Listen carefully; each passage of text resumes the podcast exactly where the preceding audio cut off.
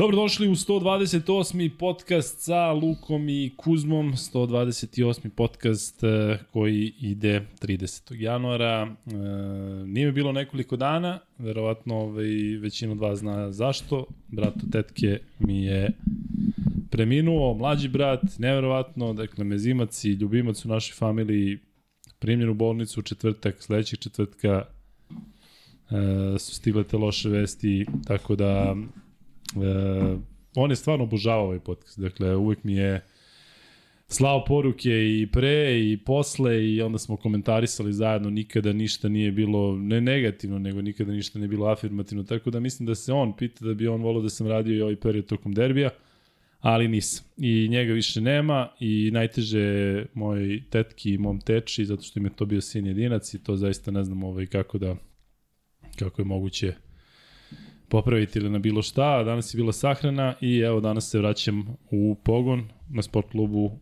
Ću početi da radimo u sredu. Hvala puno vama na svim rečima podrške, hvala puno Kuzmi koji je ovaj, ovih nekoliko dana iznao sam, hvala puno Vanji koji me je zalamenio u, u ulozi e, ovog vodiča i tako. E, Kuzma, kako je, kako je se to prošlo e, u smislu, jel sam nedostaje? Jesi, ali ovaj, nekako smo razmišljali da, da kad se budeš vratio, bit će ti prijatno da skreneš misli, pošto o, su svi koji su, koji su shvatili šta se dešava, dali onako jednu lepu podršku svemu tome i razumeli i, i imaš mnogo izjava ovaj, saučešća i nisam teo te nešto opterećujem time, ali malo te ne svako ko se javi i koga da znaš duže na, na, na, na, na YouTube-u da, je, da nas prati je ovaj, pokazao da, da je teško kada, kada se tako nešto desi. E, s druge strane, danas je 30. januar, a, 80. rođan Ksenije Kuzmanović, upravo sam sa zabave, i nje najstariji unuka, moj sin Kosta, je konstatovao da je on najbolja zabava 80, 80-godišnjaka na koje je bio. Tako da ne verujem da je bio na mnogo, ali ovaj, bilo je vrlo prijatno i o, pravo sa nje sam došao ovde, tako da uzbudljiv dan i, i u jednom drugom smislu, ali život ide dalje i tu smo da radimo ono što volimo i da se družimo sa ljudima kojih je bilo takođe u jednom velikom broju ovih dana kad nisi bio, ali ipak ja mislim da će se svi složiti, a to nije bilo to. A sad jest, sad je moment da to ponovo bude to. Jest, e, čestitke sve Kseni i e, nadamo se da će biti još jubileja i, i Nevjerovatno je zaista ovaj podcast kakvu e, ima težinu. U smislu, evo reću vam sada bukvalno moje iskustvo. Znam, znate verovatno da je i Kuzma prošao e, ozbiljan gubitak prošle godine i sećam se da kada se vratio da, da, da mu je prijelo. Ja sam recimo u ovim pauzama, zato što je bilo dosta tih tehničkih stvari koje je trebalo obaviti prethodni dan i danas je bila sahrana i sve to oko tih nekih papira i svega i svačega. Um, ali mogu vam reći da je ono najteže kada ostaneš sam sa mislima. Međutim, u tom trenutku ja se okrenem podcastu i razmišljam šta bi mogli, kako bi mogli. Znate da imamo dosta dešavanja i evo vidite da imamo i nove majice, imamo i novu garderobu, uskoro će Kuzma sve to da izađe, tako, na, na lukajkuzma.rs, lukajkuzma.rs, tako? Mm -hmm. Da. Tako da pričat ćemo i o tome, ali um, prosto je fenomenalno kako ovo zaista pomaže u teškim situacijama i sećate se verovatno vi koji pratite sa nama od početka, da je prišao jedan momak meni da mi je rekao trenutno sam u jako teškom periodu, nije mi govorio o čemu se radi, A da mu ali ovo... se videlo da je, da je nešto ljudsko, dakle da nije neki njegov trip i rekao je vaš podcast mi stvarno unosi jedan potpuni mir i mnogo mi pomaže, trenutno je onako teška situacija. I onda sam se ja našao u toj situaciji gde mi je zaista ovaj podcast i eto, nedostalo mi čak da budem sa vama. Znam da bi, da bi moj brat Miloš volao da sam da sam tu zato što, eto, oni čak imaju neke onako zanimljive komentare, stalno mi pošlje poruku, stalno mi je slava poruke da da nema ništa drugo, ne može da ga drži 3 sata da bude fokusirana da jedino podcast može, što, što je što je bilo ovaj, jako lepo. Čak nas je taj podcast i dodatno zbližio. Dakle, mi ranije smo bili u kontaktu, ali sad smo bili u svakodnevnom kontaktu, zašto smo i komentarisali sve što se dešava.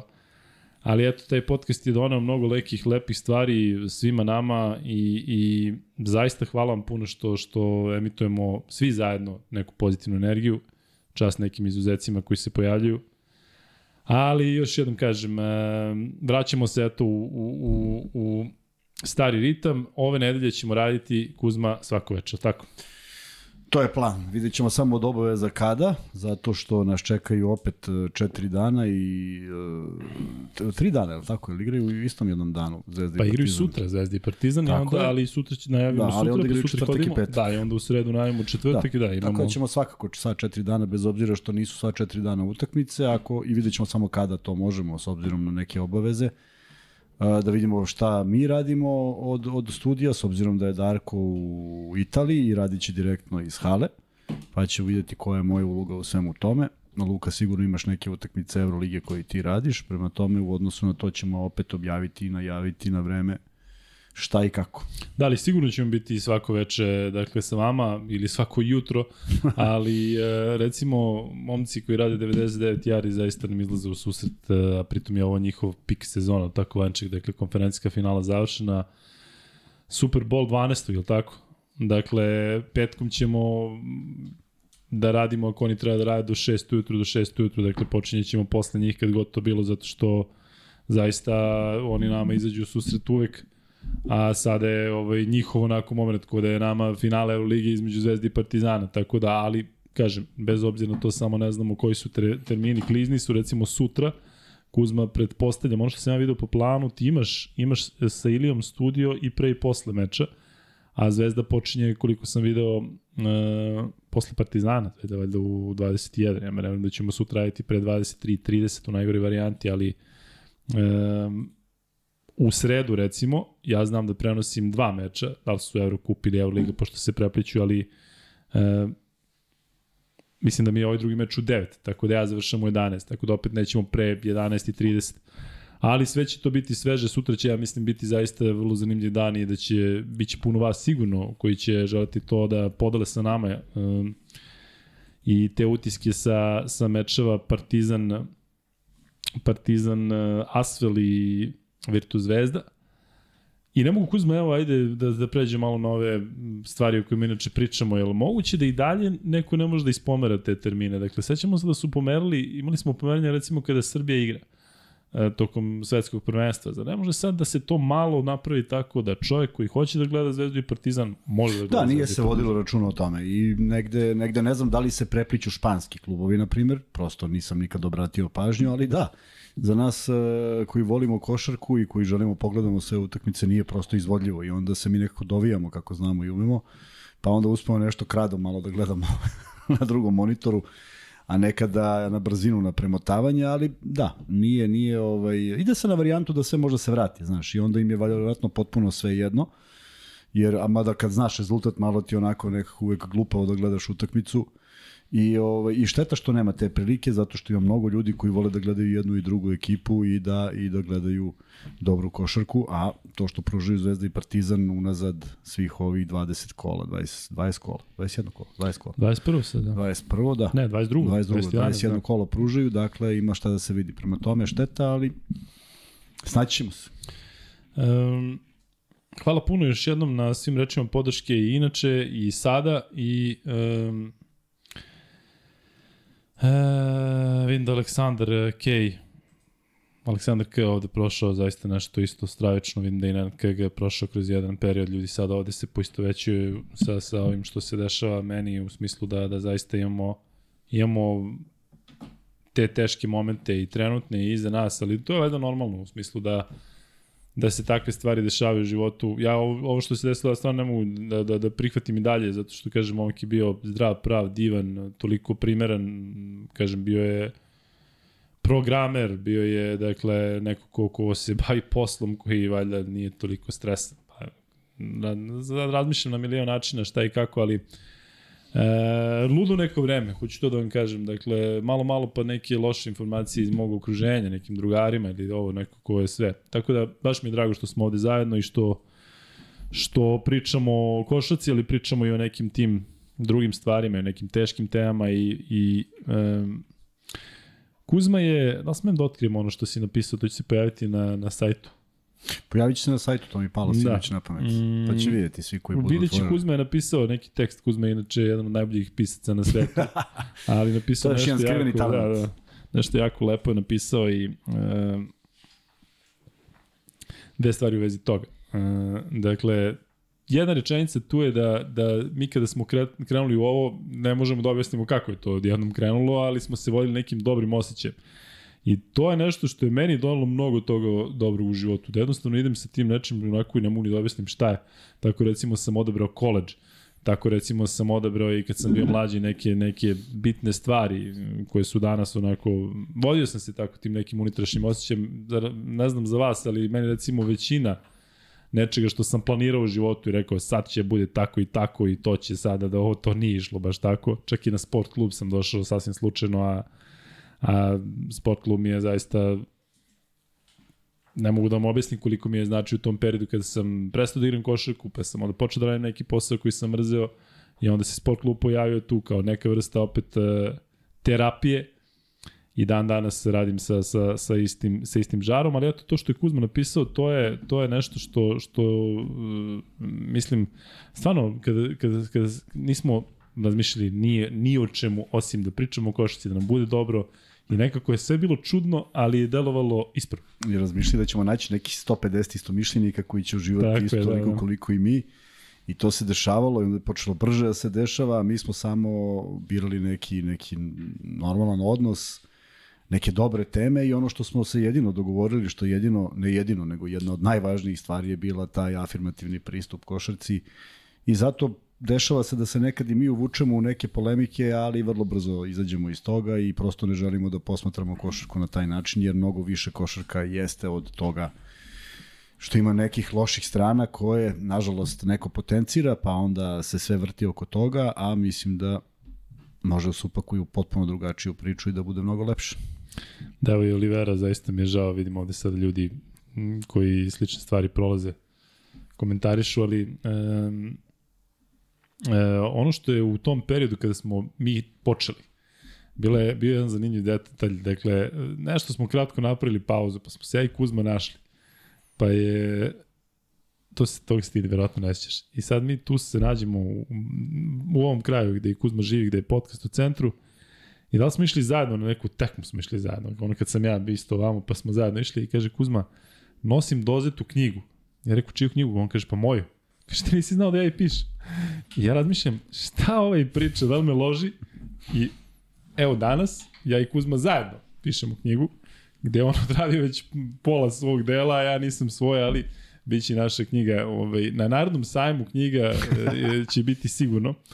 Tako da u okviru uh, ILS-a Ali ajde da krenemo, da krenemo uh, da krenemo sa ovim redovnim stvarima. Dakle, pričat ćemo naravno o ABA ligi, pričat ćemo o Euroligi i to će biti, ja mislim, i najzanimljivije to što ćemo pričati, što ćemo najaviti mečeve koji se igraju sutra, jedna od tih situacija kada Zvezda i Partizan igraju istog dana, a pričat ćemo i ABA ligi, odnosno ovom kolu koji je iza nas, ovo kolo gde su morali jedni i drugi, posle Partizan i Zvezda, dakle da, da, da onako uguraju mečeve kako znaju, umeju u taj raspored uh, kada pogledamo i prošlu nedelju i ovu, ali nešto što je ovih dana aktualno i nešto što će verovatno biti tek aktuelnije, a priča se i o kupu i o svemu, to je taj odnos e, Zvezde prema KLS-u i KSS-u, Partizana prema KSS-u i KLS-u, Zvezde i Partizana međusobno I Kuzma, ja ti moram reći da, ne, bez obzira na to što sam ovih dana možda mislimo bio negde, ali sam pratio, meni i dalje tu Mnogo ništa nije jasno. Da, ali eto, ajde konkretno, ti si bio u Košarkaškom savjezu Srbije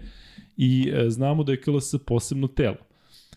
Jel moguće istoj objasniti zgradi. kako? U istoj zgradi, da. tako? Ali ima istih ljudi Ima dosta sada. misterija, ne, ne, ne. ne Znači ne, sad nisu. neki čovjek je malo ovde, a onda Nije, dođe nije, ovde se nije. On je potpuno sad tu, da, potpuno je u izdvojeno. u, u ovoj kući koške jedni Tako je, drugi. u ku- jeste. I, ovaj, I dešava se nešto što sam ja pokušao da objasnim bez tebe, u tih, u tih, u ta dva podcasta, možda samo u jednom ne mogu da se setim, ali znaš, nedostaje mi neko ko da nešto, neko novo viđenje situacije, pa sam ispričao šta sam ispričao, neću se mnogo razlikovati, ali u čemu se radi? E, imali smo ne, tih nekih nekoliko dobrih poduhvata u tom savezu dok smo radili zajedno, Igor Kočić kao predsednik i ja kao direktor mlađih selekcija. I imali smo jedan fenomenalan sastanak sa Sašom Danilovićem. I ja sam iskoristio priliku da ga pitam zašto Savez ne napravi Saveznu ligu. Deset klubova, ne više. Saveznu ligu. Obezbede sredstva od lokalne samouprave, košarka je u pitanju, ne zjapi vršac praza, znači nađeš, nađeš on, ideš po logici najveće dvorane, na primjer. I kažeš da je, kažeš svim učesnicima koji žele da uđu, da im je plaćeno to. Dakle, njima grad plaća to i to. I ovako se pare uzimaju od države, samo je pitanje ko je taj sponsor. To je moguće rasporediti tako? Mislim da nije, ali ja sad pričam. Mislim da je sve moguće. Naprimer, imaš izuzetno mala mesta čiji, čiji, futbalski, čiji ovaj, futbalski klubovi učestvuju u nekoj četvrtoj ligi, tu ode ogroman novac za to malo mesto procentualno. Da. Tako da, ajde da kažemo da je neko napravio strategiju za košarku i onda odvučeš i kažeš, e, sad će ovih 10 da učestvuje, pa kojih 10 se prijavi? Možda se ne prijavi 10 najboljih, ali neko bi se rukovodio time da su te neke stvari plaćene, a novac je uglavnom u većini slučaja ovaj, problem. A zašto sam ja to pričao? Zašto sam smatrao da Savez mora da ima ingerenciju nad ligom? Zato što mora jedna institucija kakva je Košarkaški savez Srbije, nije to neki savez, neke zemlje koja u nastajanju ili koja sad pravi prve korake u košarci, nego ozbiljna zemlja koja je ostavila dubog trag u košarci i bila nekada uzor svima, svima drugima. A, međutim, nije to prošlo, ne zato što Danilović nije hteo, nego prosto to treba neki konsenzus nekih ljudi, ali ovaj, nije prošao predlog, on je više ispičan da bi ja izgovorio, a da bi on čuo, ne zato što sam mislio da će sad neko tu nešto da, da zalegne. I sad se dešava taj jedan paradoks. Dakle, Crvena zvezda je, prvo da krenemo od, od tog početka, ja ne mogu da krenem ko je u pravu i ko je u krivu. Dakle, uopšte ko je šta uradio i koji su koraci prvi i šta je bilo 46. Otkud ja znam da 46. nije neko napravio neki loš korak, pa ovaj ga mrzio te godine. Ne znam, ne zanima me. Zanima me samo sledeće. Napravljen je preseda. Partizan je napustio ligu, ja mislim da je to preseda. Dakle, niko nikada to nije uradio. Ili niko nikada nije to uradio da ne bude kažnjen.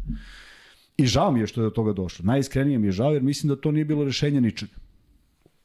I ispostavlja se da nije rešenje. Kamo sreće da jeste rešenje. I sada, naravno da sam, nisam ni očekivao da se neko oglasi, niti sam ja očekivao da sad tu krene u neku još luđu raspravu. Naprotiv, kada se tako nešto desi, mora neki autoritet da postoji koji kaže, e, ajde da se okupimo da imamo u čemu je problem. I onda se taj problem izgledi, izgledi iza, iza zatvornih vrata, ne morate nešto pretano objašnjati. Samo kažeš, konstatovali smo da, jeste, napravljene su određene greške zbog toga i toga, usaglasili smo se i sad idemo dalje, sve se vraća ruka ruci, znaš ono što, što smo kao klinci.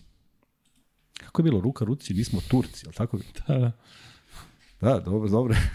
Možda nije za ovaj moment ekspanzije Turske. Ovaj je manje manje isključio i ovih posljednjih 30 sekunda. Ali to je bila klinačka fora, mm. nije nije ovaj ništa zlonamerno. Ovaj i nije bi nije se desilo ruca ruca ruci. Nego šta se desilo? Desilo se da je Zvezda uputila dopis KSS. Sad stvarno da me iskreno pitaš u kom kontekstu ne znam. Jer ja ne znam šta predstavlja Superliga, je to Liga pod Savezom, je to produžetak KLS? Očigledno nije, nego je to unija KLS i i uh, KLS i ABE. I onda oni formiraju neku tu treću ligu zasnovano na nekim plasmanima u ovoj ligi. Dakle, sve to prilično absurdno, možda jeste logično, ali ne znam da li je utemeljeno u nekim statutima, znaš, u, nekim, u nečemu u čemu bi trebalo da bude povezano. I onda dobijaš jedan, jedan odgovor koji je prekjuče izašao, ne znam da li si primetio, ili juče, Saveza koji kaže nećemo da se uvlačimo uopšte u ovu priču, sad pazi ovo, direktor KLS je doneo odluku da je Partizan registrovan za sezonu 22-23. U kojoj ligi? Ovoj koja će tek da bude. Ili ovoj koja postoji. Pošto je ono, ovo je KLS, a ono je Ono nije više KLS. Da li me razumeš šta pričam? Razumem te, ali znači, govorimo sad da se da, ne, nije jasno ništa. Ništa nije jasno. Pričamo o nekim terminima koje ne razumemo. Dakle, direktor KLS lige je dozvolio Partizanu da igra. U kom takmičenju? Dobro, jasno je da se misli na, na ono a on, a, iz čega je Partizan istupio prošle godine. Tako je. A sad to što se podudara da su jedni i drugi predstavnici tu, ali to je, to je liga koja sačinjava ligu ABA klubova, koji se na osnovu plasmana plasiraju tu i tako su i poređeni i ovi. Sve je to jako čudno, ne vidim da ima neka adresa na koju će neko da se obrati da se nešto desi, a pa onda paradoks, a kup je pod okriljem Saveza. To znači da koju god ligu da je Partizan napustio, Savez kaže da nema ingerencija da ih spreči da igraju kup, jer je liga kroz koju oni nastupaju legitimna da ih selektira za taj isti kup, koji više nije pod njima. Ali ovo što sada Zvezda potencijalno neće igrati kup, je to Zvezdin e, čin prema Savezu koji kaže mi ništa nismo krivi? Šta, šta, šta, šta je... Moguće samo pogrešna adresa. Ovi kažu, a šta nas briga? I onda si malo, onda si malo u glupoj situaciji. Mislim, možeš ti da se najutiš na savez, nije sporno, nego zanima me pravno kako je, a ja ne znam kako je regulisano, volao bi da znam, volao bi da iko zna, ne znam Ali da evo ovde zna. te pitaju Kuzma, kada se KLS odvojio od KSS? E, to ne znam tačno godina, ali pre mog dolaska još. I dakle, to čini mi se prilično, nije to godinu prilično, dve. Dakle, ja sam ušao, ja sam 2015. ušao, što znači da već nije bilo. Evo, 7, 8 godina. Dakle, ima i 10 sigurno. I ne vidim, ja, ja bih volao da vidim nešto dobro iz te ligi. Stvarno bih volao da vidim nešto dobro. Zaista. Nekog, nekog ultra talenta, nekog, neki tim koji ima drugačiju viziju, neki tim koji će da poremeti prvih pet. Ja znam da to nije lako, da, da, da treba novca, ali ajde da imamo, da imamo čemu, čemu ta liga služi. Ta neka prva B svoje vremeno imao si prvaka istog zapad pa uđu. Pa nešto urade, pa možda ispadnu odmah, ali nešto probaju. Ovde je nekako sve nedefinisano i mislim da ta liga uh, verujem da ima tamo ljudi koji imaju neku ideju, koji imaju neku želju, koji imaju neku ambiciju, da ne mogu ja da generalizujem sve to. Ali ta liga faktički postoji da su da ta liga ima neke zaposlene, svi su oni namireni, finansiraju se od nekud, imaju sponzore, to je fenomenalno zaposlenje. Uopšte nije loše. Da, pazi, e, nekako me podsjeća ovo, iako pravno to je vjerojatno potpuno drugačije, ali podsjeća me na e, tu situaciju između Euroligi i FIBA. Pa evo, Mislim da, tako da su se isto razdvojili i da Tako su tu nastali neki problemi koje niko ne Tako može je, da ne reši, može da a na reši. račun Tako svih. E sad zamisli treće takmičenje, neko nastane, kup, kup. Sad neko nazove kup. Da, sad ja i ti uzmo i kupimo kup. I kao igra se, i sad ovi jedni kažu, pa mi nećemo da igramo kup. A ovi kažu, ali mora, što moram? Da da, znači ja Da. ne znam šta ih obavezuje ili ne obavezuje. Ne kažem da nema toga. Samo ja kažem da ja ne znam i ne moram da znam, niti hoću se bavim tim. Nego hoću da kažem da je jedan status quo, e, kome god se obratiš, niko, niko nema nikakve ingerencije. I ja se slažem da ni zvezdin potez istupanje iz kupa neće doneti ništa dobro. Ali sad postavljam najhipotet, hipotet, hipotet, kako se kaže? Pitanje, hipotetički je pitanje. Krene kup i dan, svi se svi su otišli, ali tri ekipe ne dođu jer nisu mogli. Jel stvarno sme neko da ih kazni? I zašto? Samo zato što nisu došli. Pa šta? Pa evo i ovi nisu. Ili ovi nisu. Pa nisu ni oni kažnjeni. E, to ne valja. To ne valja. Ne možeš da kažnjaš naj, najslabije. U, au. Ali čekaj, Zvezda sada istupi iz kupa. I ko je taj koji bi trebalo da kazni Zvezdu? Ne sad, evo recimo, sad KLS, Partizan je iskup, istupio iz KLS-a i, i treba KLS da ga kazni nečim. Nisu Pošto, ga kaznili. pošto je kup pod ingerencijom Saveza, treba da Tako. kasni Savez. Šta misliš ti, hoće igrati Zvezda kupa? Kako ti deluje Ja, ja, vidi, ja, ja, sam, ja sam se do posljednjeg dana nadao da će Partizan igrati ligu. Zaista sam se nadao. Najsportskije. Ne da li su oni u pravu ili u krivu. Nego sam, ej, ne mogu ti objasnim kada, kada, kada, imaš, kada imaš prekid utakmice u kojoj ja učestvujem, igrač napao igrača u tunelu.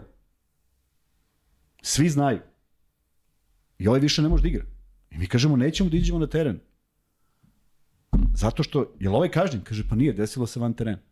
Znači, oni će igrati u kompletnom sastavu, mi igramo bez jednog najboljeg. I mi ne izađemo. Pa ne da smo kažnjeni. Ne možeš da kažeš koji, koji ne, igrači, ne, koji se timovi. ne podsjećam, ma da se ne podsjećam. Ne pričamo o, o ružnim stvarima. I mi smo kaženi jedan bod. Jer mi da se nešto drugo desilo? Ništa. Baš ništa. Šta smo mogli? Da istupimo iz lige? Pa to nema veze sa, sa, sa, sa, sa logikom, nema veze šta se desilo, a kamoli sa nekim pravilima ili nepravilima. Prema tome, bio sam u klubovima koji su bili na vrhu, bio sam u klubovima koji to nisu bili, ovde osetiš ozbiljnu nepravdu, ne možeš ništa da uradiš, a možda istupiš iz lige. Ali bojim se da bi to istupanje bilo uhahaj propraćeno bez nekih e, blagonaklonosti. Prema tome, taj presedan može da vodi, čim, čim otvoriš tako nešto, to može da vodi u... Svako će onda imati pravo da te pita zašto. Ja, ja, ja sam zaista mislio da i kad se desilo, I da potpuno, ne, ne mogu kažem potpuno nevažno, ajde da ne bude da, diskreditujem e, prvenstvo Srbije u toj ligi, da, da, da, da nije važno. Nije važno zato što ne vodi nikuda, važno je zbog nekog prestiža.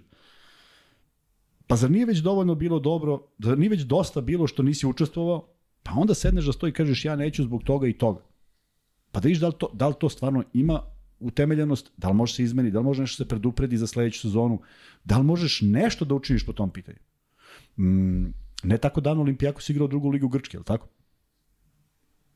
Mislim, Dobro, dešavalo se u profesionalnom sportu i da Juventus prebačio u drugu ligu, dešavalo okay. se sve i svašta. Pa šta je onda problem? Sad je pitanje, šta je onda problem?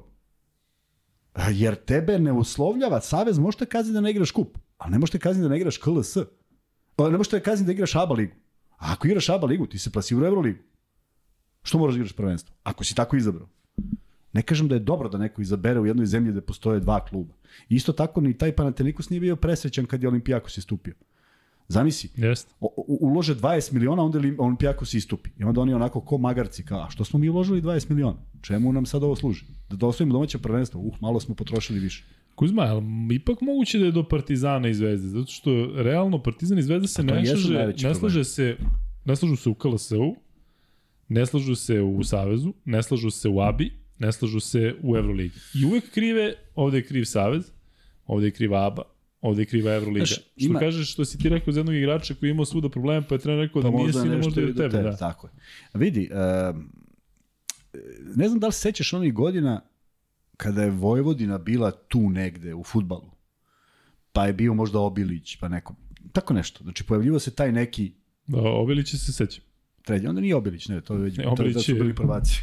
da, da, Obilić. ne, ne, neki, neki klub koji su... I Zvezda igrala nerešeno, Partizan igrao nerešeno. I naslovi u novinama. Kaže, svi su protiv nas. Jedni, a ovi drugi kaže, ovo nema nigde. Pa, ali ja sad, ono, naj, ono naj, najbolje pitanje, a za koga rade? Da. Ko je taj treći? Javor iz Ivanjice kao njega protežiraju. Koga? Koga? I stalno je spin. I stalno je, a navijači čitaju ovako. Čitaju ovde šta piše, u stvari ne čitaju šta piše ovde, nego čitaju ovde. I kontra. Samo ono što te, što te zanima kod, kod komšije i kako se on žali.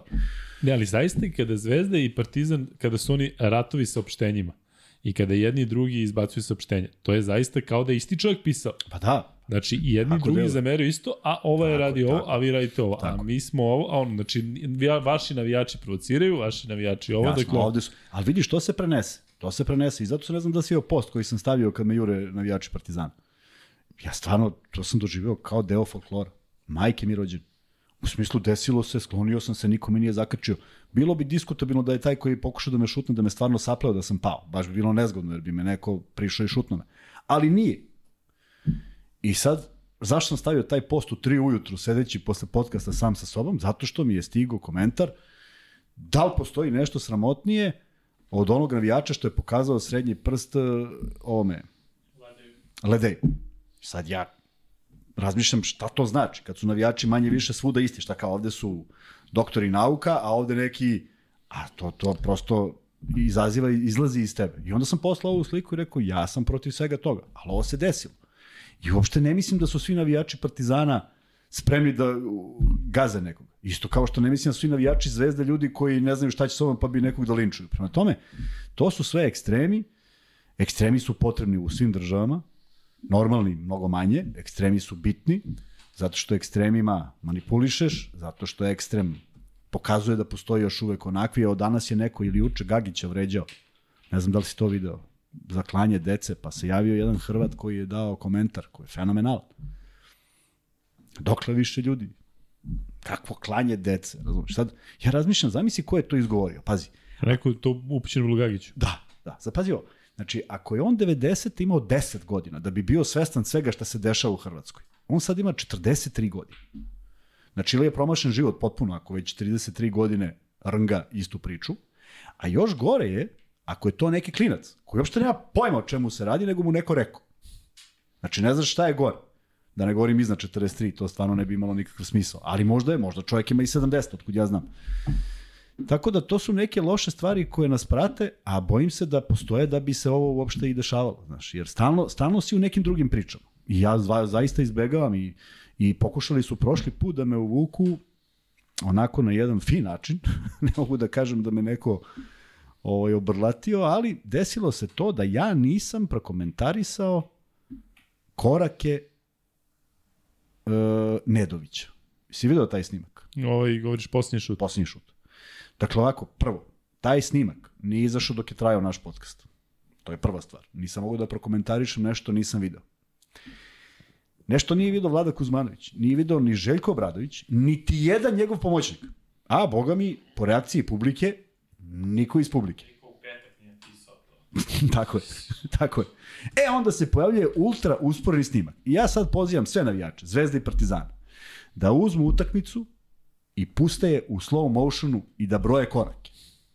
Svako uručenje su koraci iz mog vremena. Apsolutno svako. To je prva stvar. A druga stvar, kad, kad centar primi loptu, obratite pažnju pre prvog driblinga kad poskoči. To je duplo. 99% puta poskoči po inerciji. Jel zamisli da gledamo to tako? Pa 18 sati bi trajala utakmica. A mi smo imali pokojnog sudiju Ljucu koji je tako svirao korake. Pa zamisli 95. BFC Železnik 2 sata i 20 minuta traje utakmica. Da, priča si sve su koraci. Tako. Sve su koraci. I prosto, prosto preostaje ti samo da se dodaješ. Kao, Kao vezenko, blago, bez driblinga. bez driblinga. Da. E, Kuzma, Hajde sada još jedna stvar e, u vezi tog... tu. Da, e, u vezi... Vanja, možda staviš pol, da vidimo šta ljudi misle, da li će Zvezda igrati u kupu ili ne. Dakle, ne da li treba, nećemo sada mi da se ovde određujemo, niti tražimo to od vas, ali da, da vidimo da li e, mislite. E, prva stvar, e, ono što se meni ne dopada, to je što je i taj... E, što je ovaj nedolazak zvezdinog predstavnika na, na ovo što je organizovano, što se tiče žeb, žeba kupa, I mislim da je to loš znak. Ako se sećaš i Partizan je nešto imao pre nego što su odlučili, dakle dali su neki, da kažem, e, javili su da, da postoji mogućnost da ne igraju KLS i nisu igrali. Tako da sam prilično skeptičan da će Zvezda igrati u kupu. Ali da li to recimo može da bude i deo neke taktike u smislu da ipak ti u tom periodu odmaraš u jednoj katastrofalnoj sezoni i nemaš možda da se okreneš trenizima, a druga stvar, e, što se tiče što se tiče samo kupa i KLS-a, ti ta takmičenja u praksi ne donose ništa osim trofeja koji ide u riznicu i negde se broje Partizanu ovoj zvezdi, li tako? Da Jeste, ali mi, smo, ali mi smo ga malo bagatelisali. Tako je, ali da tu postoji nešto konkretno, da sad neko Pa ne dobije postoji ni milion, kup kralja, ne postoji ni u kupu kralja. Samo ne je postoji li tamo kup kralja i tamo neko da ne igra, doći ti kralj na vrata. Ali e, posebno, posebno zamisli Re- madridski Real da ne igra, da, da ne igra to. Da. Ali, Katalonci e, možda pa i mogu da Tako, ne, pa zamisli oni da urede, bilo bi odmah ko zna šta je bilo, viš da tamo se svašta dešava, ali um, Ali hoću kažem, nije ne vodi više kao nekada kup kupova. Onda je imao apsolutno smisao. ali da ima se- smisao, da li bi onda bili jedni drugi tako lagano rekli mi nećemo da igramo ovo, mi Ne nećemo bi, da igramo ne ovo. bi, naravno. Ovo je pitanje prestiža. I Pa- sad ti kažeš, baš me briga, ali ja ću... Ne... Ali vidi, ja razumem, baš me briga, sad ću da poentiram. Pa je spoentirao. Jel Partizanov izlazak? Ili Zvezdin eventualni dolazak? Hoće to biti poen neki? Da, ali oni e, gledaju da iz toga izvuku nešto dobro. Pa evo, Partizan je rekao, igrači su nam umorni, biće, biće incidenta, nećemo zato da igramo. dobro. A Zvezda sada, recimo, ako ne igra kup, stvarno će imati period da se potpuno okrene završnici Euroligi i završnici ABA lige. mogu da istupe iz KLS. Bez razmišljanja. Da uopšte ne igraju to. I kažu, vidi ovo, Burazaru liga se završava sa 21. majem.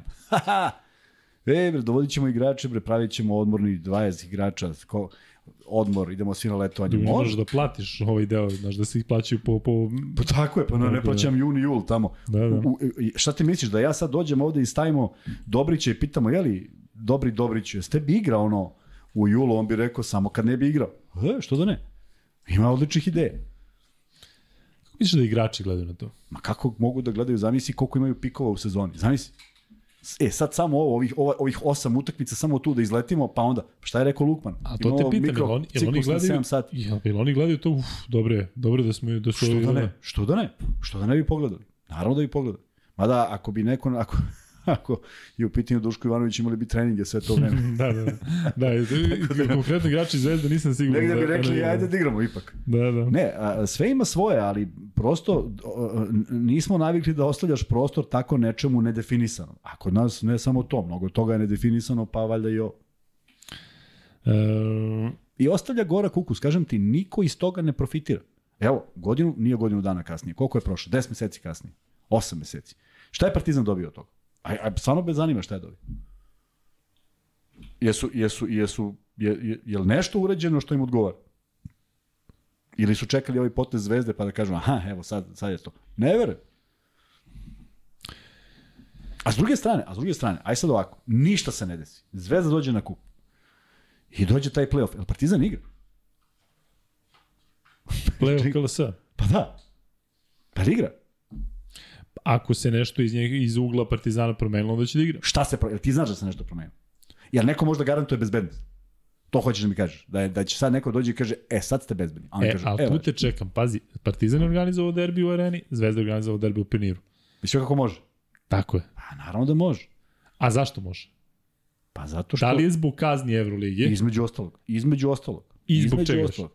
Ne, ne, ne, ne verujem da se rodio neki respekt i da su rekli, je sada mi da pokažemo kako ipak možemo. Da ti kažem jednu stvar. Šta je, stvarno, koje je objašnjenje osim toga da, da ne postoji strah da te Evroliga nesecne Pa još? jeste, pa, sa- sa- ovde, zato što, pa, to i kažem, koja je kazna ovde? Kazna onog momenta kad si stupio iz lige. 28 godina si suspendovan. Pa preinači u dva meseca, nije sporno, ali daj neku kaznu. Daj nešto, da bi neko imao nekakav strah. Nema, ga. Znaju, oni svi znaju da se to neće desiti. A ja sada voleo bi da mi odgovore svi koji su bili na derbiju. Da li je prijalo, znači samo da li je prijalo u nekoj, u nekoj celokupnoj priči tih 400 tamo? Govoriš i na jednom i na drugom derbiju. Tako. Pa da, tih 400 tamo ili ovamo. Da li je to, da li je to izvalo neku dobru, dobru emociju? Nema veze koliko je ona eksplozivna, nego da li je to to? Pa čak i to nadjačavanje i jedno i Upravo, drugo. pa upravo, pa to ima fo, pa da- daj, daj tih 400, daj ih 600, daj ih 1000, da bude još, još luđe. Ali daj nam i tamo, nije problem, daj nam i tamo. I onda će svi da se vesele. Ja mislim da će to biti bolji nabor. I sad hoćeš da mi kažeš da, i naravno da je bilo obezbeđenje nenormalno, je li tako? I pričao je neki tu koji je došao iz, iz Litvanije, ne, ne zna čovjek, kaže mi imamo tri policajca na derbiju. ne zna šta se dešava, da li je, da li je ono prevrat neki puč, policija na ulicama. Ali ovaj, tako izgleda. Ti si imao smanjen kapacitet za jedno 400-500 mesta jer je trebalo obezbediti tampon zonu napraviti. Ali je opet bilo dobro.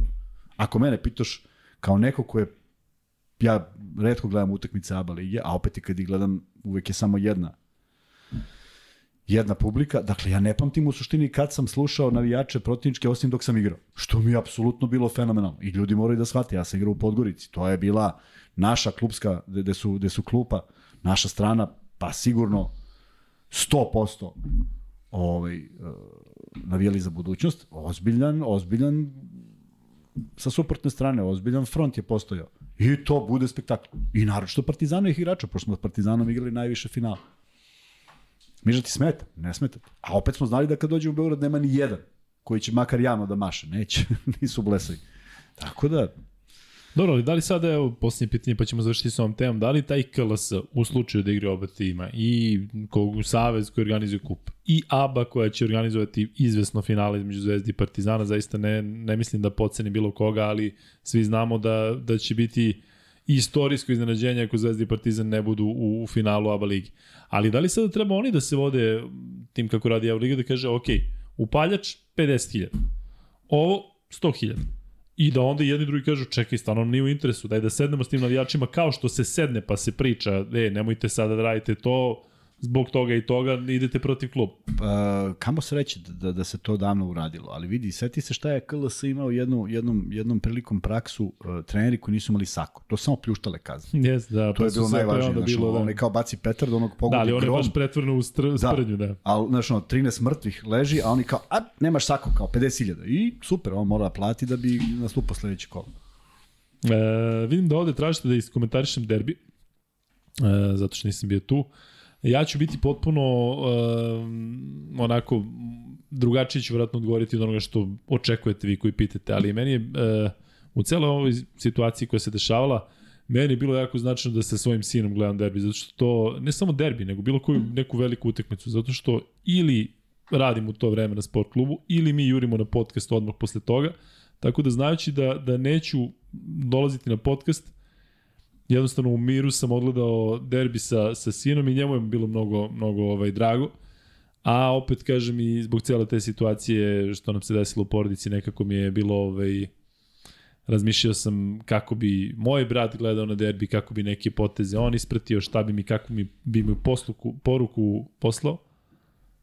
Ovaj, tako da, da sa te strane, e, mislim da generalno vi znate kome sam ja naklonjen, mislim da je dobro da je 1-1.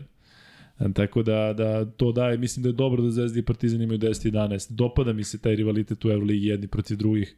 E, i, i vidite koliko odlučuje nijanse. Ovde neko takođe traži da prokomentarišem odnos e, FNP-a i Zvezde i tih e, već koliko nula u korist e, Zvezde. I opet ću vjerojatno dati odgovor koji nije popularan, pa će neki od vas da, da drugačije reaguju. Zamislite da, da FNP pobedi Zvezdu. Kako bi onda reagovali, recimo, navijači Partizana? Aha, evo, pušteno je namerno zato da bi sada bilo ovo. Dakle, pričalo bi se priče u jednoj i u drugoj situaciji, tako da uh, ono što je meni, možda će možda takođe izgledati čudno, meni je drago da je Zvezda bolja. Mene, ovaj Kuzma, ti mi reci, je Zvezda stvarno, mislim, realno, sa ovakvim igračem, e, igračima, od kad ti pratiš Zvezdu Euroligi, ovo je stvarno nešto drugačije. Apsolutno. Da, a i videli ste ovde, bili su i Jenkins, bio je i trener FNP Nenad Stefanović, FNP je takođe bolji nego ikad, ali ta razlika između Zvezde i FNP je opet takva kakva je bila i ranije, kada su jedni i drugi možda bili na nekom manjem nivou što se tiče kvaliteta. Ali ono što bih ja iskreno volao da vidim, a što smo ovde čak i počeli temu kada je bio e, Nenad Gost, to je da FNP, oni pričaju kako su razmišljali o tome, o Evrokupu kao takmičenju. Žao mi je što FNP nije igrao Fibinu ligu šampiona. Znate da im je falilo, falilo im je jedan posed. Realno malo im je falilo u tom meču protiv uh, onih Buckenbersa izvesnih. Ali ja bih iskreno volao da imamo e, jedan klub u Evrokupu. I zaista ne svetam one koji ne bi voleli da to bude jedan klub. Ne, ne, u, u Evrokupu. Znaš da, su, da je on ovde govorio da se razmišljalo i o da. Evrokupu.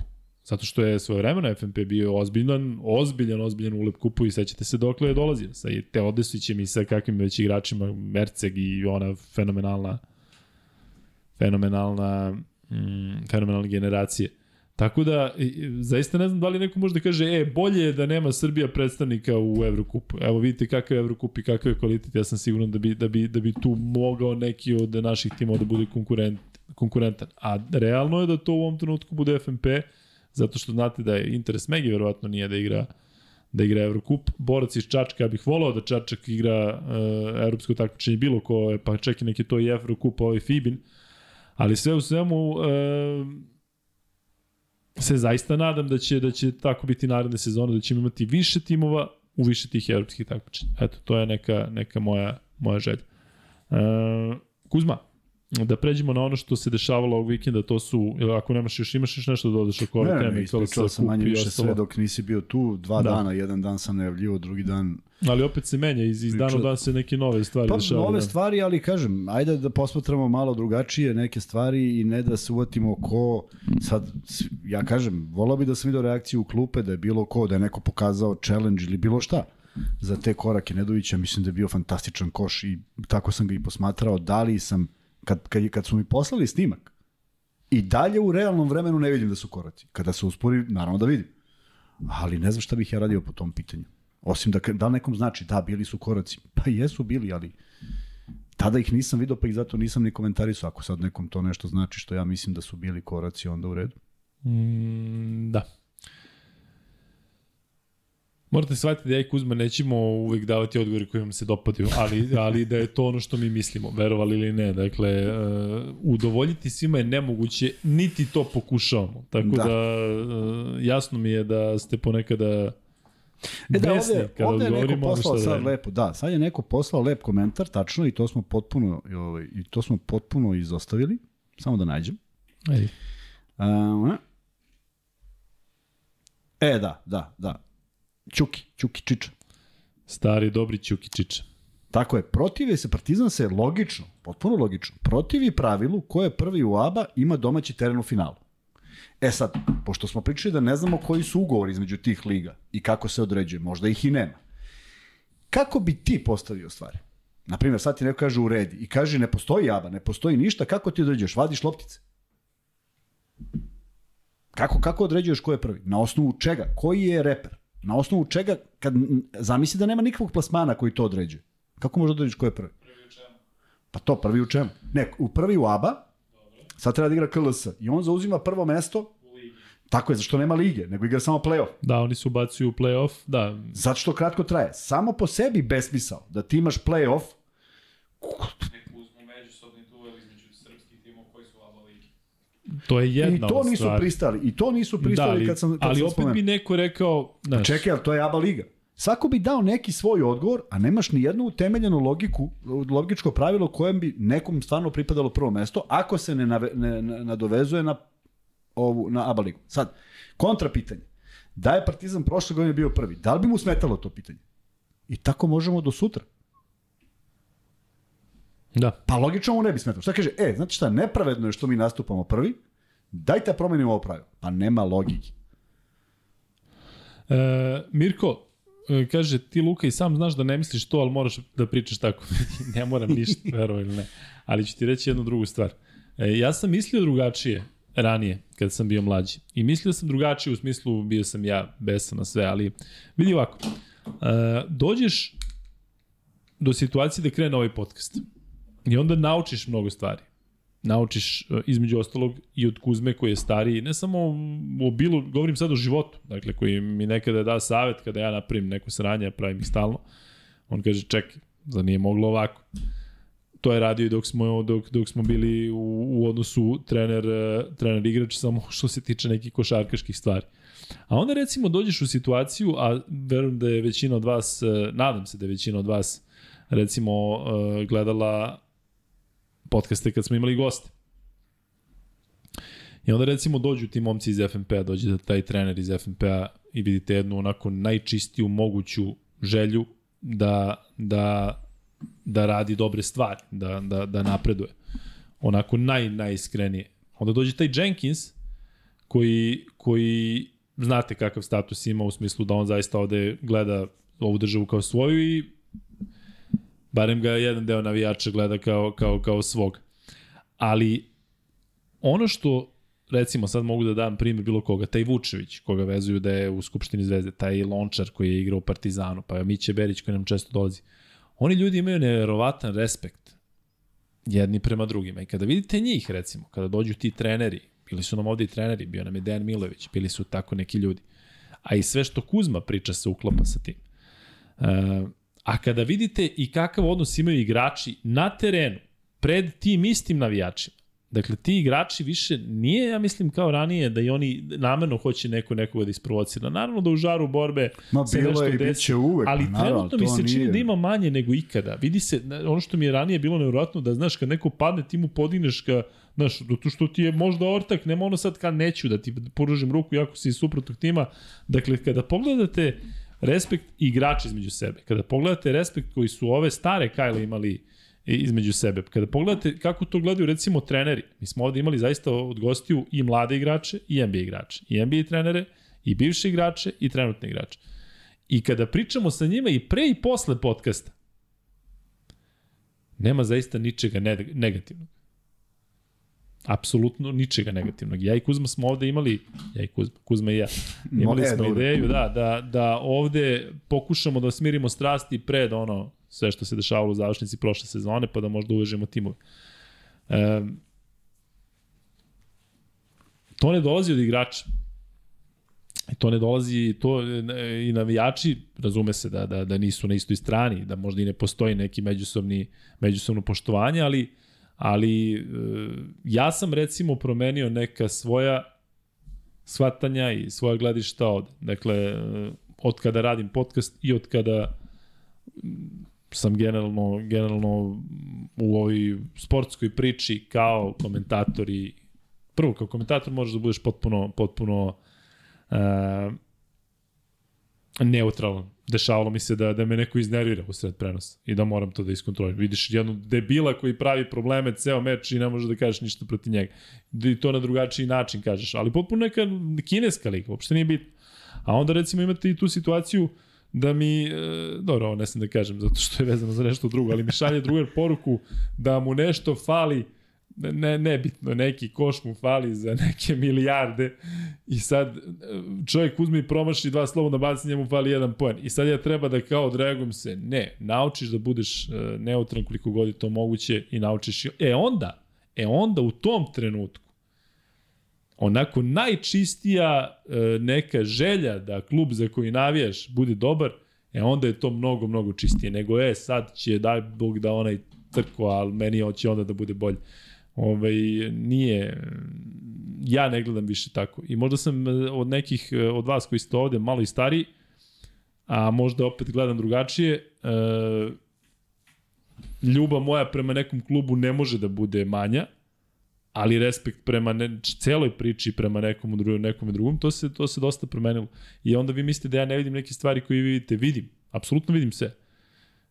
I vidimo generalno, samo drugačije gledamo na to.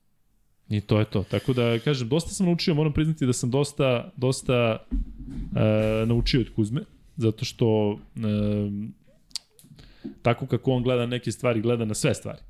I, i kažem, dosta nisam verovao da ću imati tako neko, zato što sam ja obično bio takav da ne, ne slušam nikoga, ne, ne, ne, ali jednostavno, onako, pamtim neke stvari koje mi je rekao, ispostavilo se da je, da je bio u pravu u većini stvari nije, nije za, za Dončića nije bio u pravu, možda se vratimo na tu, na tu, na tu temu, ali, e, kažem, mnogo je lepše navijeti za klub koji voliš kada nemaš negativne emocije prema bilo kome drugom.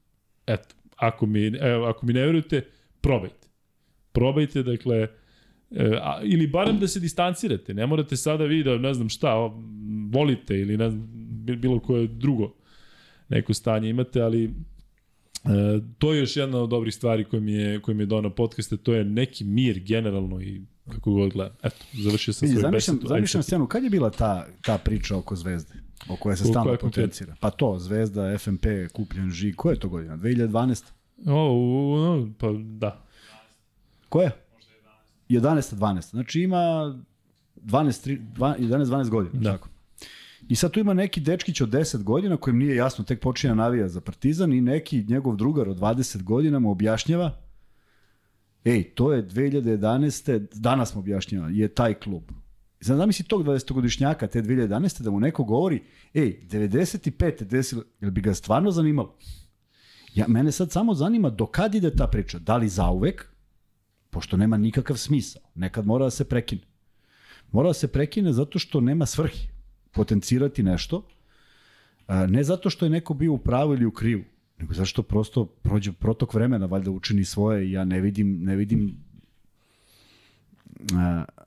kako izaći iz toga ako neko ne prestane da priča o tome i da to bude ovaj izvor svih diskusija. Možete nastaviti, ali ja ne vidim ništa dobro u tome.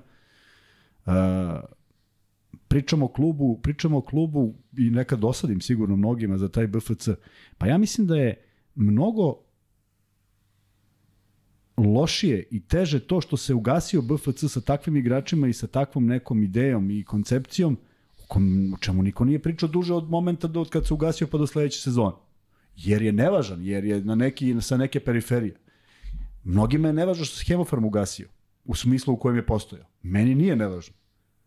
Zato što je to bio jedan izuzetan klub. Mnogi ne primećuju osim onih lojalnih Beobanci da je Beobanka postojala. Pa znaš ti koliko je taj liga bila drugačija kada je postojao taj klub? Ja, većina klubova u kojima si ti ostaju pa trag. To sve sam ugasio, ja sam sve to gasio. Kako, ti Kako odeš, ja odem? Ko me otpusti?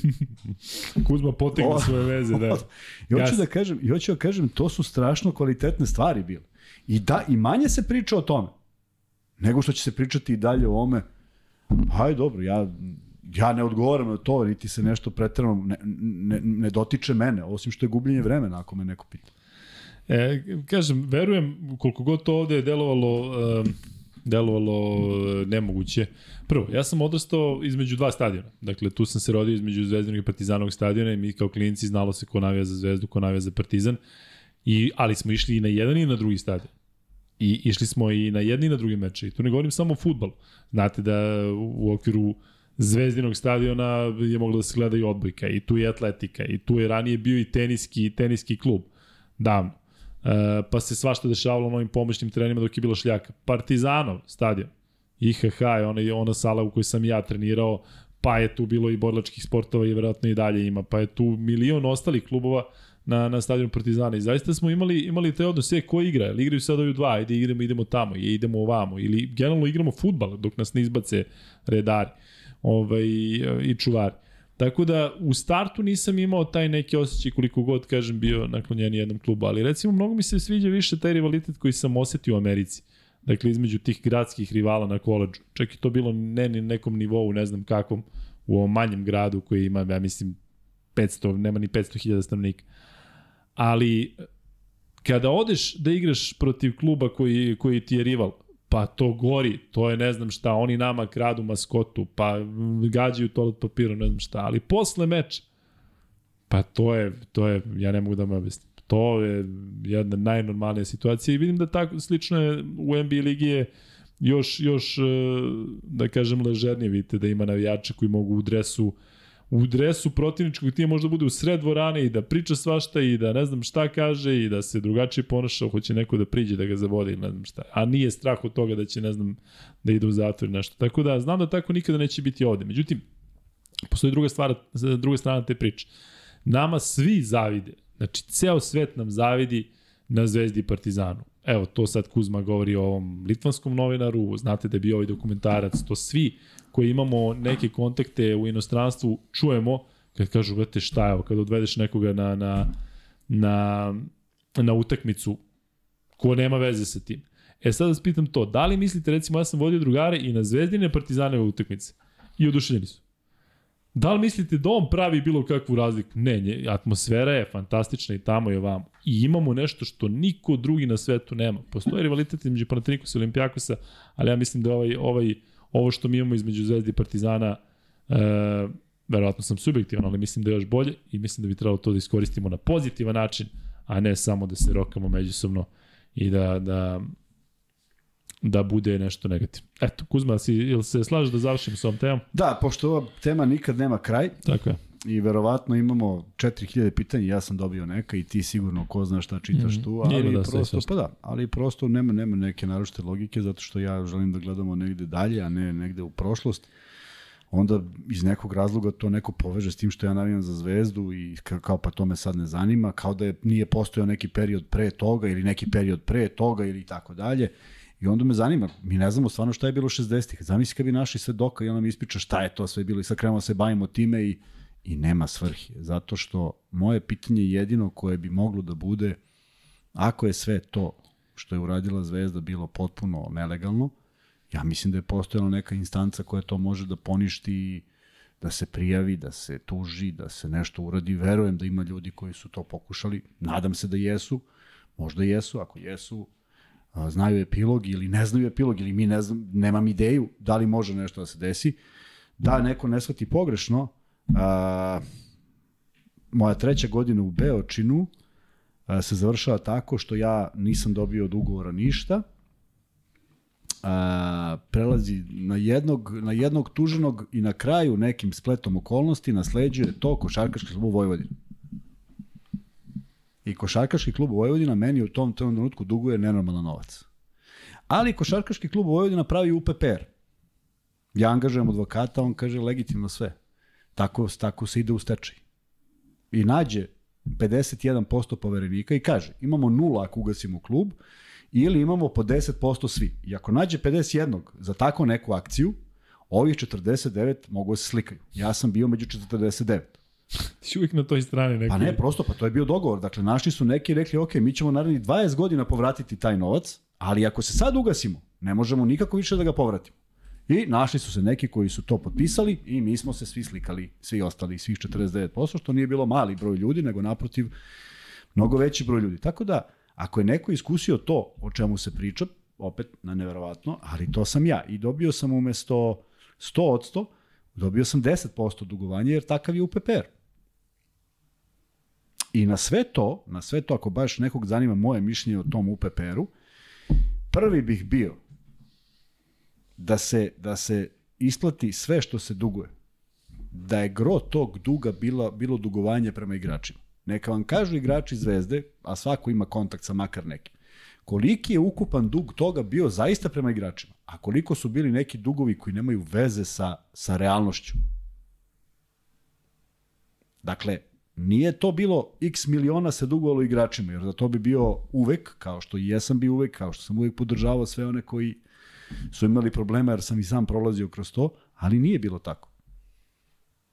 za spas nečega, mislim da su potrebne bilo kakve mere, ukoliko su legalne. Ja ne znam da li je to legalno, samo znam šta sam ja iskusio i kako sam ostao bez 90% zarade, zato što je to zakon tako kazao. I ne zato što ima loše advokate, nego zato što je to tako zakon kazao. Ne brini, nadoknadit ćemo mi u ovom Pa evo već polako, već smo na 0,1. Ma da. e, Vanček, možda ugasiš ovaj pol. Dakle, da li mislite da će Zvezda igrati kup? Šta misliš, Kuzma, koji je odnos? 1100 glasova je. 1100 glasova. 82% kaže da hoće. O 79% kaže da, 20% kaže ne. Svi kako sam bio blizu. Pa da, zato što tu pratiš na... Ma, jeste, malo slučajno. I namjerno kao da ne kažem baš 79 da me ne bi provalili, To je nego neverovatno. 82. Ja se E, nadam da si se sad šalio. Da, ima onih koji misle da se ne šalim. Da. Um, prelazimo na ABA ligu. Dakle, mečevi koji su odigrani u petak. Već. E, Zadar Borac, e, to si prokomentarisao sa tim Nisam, što se nisam dešavalo oko prokomentarisao, ali si nisam, govorio, da, da. Ali mi je mnogo strašnije od svega toga što će ovaj momak napustiti Zadar. Što je katastrofa. Dakle, još jedan igrač, mi pričamo o Zadru kao nečem drugačijem ove godine, stabilan, Božić, P- Perjanica igraju dobro i paf, dečko odlazi iz, iz Zadra. Pa dobro, e, Ne, ne, on ne odlazi zato što on želi da ode i zato što je dobio dobru ponudu. Nije to jedan od razloga. Razlog je što opet nema novca. Znači, opet je jedan klub ABA lige ušao u sezonu bez garancija nekakvih, na otprilike, i šta sad?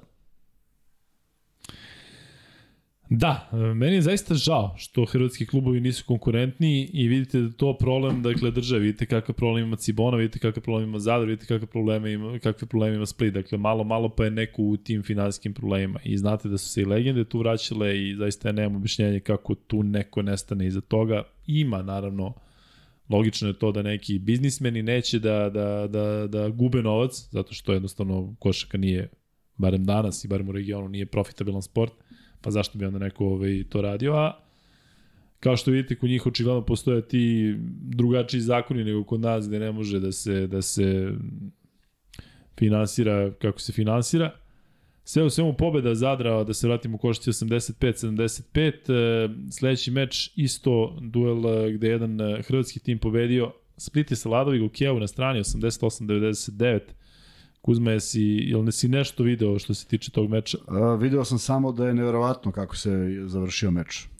Da, čini se da Vlada Ivanović stvarno nema sreće. Nešto. Ne znam sad više da li nema sreće, sad ovo neke stvari se ponavljaju. Ne, ne, ali Zaista sad čak i da je ne znam šta, ali ne, ne, ne nekako kao ne da ide, baš nešto neka ne, kletva. nešto da, ne ide, ono, tako je, nešto ne ide apsolutno. Ili je to drugo što ja ne verujem da možda čovjek nije, Da. nije dobar, ali nešto mi ne U svakom slučaju neverovatan poraz, opet velika pobeda Splita, onda još jedna velika sad konfuzija za to sedmo i osmo mesto, gde će gde sad postaje slično ne, nečemu u Euroligi, a samo devet kola, dakle nema više tu sad nekih e, kikseva koji mogu da se nadoknade, iako i dalje veliki broj ekipa konkuriše, naročito zašto nisu odigrane sve utakmice, pa ne možda povataš ko s kim još nije, tako da će neki imati utakmicu više i onda će biti zaista gungula ko će ući u taj playoff, a mislim da playoff mora da bude prestiž za ovu sezonu iz prostog razloga što, eto, nešto si uradio u ovoj sezoni, drugačija forma takmičenja, produžavaš sezonu, što nekako nama je uvek bio san da je produžimo, ne da traje što kraće,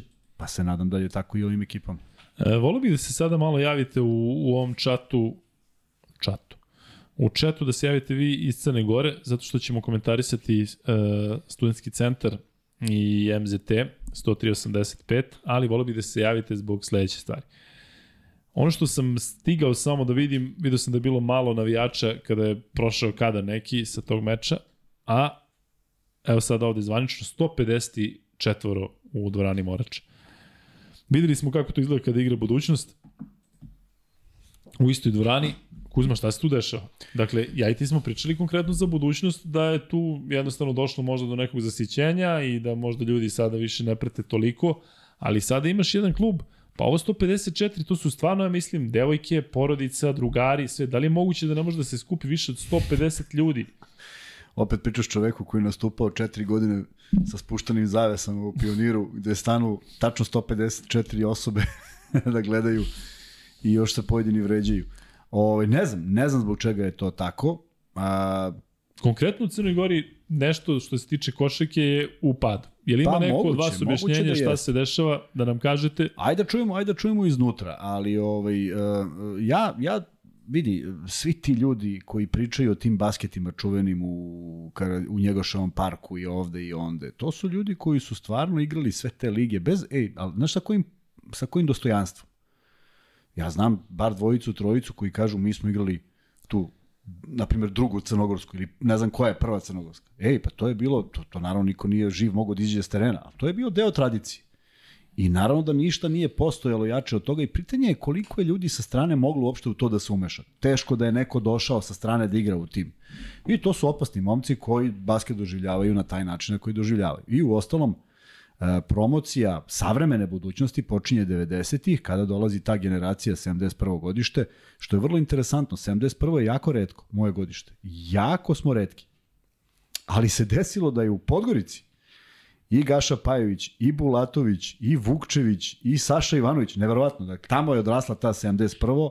Ne znam da li nas ima još pet ukupno, koji smo odigrali neku, neku, neku karijeru u prvoj ligi, i Vlada Šćepanović kao najmlađi. I sad zamisli ko tamo igra, tako? Sve su crnogorski igrači. I ti faktički nemaš do nekog Zorana Jovanovića 97. 8.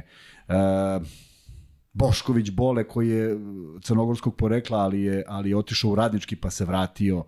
Željko Topalović koji dolazi 98-99 sezoni pa osvaja bez, bez ovoga, osvaja titulu bez play-offa. Dakle, bilo je na prste jedne ruke da, da, da naboriš, onda se dešava ta godina kada ipak mnogo više nas odlazi i gasi se ta generacija. A nije isplivala nova. Nije isplivala nova. Hiljadu je razloga zašto nije isplivala i šteta je što nije isplivala jer je talenata bilo nenormalan broj u svakom klubu ali jednostavno nije se niko vezao za te ljude. Jer tamo su Podgoričani nekako posebni. Oni se vežu za svoje i oni kažu, mi smo se družili sa ljudima koji kažu, pa kaže, mi više volimo kad igramo, igraju naši nego vi stranci, slušaj. Ja kažem, na koga misliš konkretno? Pa kaže, na vas. A naša drugarica nije uopšte neko sa strane pa navijač. Nego jednostavno oni vole da igra tu neko. Ja kažem, dobro, čak i da, čak i da 12 domaćih gubi, da kaže. Čak i da 12 domaćih gubi. Tako da ima tu nekih čudnih pri- pristupa svemu tome, ali otišlo se u krajnost. Nema faktički ni jednog igrača za kojeg možeš da se uhvatiš i da kažeš taj Saša Ivanović. Pa prvo nisi mogao da ga ne vidiš po pojavi, pa onda ne znam, dobije pare pa potroši na kola, ali on je pojava. I onda sve oči uprte u njega. Gaša Pajovića su znali, Gaša Pajović igra u Bosni, to ljudi ne znaju u 90. godina. Nije on slučajno se pojavio u Bosni. Gaša Pajović i Saša Ivanović se pojavili na treningu Partizana kod profesora Nikolića i Željka Obradovića. Nije slučajno što se pojavili tamo. Ali to su bili neki nosioci, novi, novi nosioci neke generacije koja, nažalost, u Crnoj Gori se ne ponavlja. Makar se ne ponavlja u Podgorici. I ti sad imaš jedan paradoks da imaš dva ili tri crnogorca koji su autohtoni, koji su iz Podgorice, u klubu u kojem kad sam ja bio imaš juniorski pogon i pitaš se da li je ovo moguće da, da je na jedno mesto. E, pitali su te ovde nešto što je jako zanimljivo, pošto si govorio gde sve nisi primao novac, odnosno gde su ti sve dugovali u Srbiji. Kako si prolazio u inostranstvu? Na ove tri lokacije, tako Belgija, Rumunija... Belgija, ljudi, pa Belgija ne možeš da... Da, Da, da, ovde je baš neko konkretno pitao za Belgiju. U Belgiji daju unapred, tako? Belgija ti stigne ček, sad parafraziram naravno, ali ako ti stigne ček, ispisano je sve šta košta i ti, na primjer, koštaš 10.000 evra. I ček ti je na 10 i pokažu ti da su 10 i 280 dodatno platili sve dažbine države. I to ti je nešto čime se vraćaš kući. Jer to ti je za vijek i vijekov da, si, da je plaćen porez. Znači, mi smo, igrač od 10.000, je koštao jednu ekipu 20.000 i kusur. Ali to je sve prvog, tu nema greške. Grčka, Grčka kažu u Grčkoj kad si avrio, to jest sutra, fenomenalan si. Međutim, ja sam ušao u met avrio fazu, to ti je preko sutra i onda, naravno, naravno da kad klub... Čekaj, šta je? Pa u Grčkoj, ja mislim da niko nikad nije naplatio ništa. Nije, ne, ne. Ne, A ne, šta, je- ništa, šta ne, se ništa. dešava tamo? Pa samo nema. Šta je Grčka u krizi, da? Pa ne, samo kažu, ba, nema. Ma da, tuži, ma može tužiš. Uga se klub dok si rekao keks, promeni se sve i ništa. Mislim, nikad, nikad ništa pametno. Ali si gospodin ako ne tužiš. Ti si gospodin, ne kaže oni tamo, ti si gospodin. A Rumunija? A Rumunija, divan gazda, ovaj, mlad, ja u tom trenutku 34, on 28. Obožava košarku, ima dovoljno para i kreće da pravi ekipu i mi mu se stvarno revanširamo na, na, na sve moguće načine. Dakle, prvaci kupa, prvaci Rumunije, što i nije možda bio neki težak zadatak, ali prvak Euro Challenge kupa niko nije mogao da sanja. Imamo respektabilnu ekipu, ali opet ni to ne možeš da, da računaš zdravo za gotovo. Tako da je tamo isplaćeno apsolutno sve i više od onog posljednjeg centa, jer e, te zabave koje su pravili, pazi, ništa to nije nešto da kažeš sad spektakularno, ali sa toliko emocije, da smo se mi tamo osjećali zaista kod kuće. Čak i muzika vrlo slična, znaš. Tako da od tri, od tri zemlje dve sam dobro prošao. Da, ima ovde... A jedini klub... Čekaj, to su te tri zemlje. Nisi igrao ni u jednoj i drugoj. Tri, tri, da. da. Tri, dva znači. A jedini klub koji me zaista isplatio... Budućnost. Ne. Zvezda. Eto ti. A to je bilo u posliju dobro sezonu, tako? ne, nisam upao sam u dobrih 30 sekundi u jednom momentu, u jednom danu. I izgovorio samo jednu rečenicu i to se desilo. Si pretio nešto? Ne. Naprotiv. si rekao, naprotiv. sutra ako ne to je, bude. To je za neku knjigu, kako, kako, ovaj, kako ti se poklope neke kockice, kako se pojaviš na nekom mestu iako nisi želeo i kako izgovoriš nešto što ti prvo palo na pamet. A u budućnosti kako I je bilo? Tajna, Izvini. U budućnosti je bilo super, sve je bilo naravno na vreme, međutim ja sam imao taj teret uh, da je neko uspeo da falsifikuje moj ugovor za Beobanku. Evo, to isto niko ne zna i sad šta radiš? A, a kad, kreću, kad krene neko da me pita šta mislim o Savezu ili tako dalje. Dakle, ja sam imao ugovor na godinu dana. Počinje bombardovanje, 98. i liga se završava naprasno 99. U aprilu, bez play-offa. I Darko Ruso, čovjek koji je trener, kaže, momci, koji ima ugovor za sledeću sezonu, vidimo se za šest dana, ko nema, slobodan. Ja nemam ugovor za sledeću sezonu. Međutim, napravi neku ugovor. I odnese ga arbitražnoj komisiji KSS. I šta donese arbitraža odluku? 3-2 u korist Beobanke. I ja imam obeštećenje. Tako da iz tog razloga ja nisam dobio sav novac u budućnosti jer sam morao da vratim obeštećenje koje su oni platili za mene. Ovo kada ispričaš delo je potpuno nadrealno, je li tako? I sad, kad mi neko kaže da mi i danas smetaju prava koje igrači imaju, ne zašto mi nismo imali prava, nego zašto sad kontraproduktivni. A zamisli tada koliko nisi imao prava. Dakle, neko je tamo zaseo i rekao 3-2. Na osnovu čega? Na osnovu, ja i ti ovo možemo napišemo, potpišemo se i oni svi kažu, aha, njegov potpis i to je to. Ja hteo da tužim Savez.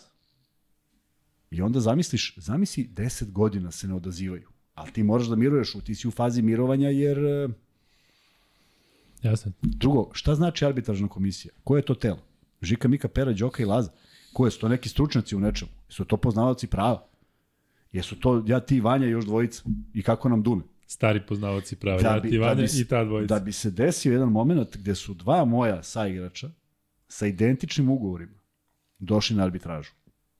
Identični, potpuno isti. isti pa reci koji saigrači isti, da skoči za 200. Isti, da budu bili gosti. isti im je bio agent. O, ovaj, za ovog postoji interes da pređe u drugi klub, on je slobodan, a ovaj nije. dakle, sve je moglo. E, I onda neko nema poverenja. Pa naravno da nemaš poverenja. Kuzma? I jedno pitanje. Mogu je kako, do sutra. Ne, ne, ali slušaj ovo, kako vaše supruge podnose ove kasne podcaste? Kako? Da. Ne lako. Supruge gleda. Ne lako. Supruge gleda. Deca spavaju, supruge gleda i uživaju. A, ja Čekaj mislim da, da znaju da, da uživamo u ovome što radimo. Inače, da je neki posao koji Tako. te ne ispunjava, onda verovatno bi svi bili nezadovoljni pa ne bismo ni radili. Ja vrlo redko radim nešto što ne volim da radim. Partnerstvo i drugarstvo sa Kuzmom vam donese mnogo vrlo zanimljivih informacija koje nosite sa sobom u grob. Jel ti znaš da si mi rekao Znam sve, sve sećam. Šta si mi rekao, ajde da vidimo da se sećaš, u Ziri kad smo sedeli. Ej sad. Ej sad, jes bilo davno. Mm. Ima godinu dana. Kuzma mi je rekao koliko je zaradio u karijeri, verovali ili ne. Ja znaš da si mi rekao? Jesam, znam, sećam da. se. I baš mi je drago što znam. ne, ne znam kako se to kretalo, koliko odade, koliko odade, koliko ovako, ali eto. E, Stefan, prvo, mnogo vam hvala što ste neke stvari pojasnili i to baš konkretno što se tiče crnogorskih klubova. Neke stvari sam znao, neke su nove, neki detalji, nadam se da je sve, sve tačno. Delo je da oni koji pišu znaju o čemu se radi, ali evo, odgovorit ću, odnosno, e, pročitat ću nešto. Stefan Radivojević Vuković, iz Budve sam i mogu reći da se ne ulaže u sredstva u sport infrastrukturu, a pogotovo u košarku, pa Budva izgubila futbolski klub, a stadion je na nivou pašnjaka. Zašto ovo govorim, Stefane? Zato što uh, uživao sam u meču e, juniora futbalskih, mislim da je FK Budva ili ne znam koji se on ugasio pa je ovaj drugi postao, e, bio je mi verovatno neki prijateljski meč. E, I mogu ti reći da mi se dopada, znam da tamo se svašta dešava, i, i mnogo mi se dopadalo kada sam igrao u onoj košarkaškoj dvorani u Budvi, e, ne znam, baš mi se nekako mi do, do, dopada mi se atmosfera tamo. Doduše, to je bilo nešto studentski, neka medicinijada, piti Boga. Ali, e, ono što mi se definitivno sviđa, to je da pored stadiona, tamo oni što ti kažeš pašnjak, ali tamo stvarno ima neka livada, gde ljudi treniraju i to je toliko simpatično. Dakle, imaš trener sa, atletski trener sa tri devojčice, nešto one skaču, tamo neki buca džogira, ovamo futbaleri pimpuju, pa tamo isto se nešto dešava, dakle, na malom prostoru ovaj, blizu onog skvera ili kako se zove onaj hotel i tu je neka taksi stanica i autobuska stanica je tu nekad, da, znam da autobusi staju, ali uvek kada prolaziš možeš da vidiš kako jedno 50 ljudi potpuno različitih trenira i nema nikakvih e, sprava, dakle nije to sad onog sprave pa sad ne, nego jednostavno u tom delu se trenira ovaj, i to je nešto što mi se, što mi se baš dopada. Evo ljudi ovde skreću pažnju da, da nastavimo dalje, hoćemo. E, Kuzma, što se tiče ostalih mečeva ABA lige, ovo će biti dug podcast kako stoje stvari, još smo planili sa Vanjom da pričamo o, o NBA-u. I Čekaj, još da, je završio sve klube u kojima sam Tako je. Da, da. Kuzma, moramo malo tuže da se zadržimo na pobedi Megi protiv Cibone 106-72. Možemo, uspom Mege, da, uspom Mege, negde su neke kockice legle, da li se tu nešto desilo, ne znam, ali izgledaju zaista... Znaš šta se desilo? Desilo se da Gagi nije došao u podcast i da je onda otišao iz kluba i onda je odjedno sve, odjedno sve lepo. To je nešto je povezano. E, ne, ovaj, zaista, Šalim. zaista izgledaju ovaj, ozbiljno i negde su na mestu na koje smo i želili da ih vidimo. Igraju bez mnogo respekta, sa puno nekih lepih poteza. E, da li je to talas e, dobrih utakmica zbog nekih protivnika koji im leže, ne znam, vidjet ćemo. Ja uvek volim da vidim takvu neku ekipu u nekom većem izazovu, da napravi nešto pa se nadamo da ćemo i to videti, ali vrlo je bitno da su uspeli da dođu do tih prvih osam, da li će se zadržati, ne znam, međutim, zaista brojevi poena koje postižu način kako igraju, sve je to fino, lepo, melju svoje protivnike, ali kažem da ima koliko će da traje i ko će iz toga izvući neku um, dužu korist u smislu nekog napretka, da vidimo kako izgleda to kada se susretnu sa, eto, ajde, prve četiri ekipe koje su uvek izazov, pa i ove godine.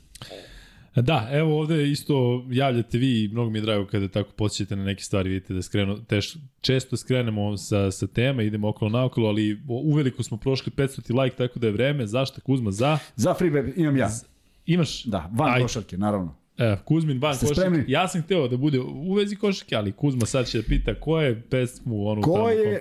Zabhod Bibelbrox? Ko je Zaphod Bibelbrox? Prvi koji odgovori ima free bet. Sad Ilija Živodinović je ovako, ali malo teže. E, veliki pozdrav za Iliju, veliki pozdrav za Vuka. E, dobra Nisam se šalio, ljudi.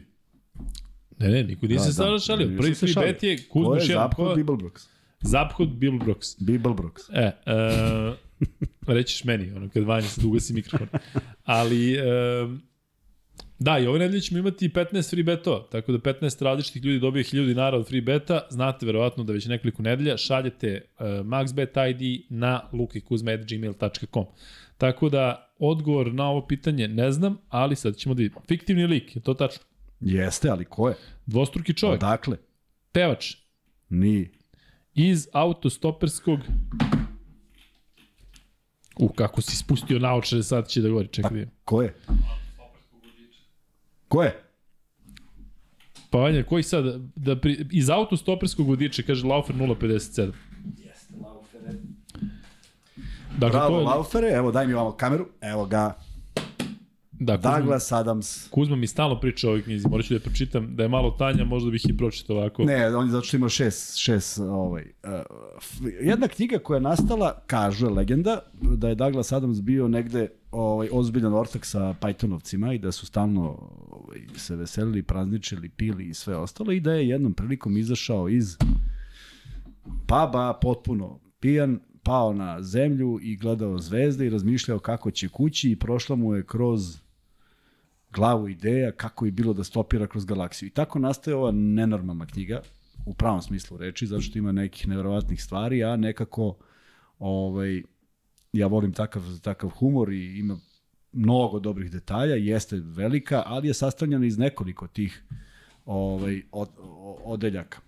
Pa je jedan autostoperski vodič kroz galaksiju, drugi je restoran na kraju vaseljenja, treći je život vaseljenja i sve ostalo, doviđenja i hvala na svim ribama i uglavnom bezopasni. Pa, Ako neko nema, pozajmit ćemo mu u knjigu. Ali pronađite negde u knjižaru.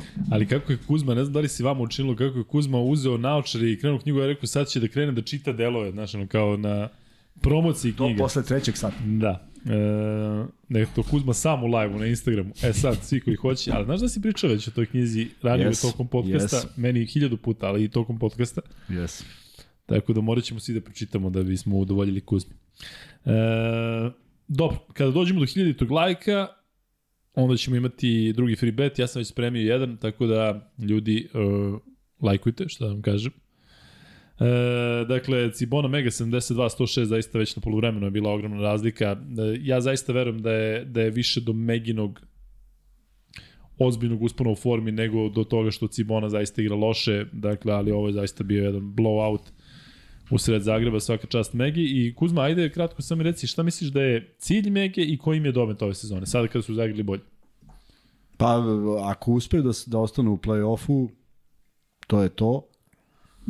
Ne verujem da imaju kapaciteta za neke veće domete u okviru ABA lige. Oni onda sačekaju taj deo u KLS-u, da naprave još malo pometnije. To mislim da bi mogli da, da, da da urade neki dobar posao, jer, jer veliki su izazov igrati protiv Zvezde Partizana pa zašto da ne u, ti, u, ti, tom velikom broju utakmica i napraviti neku neki kvalitativan pomak. Mnogo će im značiti igra protiv ovih igrača, igraju u potpunoj drugoj dimenziji, pa da vidimo. Ali neki ono dugoročni ciljevi, šta je ideja, mislim da je mega shvata koliko je skupo igrati bilo kakav Evrokup, mislim da to nisu ambicije, što je teta, šteta za ove igrače i ja bih voleo da ih vidimo u onom ritmu od dve utakmice iz prostog razloga što mislim da bi postojali bolji.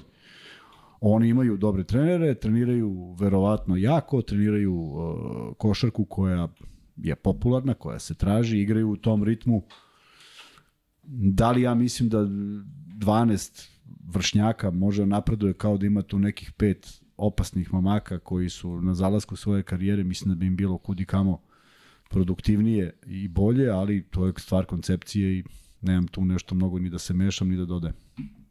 Kako si postavio free bet, pada nam, u live-u smo tamo bili preko 2000, sad smo na 1800. Neverovatno, ljudi bili spremni da... da Leglo da, 700 ljudi.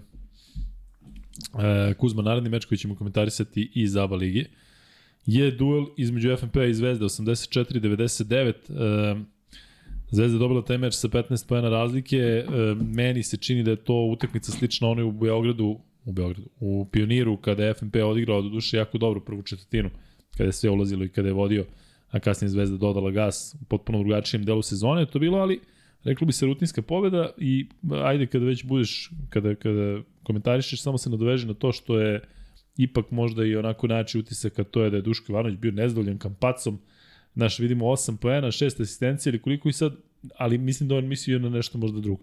Mislio na drugo, nisam mogao da pogledam celu utakmicu, pa sam gledao iz delova, verovatno jeste, jer i sad, znaš kako, E, ta hala je bila puna kao i sve hale kad, kad Kampaco dođe od njega se očekuje, pa ne može čovjek da igra tako mislim da, da. deluje mi da ko ono ko cirkus da ide pa kao ajde da vide svi čudo od čoveka.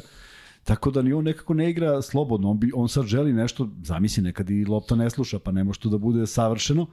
Ovaj, ne bi trebalo da se opterećuje time, ali mi tako deluje. Međutim, meni je najveći utisak da Fraser nije tu, to jest da je potpisao za Zenit kako stvari stoje.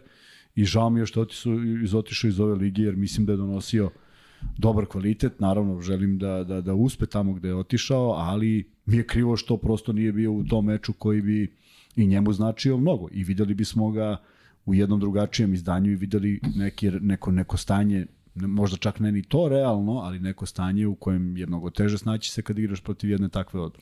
Dobro, FNP to imao sa Bryson prošle godine, dakle jednostavno e, istaknu se momci, na radaru su, isto kao ovaj tvoj iz Monara, gospodin Fec, e, nekako delo da je čak i njima e, možda ova odskočna daska za neke unosnije ugovore, ali treba zameriti tim igračima što jednostavno dobiju ponudu tamo, a ovde možda ima neku kluzulu u ugovoru jednostavno... Ne, da im zameriš igračima, ne. Da, ne, da im zameriš. Da zamerim to, to, igračima, to. ne, igračima ne mogu zamerim, samo mi je prosto uvek, uvek mi je fascinantno da neko napusti ligu u onom bitnom momentu sezone. Da. Meni je to, ka, meni je to strano zašto to niko nije radio. Ja, ja stvarno, ja stvarno volao bi, volao bi da, mi, da, da sam imao prilike da to nekog saigrača na odlasku iz tog Beočina, na odlasku iz te Beo banke da kaže, e idem sada pa ne znam koji je red veličina novca, ali lupam, ako je ovde 100, a on ode za 130.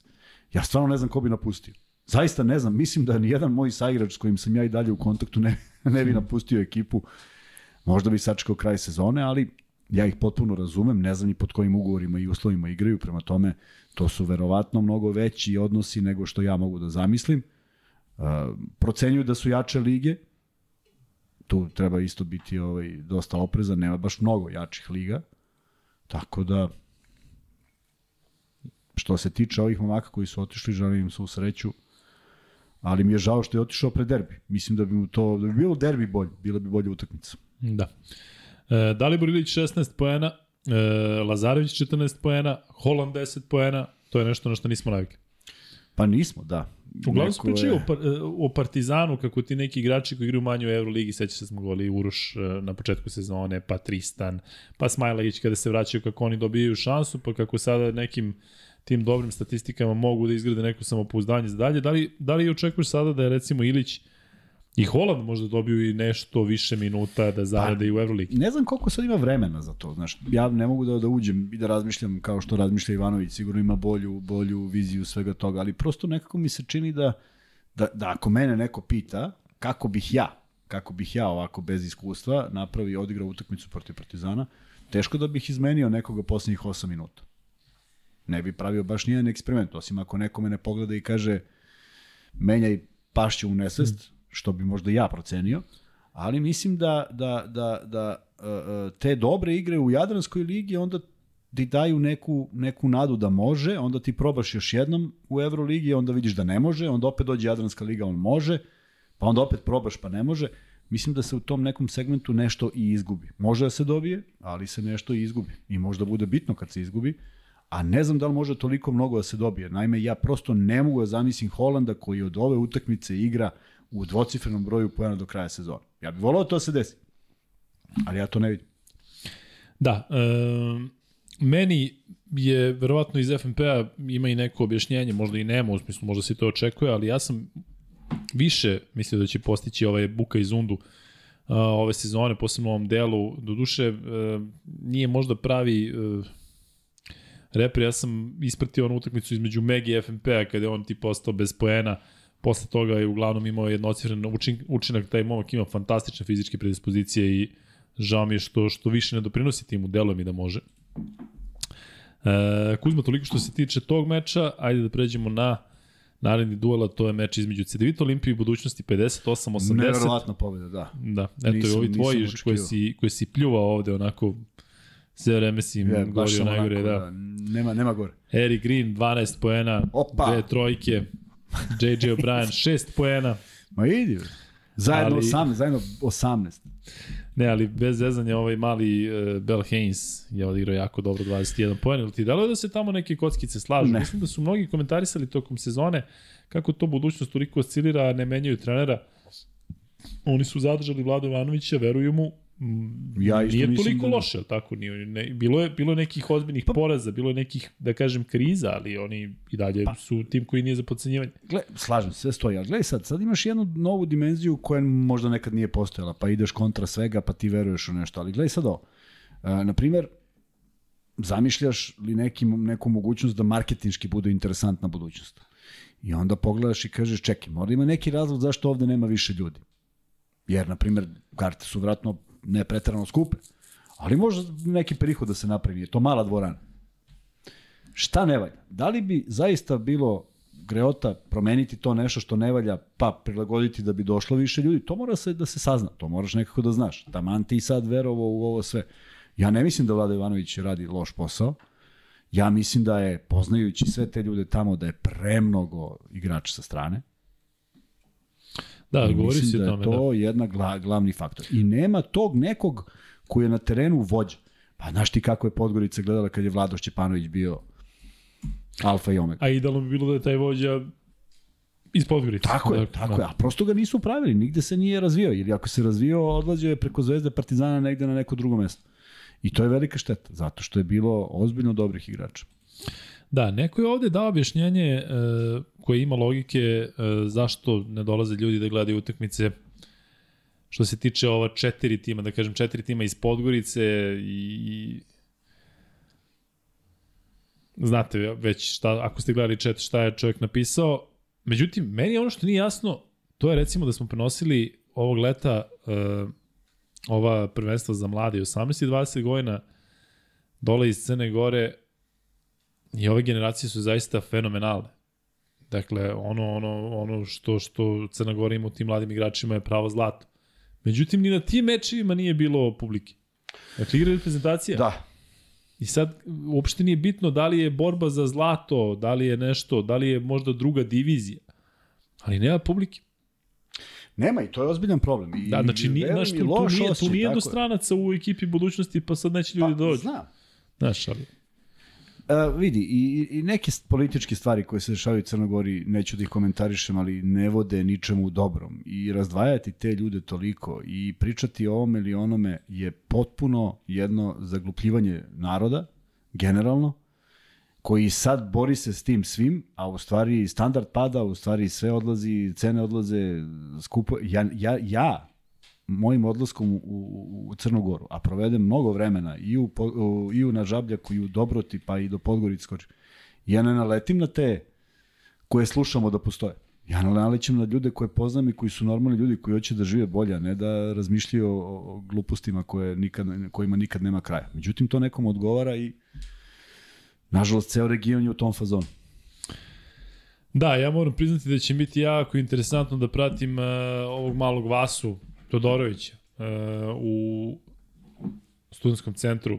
Dakle, mislim da taj momak ima veliki potencijal i zaista mu želim sve najbolje. Nekako se izdvojio kada sam pratio te mlade igrače ovog leta. E, tako da, eto, vidjet ćemo koliko će on doprineti i kako će se uklopiti u tim koji takođe ima već nekoliko vrlo ozbiljnih e, talenata.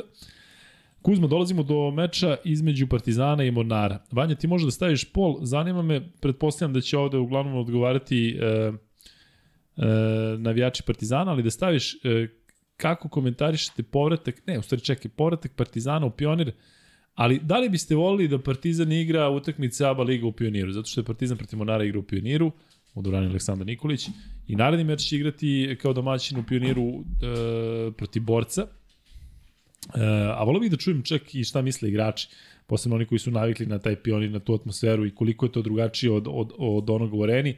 Arena je puna kada se igra Euroliga, pa je to verovatno drugačije Drugačije da se. Jadranska, da. A opet koliko, jesi imao to recimo da igrate u dve hale tokom Ne, sezone? nisam, nisam nikad imao. Imali smo kad se, kad se renovirao Pionir, pa smo igrali kao domaćini u Šumicama. Pa je u Šumicama uvek bilo najskromnije, jedna, jedna tribina. Jeste, Prosto napuni se, popuni se skroz. Ali ima nešto u ovim šumicama, nije Pa ima ne? dobar ti ambijent. Pa jeste, naprave, jeste, tu je jeste, dve i pol hiljade ljudi, ali to izgleda jako pristojno i e, zanemariš tu činjenicu, imaš jedan huk sa A tribina. stavili su beše i, i pa, Nije, nije, nije, iza koševa su bili oni parteri, mini parteri, nešto, neke kasnije, stolice. Kasnije, tada kad smo igrali, E, e, ja sećam kad se snimka, ja nije, bilo, da. nije bilo ničega.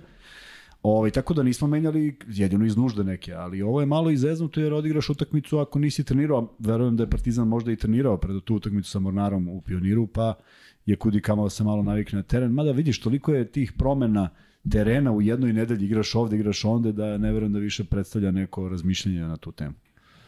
E, a imam jednu stvar koja je ostala samo nedorečena, ovaj, poslao mi je jedan momak pitanje, E, Pitao me e, tada kada sam otišao iz zemlje odnos plata u, u na primjer Grčkoj, koja je moja sezona posle Belgije i, i, i u Juba ligi. I da konstatujem da u te tri godine koje sam ja odigrao dok je Juba liga još trajala, a, nije to bio drastično veći odnos novca.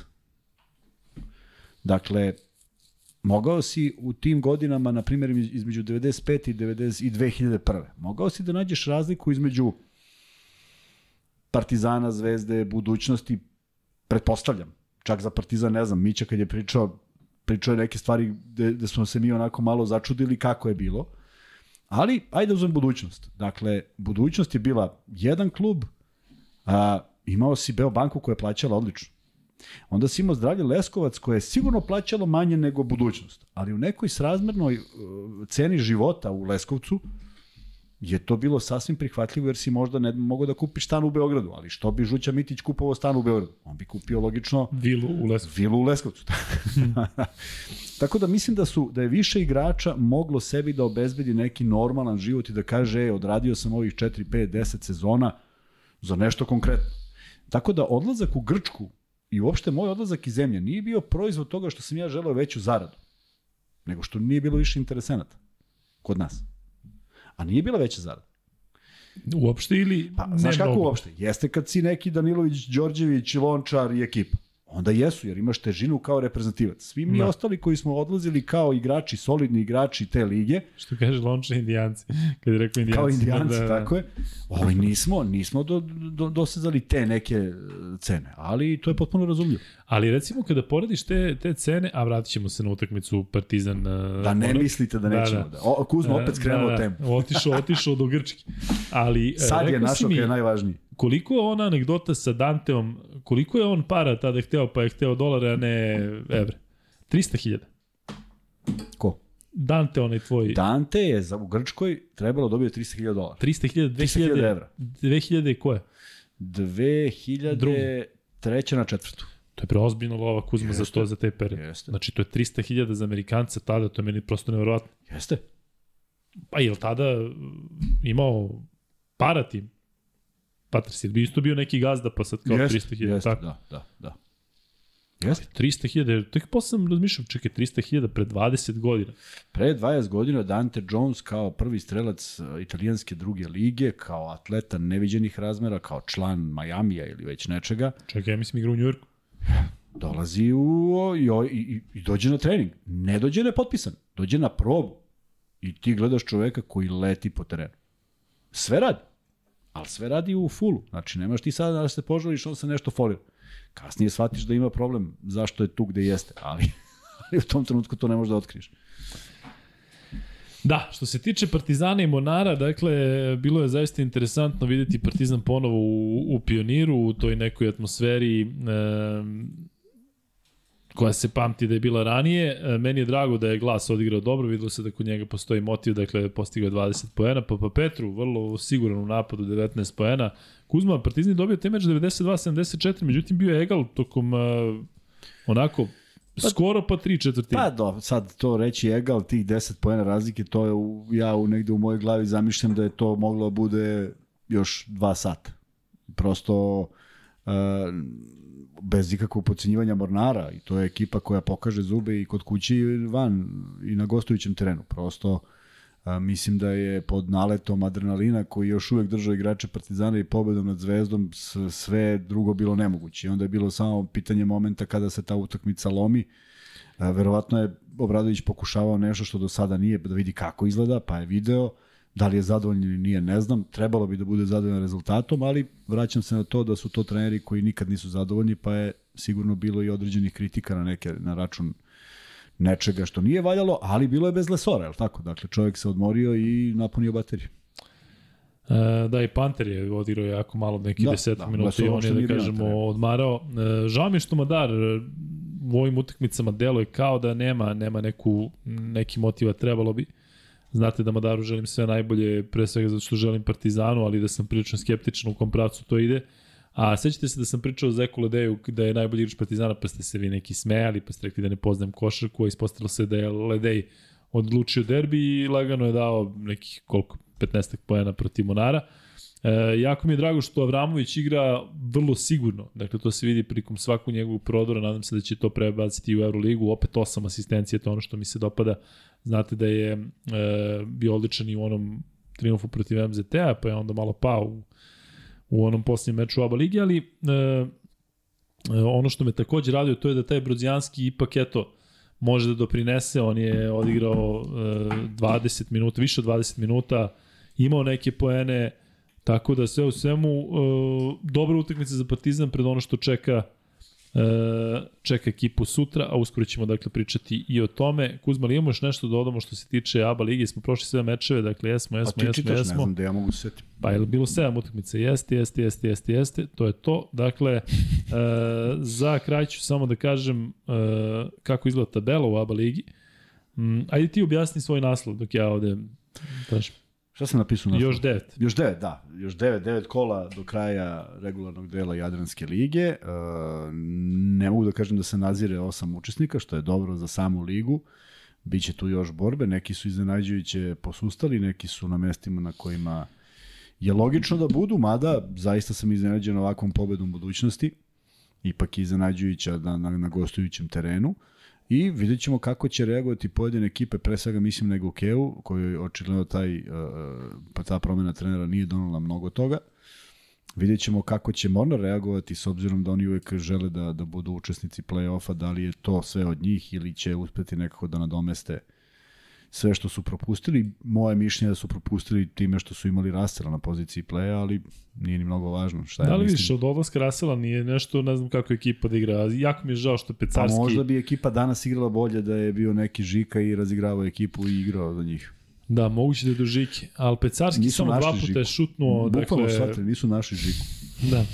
Se pojavi stvarno neki Žika, Žika, Žikanović i, i odvali. I odvali sve. I on dođe u podcast i kaže šta je bre bilo. Jeste mene zvali? Da, šta je bre bilo bre. Uh, dakle, Partizan i Zvezda se bore za prvo mesto, Partizan ima utakmicu više i poraz više, 15-2, Zvezda trenutno 15-1. FNP, budućnosti Cedevita se bore za treću poziciju, FNP 12-5, budućnosti 11-6, Cedevita 12-4, Cedevita koji ima dva poraza za redom, taj ubedljivi od budućnosti, pre toga oni je poraz u Beogradu od Zvezde. Zada na šestoj poziciji, ali ovo što Kuzma kaže, bez Božića sa tim problemom, vidjet ćemo da li će se održati. Studijski centar sedmi, e, Mega o, osma, Mega koji ima četiri pobede za redom, a ukupno ima sedam pobeda ove sezone, a timovi koji još mogu da se bore za play-off su praktično Split i Cibona. Ne verujem da borac sa 4-13 može da se uključi u tu trku, daj Bože da može. I UK ima 5-11, Monar ima 5-11, ali seriju, seriju poraza, do duše Monar je pobedio Cibonu, ali vidjet ćemo kako će to izgledati i nažalost MZT, ono što smo u neku ruku i predvideli, zakucan na posljednjem mestu na tabeli Da, sa, sa samo teškim oporavkom, e, da. dve pobede i 15 poraza i sa onima Buam e, kojeg su doveli iz Izraelske lige i sa tim nekim promenama mislim da nisu dobili ništa pozitivno, tako da ako MZT se pomeri sa 14. mesta u bilo kom trenutku to će biti iznenađenje i nažalost ovaj makedonski tim nije donao ništa, ništa posebno ABA ligi, odnosno povratkom u ABA ligu. Toliko što da. se tiče, dakle, Jadranske lige, o kojoj ćemo pričati naravno i u petak, kada budemo najavljivali... E, ima još jedna stvar. Šta? Još jedna stvar. U vezi ABA ligi? U vezi ABA ligi. Ajde. Dakle, svi su verovatno gledali Golemca nesrećnog u onom snimku sa time out. I sad pazi, ja naravno ne znam šta se desilo i ne opravdavam, ne opravdavam da neko psuje u toj meri, ali sad pričam ono iz, iz života i anegdotu o jednog od mojih trenera, možda sam ja i ovaj, pričao već to, već to, ali ako nisam, evo sada ću. Dakle, imaš onaj moment kada bi svaki trener voleo da taj igrač koji ne razume o čemu priča trener, doslovce zajebava tog trenera i pravi se blesav. Ali je mnogo ozbiljnije ako on stvarno ne može da ukapira. Znači, ako nema dovoljno kapaciteta da ukapira. Ovo je, ovo je šmekerski, a s ovim ne. I možeš da kazniš, možeš da se naljutiš, možeš da smeješ.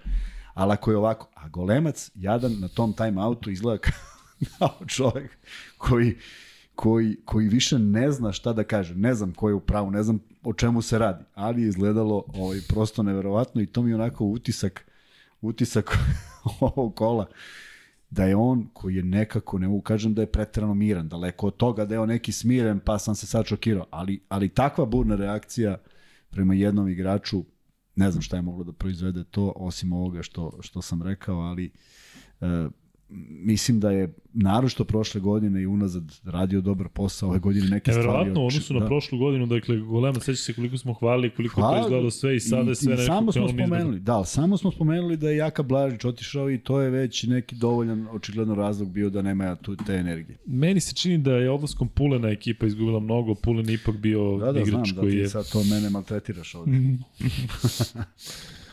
Čekaj, šta nije? Pulen Ne, otišao jeste, jednom jeste. pada cela ekipa. Jeste, i on, i on tako kaže. A da igra Pulen sad? Mislim da on ne igra više nigde. Ej, Um, Kuzma, tačno 2000 ljudi u live. Sam ti rekao da će se vratiti. Eto. Išli da čitaju, išli da čitaju da, knjigu. da, da, da, da vidi da li ima u biblioteci lokalni koja radi 024. E, vreme je da pređemo na Euroligu koja počinje E, kada? imam još nešto, izvinjavam se. Stvarno, Aba nisam, nisam teo te zeznem, da. Sad, nisam stvarno se teo- ne znaš? Ne, ne, stvarno. Ne, ne, Napravimo ovde ne, neku, ne, neku nemoj, nemoj, nemoj, samo jedno, Napustim. zato što, zato što ovaj, nisam spomenuo, da se zahvalim veliko hvala Jovanu Jovanu, našem drugu iz Amerike, na donaciji preko Paypala, da se zahvalim Dejanu Tiganju, Jovan iz Čikaga, naš? Aha. Jovan. da, da se zahvalim Dejanu Tiganju i da se zahvalim našem novom patronu Mladenu Milinkoviću. E, to su novi ljudi koji su se pojavili sada dok sam ja ovo pričao, pa da im se samo zahvalim. Hvala puno svima vama koji to radite preko Paypala, koji često to radite u live-u, koji ste naši Patreoni, sve je to fenomenalno. E, vidim da ovde pitate zašto sam zadovoljan Brzijanskim. E, sve to što govorite oko preuzimanju u odbrani i oko tog ispadanja i nesigurnosti, sve ste u pravu. Ali mislim da će se on podići sa, sa tim nekim brojevima koje sad konačno eto, ima 7 pojena, 4 skoka, dobije neku minutažu. Verujte mi, kada sam prenosio Juventud, Uh, u periodu kada je on igrao u Juventudu. To je izgledalo mnogo sigurnije. Dakle, on je dečko u nevjerojatnom grču i verovatno zna, da zna košaku, zna šta treba da radi, nego jednostavno jadan deluje da, da, da, da ne zna gde se nalazi na terenu, ali oni recimo sa Tomićem fenomenalno funkcionisu u odbrani, funkcionisaju, ta, funkcionisaju tamo sa tim španskim, španskim playmakerima, posebno u napadu, nekako je baš to izgledalo tečno, kada se otvori u pop, kada se spusti na niski, niski post. Dakle, on ovde, jadan, svega je pojelo i atmosfera i očekivanja, I znate da smo u jednom trenutku ga ona, u podcastu rekli hvala puno Brozijanskom, otišao je, on se čovjek vratio, tu je. Dakle, um, bilo bi lepo da može doprinese u Euroligi, ali sumnjam. Međutim, uh, ne znam ko je pričao, nije Avramović, ne znam ko je sa njim nešto zakačio, da je momak bre fenomenalan i mislim da je njemu najteže što, što, što je došao kao pojačanje, jedino pojačanje Partizana tokom sezone, a eto vidite da, da, da to ne ide, ne ide onako kako su ljudi uh, hteli. E, kažu da je pulen u Kuvajtu, pa onda Eto, kažu da je pulen u. Libanu. Dobro je. Sviđa ti se ta... Ta, ta da. destinacija sasvim odgovarajuća. Evo, Aleksandar Zdravnić kaže, molim vas malo o Euroligi, moram na spavanje. Aleksandre, moramo i mi, ali krećemo sada o Euroligi i pričamo o meču Do koji je 10 od sutra. 12 pričamo o tome. Tako je. E, Partizan Asvel, to je meč koji se igra prvi, dakle od 20.30 Kuzma, Partizan Asvel je utakmica koja mnogo, mnogo, mnogo znači i mnogo donosi i Partizan jednostavno ne sme da je izgubi. Da li se slažeš? Krenemo Potpuno si u pravu, potpuno si u pravu, s tim što poslednji put kad smo gledali Asvel u Beogradu, došao je bez Dekoloa i bez još nekoliko igrača. Govoriš o meču Asvel Zvezda. Tako je. Asvel. Zvezda je uspela triumfu u jednoj neizvesnoj završnici, a sada dolaze sa istim tim Dekolom i Dibostom, koji se pojavio od pre jednog i po kola. To je to, od, zato je ovaj tvoj otišao u Galatasaray, ili Dibos došao, da, Pa znaš, to je sve ta veza.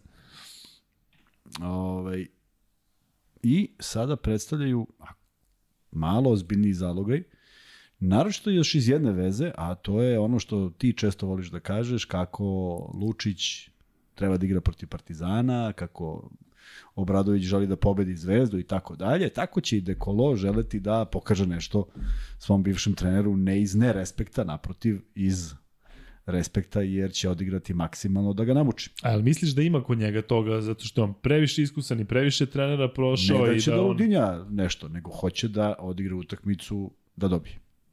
kao što je recimo bilo u Lionu kada je razvalio. Tako je. Znači on to hoće da pokaže i tu nema veće satisfakcije, nema većeg od, dobrog odnosa između, između ljudi tako. Dakle, Kuzma, kada si kod toga, stalno govorimo recimo kada Zvezda tako ima neki protivnički bek koji je pa da li će da ga čuva Lazić, da li će da ga čuva Marković, da li će da ga čuva ovaj. Ko će da čuva Dekolo? Trifunović Il- Trifunović? mora da uradi sve, onda Andjušić mora da uradi sve i da se prosto žrtvuju kogod, kogod treba i dalje. Samo da ne uđe u seriju, samo da ne diriguje napadom, samo da se oteža, samo da mu se Pitam te piše zato za što vrat. znamo koliko je bilo teško to tamo. Jeste, jeste. Jeste, sve stoji. Zato i ne treba shvatiti tu utakmicu, zato što sad mnogo navijača Partizana gleda, u dobijena zvezda, sad tu serija, sad se ide. Daj Bože da se ide, ali samo ako Partizan odigra, pre svega ako odigra odbranu na nivou kako je odigrao protiv Zvezde. Dakle, to je bio ključ pobede, a ne zato što su igrali nešto uh, fantastično u napadu. Jesu Lede i Egzum. Ali generalno mi smo gledali i Ledeja i Egzuma i Pantera u dobrim izdanjima, pa se dešavalo da Partizan izgubi utakmicu.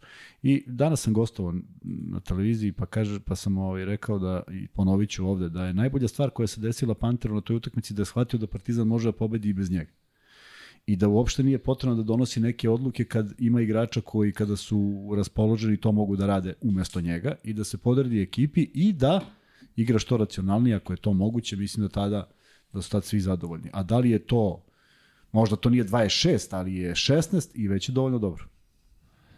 Um, što se tiče Asvela, ajde, posle ću ja kasnije, Kuzma može da se bavi malo vašim tim pitanjem i sve, pa ćemo proći igrače pojedinačno, ali mislim da je recimo jako bitna ta stvar što je e, Asfel sada, ali beše juče, e, poražen u domaćem prvenstvu od Monaka i to je onako prilično, da kažem, dotučen s obzirom na to da su dali, da spustili su na 60 poena, na 63 poena, ni u jednoj četvrtini to nije izgledalo, nije izgledalo dobro, katastrofalan uh, procenat šuta iz igre, to sa D Bostom se iskreno meni uopšte ne dopada, dakle, pratio sam tu utakmicu koliko sam mogao, taj D Bost ne mislim da donosi mnogo, on je recimo odigrao 26 minuta, nije imao ni jednu jedinu asistenciju, dakle ne verujem da je on doveden tu da, da, da poentira, ali postoji objašnjenje da e, je Dekolo zaista odigrao tu nešto slabije i ne verujem da mogu da mu se ponove dva loša meča. E, Kuzma, razlika koliko je sada bitna? 91-87 e, Partizan je protiv Zvezde razmišljao o razlici. E, Asvel nije ekipa koja verovatno može da se u nekom trenutku e, razmaše pa da nešto priđe u, u, da se uključi u play-off, bar ja mislim da voditi ne može. računa, ne, ne, ne, ne, voditi računa. Ako može se pobedi, da se pobedi više. Ako je, ako je pobeda iz, iznuđena na taj način da nije moglo više, naravno, pobeda je sama po sebi bitna. Ali, ako je moguće, voditi računa i u tome, negde, negde onako samo imati u glavi, ne rizikovati preterano. Da li, da li uh, je bitno ili ne u ovom trenutku, ipak je ovo sad za nijansu drugačija ekipa. Ja ne kažem da će jedan igrač promeniti iz temelja celu ekipu. Biće tu još uvek nekih stvari koje se ponavljaju koje su loše za Asvel, ali u jednoj utakmici, u drugoj, gde neko eksplodira, gde se neke stvari poklope, može da bude jako loše po protivnika, ali treba biti opresan. Asfalt trenutno ima skor 8-13 i dobili su posljednje dve utakmice nakon serije poraza. Pobedili su uh, Armani na strani i pobedili su Fener kod kuća. Ajde to Armani na strani, to više nije ni iznenađenje. Ali ovo Ali protiv Fener Fenera je bilo kuće je fenomenalno. bilo oduvavanje, nije bilo blizu. Oduvavanje Fener nije ozbiljno. U smislu da je bilo 20 razlike Tako, već e, Tako. nešto Da li oni prerano. sad mogu tako da odigraju još jednu? Ne znam. Da li će na gostujućem terenu pružiti sličnu partiju? Ne znam. Da li će probati? To sigurno hoće.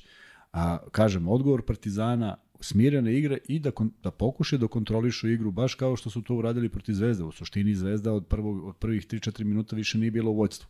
Teško je odigrati takvu utakmicu da ne pustiš nekoga da se približi. Asvel zna da igra u serijama, Asvel ako krene u onu njihovu brzu igru, ne možeš da, ne možeš stigneš da napraviš faul koliko oni pune pale i tako da im ne treba dozvoliti da se razmašu. I mislim da svaki igrač mora da ima dovoljno, dovoljno svest, da bude dovoljno svestan protiv koga igra, koliko je bitna utakmica i da Partizan iz toga izađe sa pozitivnim skorom. Alex Tajus igra jako dobro, on je protiv Fenerbahča bio odličan, on donosi tu neko iskustvo. Ja sam recimo zbog njega imao besplatne termine u, u teretani u Americi, u Lifetime, u kojem sam pričao ranije, u Las Vegasu, menadžer toga koji nešto, ne znam šta smo pričali, i on može da ti da te nešto, dolaziš besplatno, a stvarno fenomenalna, fenomenalan sportski centar i on je najbolji drugar Aleksa Tajusa i pokazio mi je na Instagramu neke njegove slike i kad sam ja rekao pa da znam Tajusa, on je u tom periodu valjda igra u Galatasaray ili ne znam gde, kaže, znaš, jao, a ja ga znao, ono, prenosio ga. Pa ako ga nije me dobro očigledno shvatio, jao, ako ti znaš Aleksa, udri igre gde hoćeš, odnosno ulazi koliko god hoćeš, tako da, ovaj, ali šal na stranu rekao da je fenomenalan momak, a ono što je sigurno da je fenomenalan košarkaš, ja ne mogu da verujem da se zaista vratio na, na ovako ozbiljan nivo i da igra toliko dobro protiv uh, Fene Bakča, skoro pa double-double učinak, ali kažem ja to od njega nisam očekivao i bit će mi interesantno da vidim kako će se on protiv Lesora, kako će se nositi sa Lesorom, dakle potpuno drugačiji tip e, igrača, ovaj iskusan, obojice, kažem, mnogo skaču, ali, ali eto, meni će to biti interesantan duel koji ću pratiti. Ovaj mali Risašer, protiv, ti si igrao protiv njegovog ćelata, tako?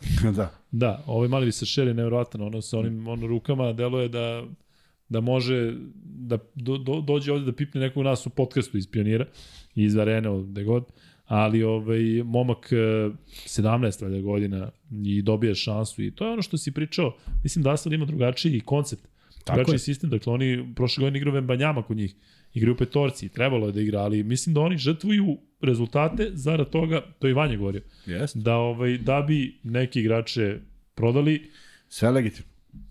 Tony Parker. Kako legitimno? Kad pričamo o Megi, onda nije legitimno, a za njih je legitimno. Pa zato što, zato što igra Euroligu. Ja ne bih imao problem da, Euro, da Mega igra Euroligu. I da I da radi isto. rezultate da. za... za u najboljim si, među najboljim si, ti igraš najbolju košarku. Da. Pa sad pazi, da li ćeš da žrtvuješ i da napraviš tog Vembajamu i da dobiješ neke pare, a imaš uh, 11, uh, koliko? Se, 11, 4, 15? Ne, 11, 17, koliko je bre? 11, 16? Šta 11, bre? 17. Šta pričaš? 11, 17, 11, koliko imaš skor? Ko? 34 utakmice. 11, 23. 11, 6. 11, 23. Imaš i kažeš, ali imamo Vembanjamu. I kažeš o redu, to je to, to nam je ideja. Ali to je ozbiljno visok nivo i ulaganja i svega. Partizan ako dobije sutra meč ide na 11-11 i e, potencijalno, potencijalno kažem, mogu bi da, da se nađe na nekoj 8. ili 9. poziciji ako se poklope neki Sad se gledaju rezultati drugi u 22. rezultati, kolu. da, sad će svako kolo da se gledaju drugi Da, rezultati. više ne znaš ono što smo pričali za koga da navijaš, počet ćemo, proći ćemo posle i, Za ostale domaćin. mečeve. Samo za domaći Da. ekipe. Gde god je domaćin, navijaš za Jeste. ekipe. Sem ako nije ovih prvih pet. Da, malo ćemo da prođemo tim uh, Asvela, dakle, što se tiče ovih igrača, ovaj Johna Matthews je vrlo interesantan, ja ne znam, on je imao neki problem manje sa povredom. Ovo je što je zaboravio Ali- pasoš bio na dolasku u Beograd. Jel? Pa ja mislim da on je igrao. Johna jeste, da. E, dakle, njegov put je prosto nevjerovatan, dakle, on je iz, te, nekih, iz tog manjeg švedskog tima otišao u Anvil, tamo mu tra, hod, hteli odmah da igra za poljsku reprezentaciju, pa je igrao Sloter, zato što je on potpisao za Asvel, pa ne bi bio slobodan tokom prozora. Ovaj, neverovatan igrač e, jedan na jedan. Neke čudne poteze ima ponekad, ali zaista nisam video dominaciju jednog takvog igrača. On čak istisnuo Lajtija koji je godinama u, u tu kao neko ko preuzima e, odgovornost u završnici koji ima takve šuteve da iz, iz driblinga jednostavno kreira. Ovo sa Dibostom, kaže, meni se ne dopada, to je sa, sa, um, sa iz ugla Partizana, mislim da je dobro, ne verujem da Dibost može da nešto uradi. Ovaj Retino Basoan, koga sam prenosio toliko puta prošle godine u Hapru Jerusalimu, takođe mi ne, ne unosi neki nemir da će da napravi ne znam šta, Kuzma Jusufa Fal, Da- dakle tip e, igrača kao recimo Koumađi, kao Tavares samo ne toliko kvalitetan, ali taj ogroman igrač sa ogromnim rukama, e, jel može da napravi problem? Glavni zadatak kod takvih igrača je ne dati mu da uđe u reket, koliko god to sad glupavo zvučalo. Ovaj, ali tu je Lesor neko ko se jako dobro pozicionira i on mora da, da, da, da se pobrine da ovaj ne bude ispod koša. Kad bude bio ispod koša, to je ozbiljan problem. Ako uspeju da odigra periferno van koša, ko to kad fal primi loptu na 3 metra od koša i krene da zida? Nema tu problem za, za Lesora, prosto kad zabode i kad stane nema tu neko da ga pomeri, ali e, moguće da će učiniti sve da se da ovaj ne prima loptu toliko daleko i onda je Lesor u problemu jer je faktički jedina petica, tako da će biti potrebna pomoć svih, ali ako uspeju da odbrane reket kako su to uradili protiv Zvezde, onda Partizan ima ozbiljne šanse da odigra dobru utakmicu. E, MM, javi kakva konkurencija, nisam skapirao, ne znam tačno o čemu se radi, tako da napiši pa. Šta? Hoće da bude sportski novinar, pa kao vama konkurencija. Aha, aha, aha, daj Bože. Dobro je, super to. Mi volimo konkurenciju. Daj, da buž, daj Bože da bude što više podcasta svih tipova. E, Kuzma, još malo samo o utakmici Partizan Asfalt. Znaš šta meni delo neverovatno? Da Burazer, vlasnik Asvela, dakle ovaj DJ, gospodin Terence Parker, može dva puta da pobedi u jednoj sezoni Željko Bradović. Ja to ne mogu da prihvatim. Znači sad da, da Partizan sutra bude u nekom potpunom kontraritmu, ali da je Željko Bradović dva puta pruži ruku čoveku koji sigurno ne bi bio trener. Ja ne sumnjam u njegove trenerske Ja mogućnosti, ali ne na ovom nivou. Znaš, dakle, može Bio bi čovjek stvarno trener. da, pa bura, brat mu je bio, šta mu je bio, samo njega da je gledao pa je mogao nešto da nauči. Ali šal na stranu. Pritom oni treći brat je, rekao pričao sam o tome, fenomenalan lik, on je što je plakao kada je Asvel ispao u, u Beogradu, on vodi tim do 18 godina, tako da braća vode su treneri, on vodi tim i sada oni pobede dva puta čoveka koji ima devet e, ligaških titula. Jel tebi to deluje izvodljivo? Ma naravno da je izvodljivo, znaš. Ma gde je izvodljivo? Pa, izvodljivo iz prostog razloga što ovaj, što Željko Bradović pokuša, pokušava da neke, neke greške ispravi iznova iznova i to već traje. I sad dolazi utakmica gde tih grešaka treba bude što manje. Tačno ulazi se u taj, tu fazu sezone. Tako da može onda nacrtaš 24 dobre akcije ako one ne budu odigrane u pravom tajmingu, u pravom momentu i ne bude pravo rešenje, što smo već viđali, ne samo kod njega, kod velikog broja igrača, da ne bude da, tu, da Željko ima taj problem. Taj problem imaju svi, ali ovaj, oni dalje veruju u te neke stvari koje priča i ja krajnje je vreme da igrači u to poveruju. Dakle, mislim da ih je sad već sto puta uverio da je to što priča to što treba da rade, opirati se tome, uvek postoji neki taj ego, neka sujeta, šta on meni, ali um, da bi se došlo do pobede u, ovoj seriji utakmica koja sledi, to sve mora da funkcioniše i tu ko, ko je sposobniji da funkcioniše, ko, je, ko radi više onog posla koji treba i koji je dogovor, taj će i slaviti. Dolazi serija teških utakmica gde, gde je pitanje koliko je teža utakmica protiv Barcelona i Bayerna. Neće biti velike razlike. Prosto neće, zato što su ovi ljudi koji se bore do kraja i kopaju i rade sve i svi su sve. Otelo Hunter postao ono, tražena četvorka u Euroligi. Sve je čudno. Bonga igra na nekoj poziciji. Oni, dalje, oni se i dalje tu, oni pobeđuju, oni nešto rade.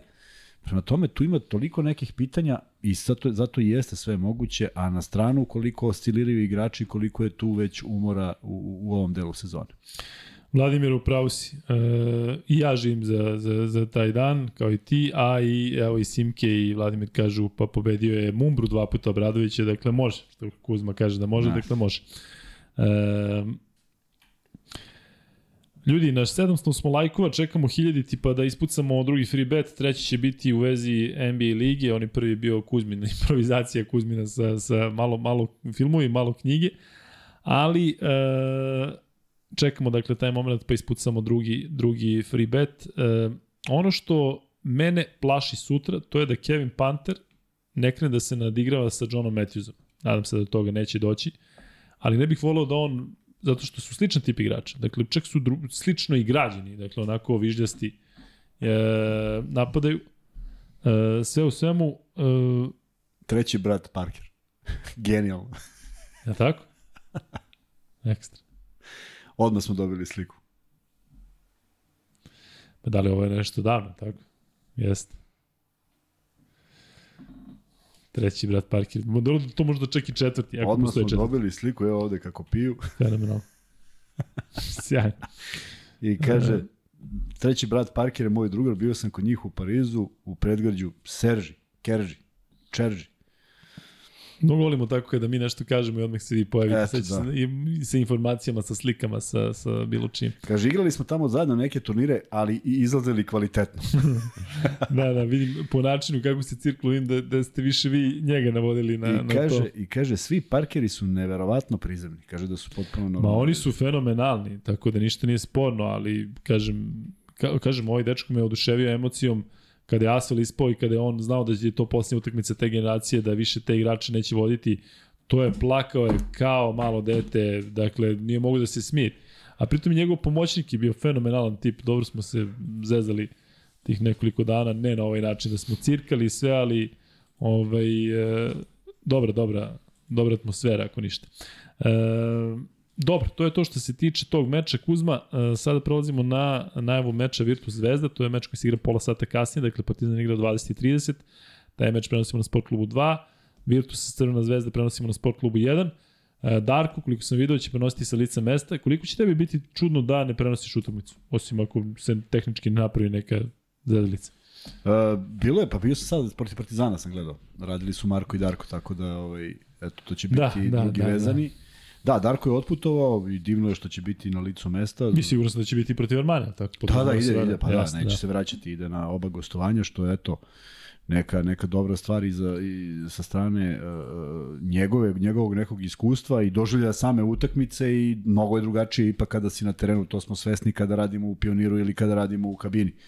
Tako da će ovo biti dobre utakmice, ja se nadam da će biti srećan za Zvezdu, jer on obično donosi sreću Zvezdi, ali ovo su dve utakmice koje, kako bih rekao, obe ekipe pripadaju donjem domu i ja nikada ne očekujem pobede, ali im se nadam, a mislim da Zvezda ako nije u stanju da pobedi ove dve, šta onda da, čemu onda u top 8, da bi se šta desilo u top 8. Dakle, Uh, i Partizan i Zvezda, bez obzira što su jedni na domaćem i na gostujućem terenu igraju protiv ekipa koje su trenutno ispod njih plasirane i to bi trebalo da iskoriste, ali za to je potrebna savršena utakmica, za to je potrebno da nema oscilacija, za to je potrebno imati dobru ideju i nekako uh, Virtus mi deluje kao ekipa koja jeste dosta nepredvidiva. Ti nikad ne znaš ko će tu da postigne dvocifren broj poena i šta će tačno da se desi, ali mislim da ne znaju ni oni.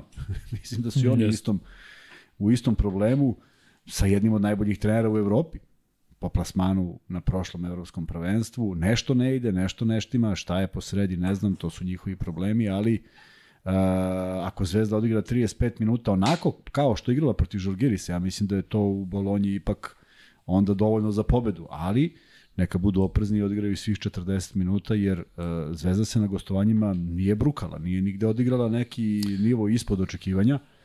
Jeste dolaze dve ozbiljno teške utakmice, ali ja se nadam da je otišlo svih 14, 15, 16 igrača i da će tamo biti nekih iznenađenja u sastavima, prosto ne mora svako da igra na obe utakmice, ali vidjet ćemo u krajnjem slučaju koliko su raspoloženi pre svih Nedović i, i Vildosa. I ono što je vrlo bitno da postoji neko i, i unutrašnjoj igri ko može da donese tu dubinu u reketu da bi svi oni lakše poentirali.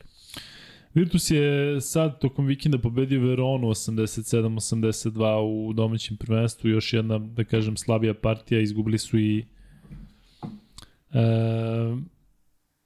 Virtus je dobio samo prvu četvrtinu. Dakle, dobili su prvu četvrtinu, u drugu Egal, e, treću četvrtu je dobila ekipa Verone, koja je zaista, dakle, nemam ništa protiv, ali tim onako prilično skroman sa tim nekim Amerikancima koji ne zna se mnogo šta se dešava na terenu. Ali Kuzma, ne znam koliko se sećaš onog meča između Zvezde i Virtusa u Beogradu početkom decembra kada je bilo 83-74 kada je Vildosa igrao dobro, kada je Dobrić možda odigrao najbolji meč ove sezone. Dakle, koliko to može da bude uh, reper za bilo šta, odnosno koliko Zvezda treba da taj meč Ma gleda ne, kao ne nešto kako će ma da... kako, ne razmišlja. Ne treba da preslikava, ne treba preslikava zašto je prošlo toliko utakmica između... Ali bušili su uh, prilično tada Virtus yes, onako očigledno, yes. Virtus je ispadao... Jesu, ispadali su, da, tako ispadali su iz igre i ne zaboravi, tu je Marković odigrao neku fantastičnu yes, partiju yes, na jednu yes. čvrstinu i to je ono što protiv italijanskih ekipa pali. I zato mene izluđuje kad neki italijanski igrač, baš italijanski igrač, odigra kao čvrsto i napuni nekoga kao što je to Polonara uradio. Prosto znam da nije igrač koji, koji to voli i koji uživa u tome, niti igra u takvim ligama, o, nije ponikao u takvim ligama, tako da samo čvrsto, samo hrabro, mnogo čvršće od njih, prosto bez obzira kako izgledaju, a oni imaju ozbiljne fizikalije, nisu čvrsta ekipa, ne igraju čvrsto u odbranu, primaju dosta poena, činjenica da nije bio Teodosić u Beogradu, naravno da je to bila otežavajuća okolnost za Virtus, da će sada biti, da on Teodosić može... mislim da nije igrao sada ni iz ovog vikenda protiv Verone, ne znamo da li ga odmarao ili nešto, ali Nećemo. koliko je on bitan faktor? On je bitan zašto on u 10 minuta može da smisli i preokrene celu utakmicu. A, A to što je Zvezda napravila dogovor sa njim neki koji go zna. Da, da. Jel, jel, jel te to sad kao, e sad ću da dokažem da vidite kako ovo ili kad sam već napravio dogovor daj da malo povučem ručnu. Ne, nema šanse to da imaju. Šalim se naravno, ali da. oni Marković imaju koliko sećam jako lep odnos i jest, često jest. idu i na, na ranije dok su obojice igrali. I kompenzovali su jedan drugog i Tako je, da. Igrali su strateški jako fino. Teodosić je uh, jednom kada je Marković rekao da neće više igrati za reprezentaciju, pa su se onda njih dvojica, tada je Teodosić bio u CSKA, Marković ja mislim u Zenitu ili u Himkiju, nije ni bitno, ali našli su se valjda na nekom ručku ili kafi i onda su pitali osjećaj, pa si ga nagovorio da kao da se vrati reprezentacija, on rekao, ma jok, nismo ni pričali o tome, nije mi palo na pamet. Tako da, ovaj, bit će zanimljivo vidjeti njih dvojicu opet, eh, mada sad imaju slične uloge. E, oni kada su igli zajedno, zajedno u Virtusu, um, opet su se tu uh, dopunjavali, ali sad imaju slične uloge u svojim timovima. U smislu, nisu više da. e, igrači koji su u prvom planu, a opet sa klupe donose mnogo, to je Odosić yes, posebno koji može da... Više, da, da Teodosić i više, još je u dobroj formi za te lucidne pasove i vidjet ćemo kako će on odigrati, zato što mislim da mu je želja i da mu je krivo što nije bio u Beogradu, u krajnjem slučaju, ako ništa drugo, zbog prijema na koji bi naišao. A, a vidjet ćemo u kojoj formi. Mislim da nije on u onoj formi koja može da traje, nego jednostavno dobija inspiraciju i onda odigra nešto što ima je tamo pre dva kola asistencije koje uopšte moraš da usporiš da bi video kuda je lopta prošla. Ali, ali nije on u svom elementu da to duže traje. Vidjet ćemo koliko godine čine svoje i koliko ovaj ritam uh, ubija, ali bez obzira sa njim ili bez njega Zvezda mora da izađe čvrsto, čvrsto, čvrsto, mnogo čvršće, da nametne ritam, da nametne sudijski kriterijum, da se ne štede, da budu u bonusu, da zaustavljaju bilo kakav protok lopte i da igraju 40 minuta. 35 je nažalost bilo nedovoljno protiv Žalgirisa, a mislio sam da je to jedna od najonako kvalitetnijih utakmica odigranih, međutim, šta znači 5 minuta? E, Kuzma, koliko može da bude prednost Zvezde to što je zaista brzina bekova Zvezde kada govorimo o kombinaciji ili dosta Nedović i šteta što nema Kampaca, zaista to kada pogledaš da su tamo Teodosić, zatim Belinelli, Heke, to su sve igrači koji su, ne mogu da kažem istrošeni, ali koji čak i ni u je, prajmu nisu tako je. vaziđili za Tako. neke sada brzince. Dakle, Zvezda Heket je najopasniji kad mu se igra post-up, kad, kad Da, pokušaš da, jer je da. jak. Teodos više nije brži od polovine igrača. To treba koristiti. Ali Neće jel čak to znači da Zvezda treba da igra sada brzo tokom celog meča, da da, sada da ubaci igra brzo, u ritam? samo, samo da igra bolja, da ima bolja rešenja. Samo da napada, napada koš. Kao što je napadao Nedović. Pogledaj mu kroz statistiku unazad 10 utakmica, vidjet ćeš koliko ima tu kvalitetnih prodora. Pogledaj mu izbor šuteva, nije uvek sjajno. E, sad mora da bude takva utakmica. Koliko god da je teško, ići će na visoke igrače. Ali to mora da bude razbijenje da se ubace u problem sa faulima. Da, da, da, da, da, da, da, da, da, da buše igru i da buše protivnika jer su brži. Da koriste bukvalno te preispozicije. Vrlo je prosto.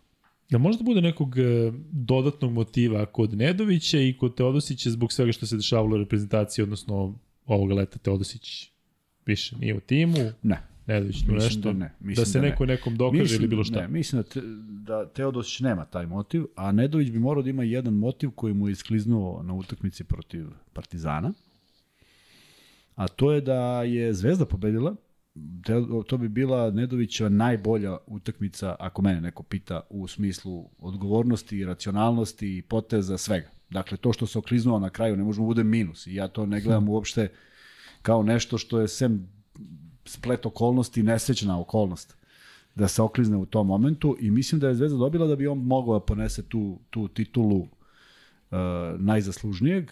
E, ako je sad to bilo samo protiv Partizana, ne valja. Ali ako on sad stvarno rešio da igra u tom ritmu, rešio, prelomio, da, da bude neko ko će igrati maksimalno odgovorno i vući svoju ekipu, da viš kako će to igrači znati da prepoznaju i kako će to slediti. Tako da od njega se očekuje odgovornost, a do cele ekipe se očenjuje, očekuje manje izgubljenih lopti. Ovo protiv Partizana čak nije ni nekada bilo proizvod Partizanove dobre odbrane, koliko je to bilo nekih ludih rešenja i besmislenih dodavanja.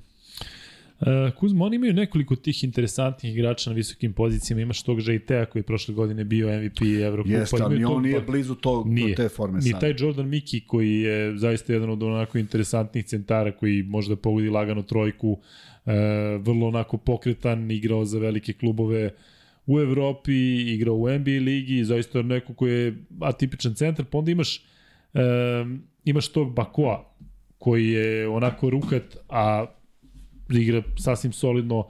Pa imaš Šengeliju, ko će da čuva sve te igrače? Imaš Dakle, ja sad Šengeliju- ne vidim ko će, ko će, imaš- ko će njih da čuva. Imaš Engeliju koji možda, je- možda ima i najveći motiv. On tako kao Gruzin, kao igrač koji je radio kod trenera koji vole srpsku košarku, ovaj, mislim da želi da se takmiči, mislim da će imati o, da će Zvezda imati ozbiljan problem s tim. A ja bi stavio Lazarevića. ja bi Lazarević na Lazarevića, sve, ne. ja bi Lazarevića svuda stavio. Mislim da, mislim da je Šengelija u manjem problemu sa šutem s polja, bez obzira kako će to izgledati u nekoj utakmici, ali generalno ne oslanja se više na to koliko zna da bude opasan ispod koša. I to treba zaustaviti na, na sve moguće načine. E sad vidjet ćemo da li se spominje negde Hasan Martin koji bi mogao da donese tu neku čvrstinu u reketu. Ne prednost u skoku, ali čvrstinu u reketu, da ima da li se oporavio i tu ne treba rizikovati. Svakako, a nemam neke informacije da li je počeo trenera. Tako da nekako ja kad gledam taj, taj bez obzira da Žajtea, tu uvek gledam Belinelija, eh, Šengeliju i, i, i ovoga i Teodosića. Bez obzira na sve ostale igrače, bez obzira što je Haket ili Heket jednog dana u Beogradu ovde pogodio nekih pet trojki za redom pre godinu dana. Da, jeste. Mislim da svi oni imaju, da je pa Jola, oni su nešto Da, da, Joli da. Bako, oni protiv... Kako se tu i kao dođe neki srpski Jest, tim, oni jest, krenu da rešetaju. To je neverovatno. Tako da ovo, ima, ima, naravno da ima, ali nije to ta čvrstina i nije to ta hemija i nekako ovaj, ne deluju, ne deluju da će doći do tih nekih svojih ciljeva, bez obzira šta se desi na utakmici protiv Zvezde, a mislim da Zvezda može da dobije mnogo. A s druge strane, mislim da bi Virtus to bio neki put ka, ka, ka put bez povratka u, neki, u neku žižu od 8. E, da. Um, ne mogu ni ja da se setim da li je Duško zakačio Šengeli u Baskoni, čini mi se da jeste i da ga poznaje. E, ali ono što je nešto što ja takođe ne znam, a vi možete možda ovde da nam pišete u četu, e, to je da li ima organizovanog odlaska u Italiju što se tiče navijača, pošto se ovde piše o tome da li će Zvezda imati tamo podršku. Uh, mislim, i- da je, mislim da je Charter otišao. Jeste čarter, ali...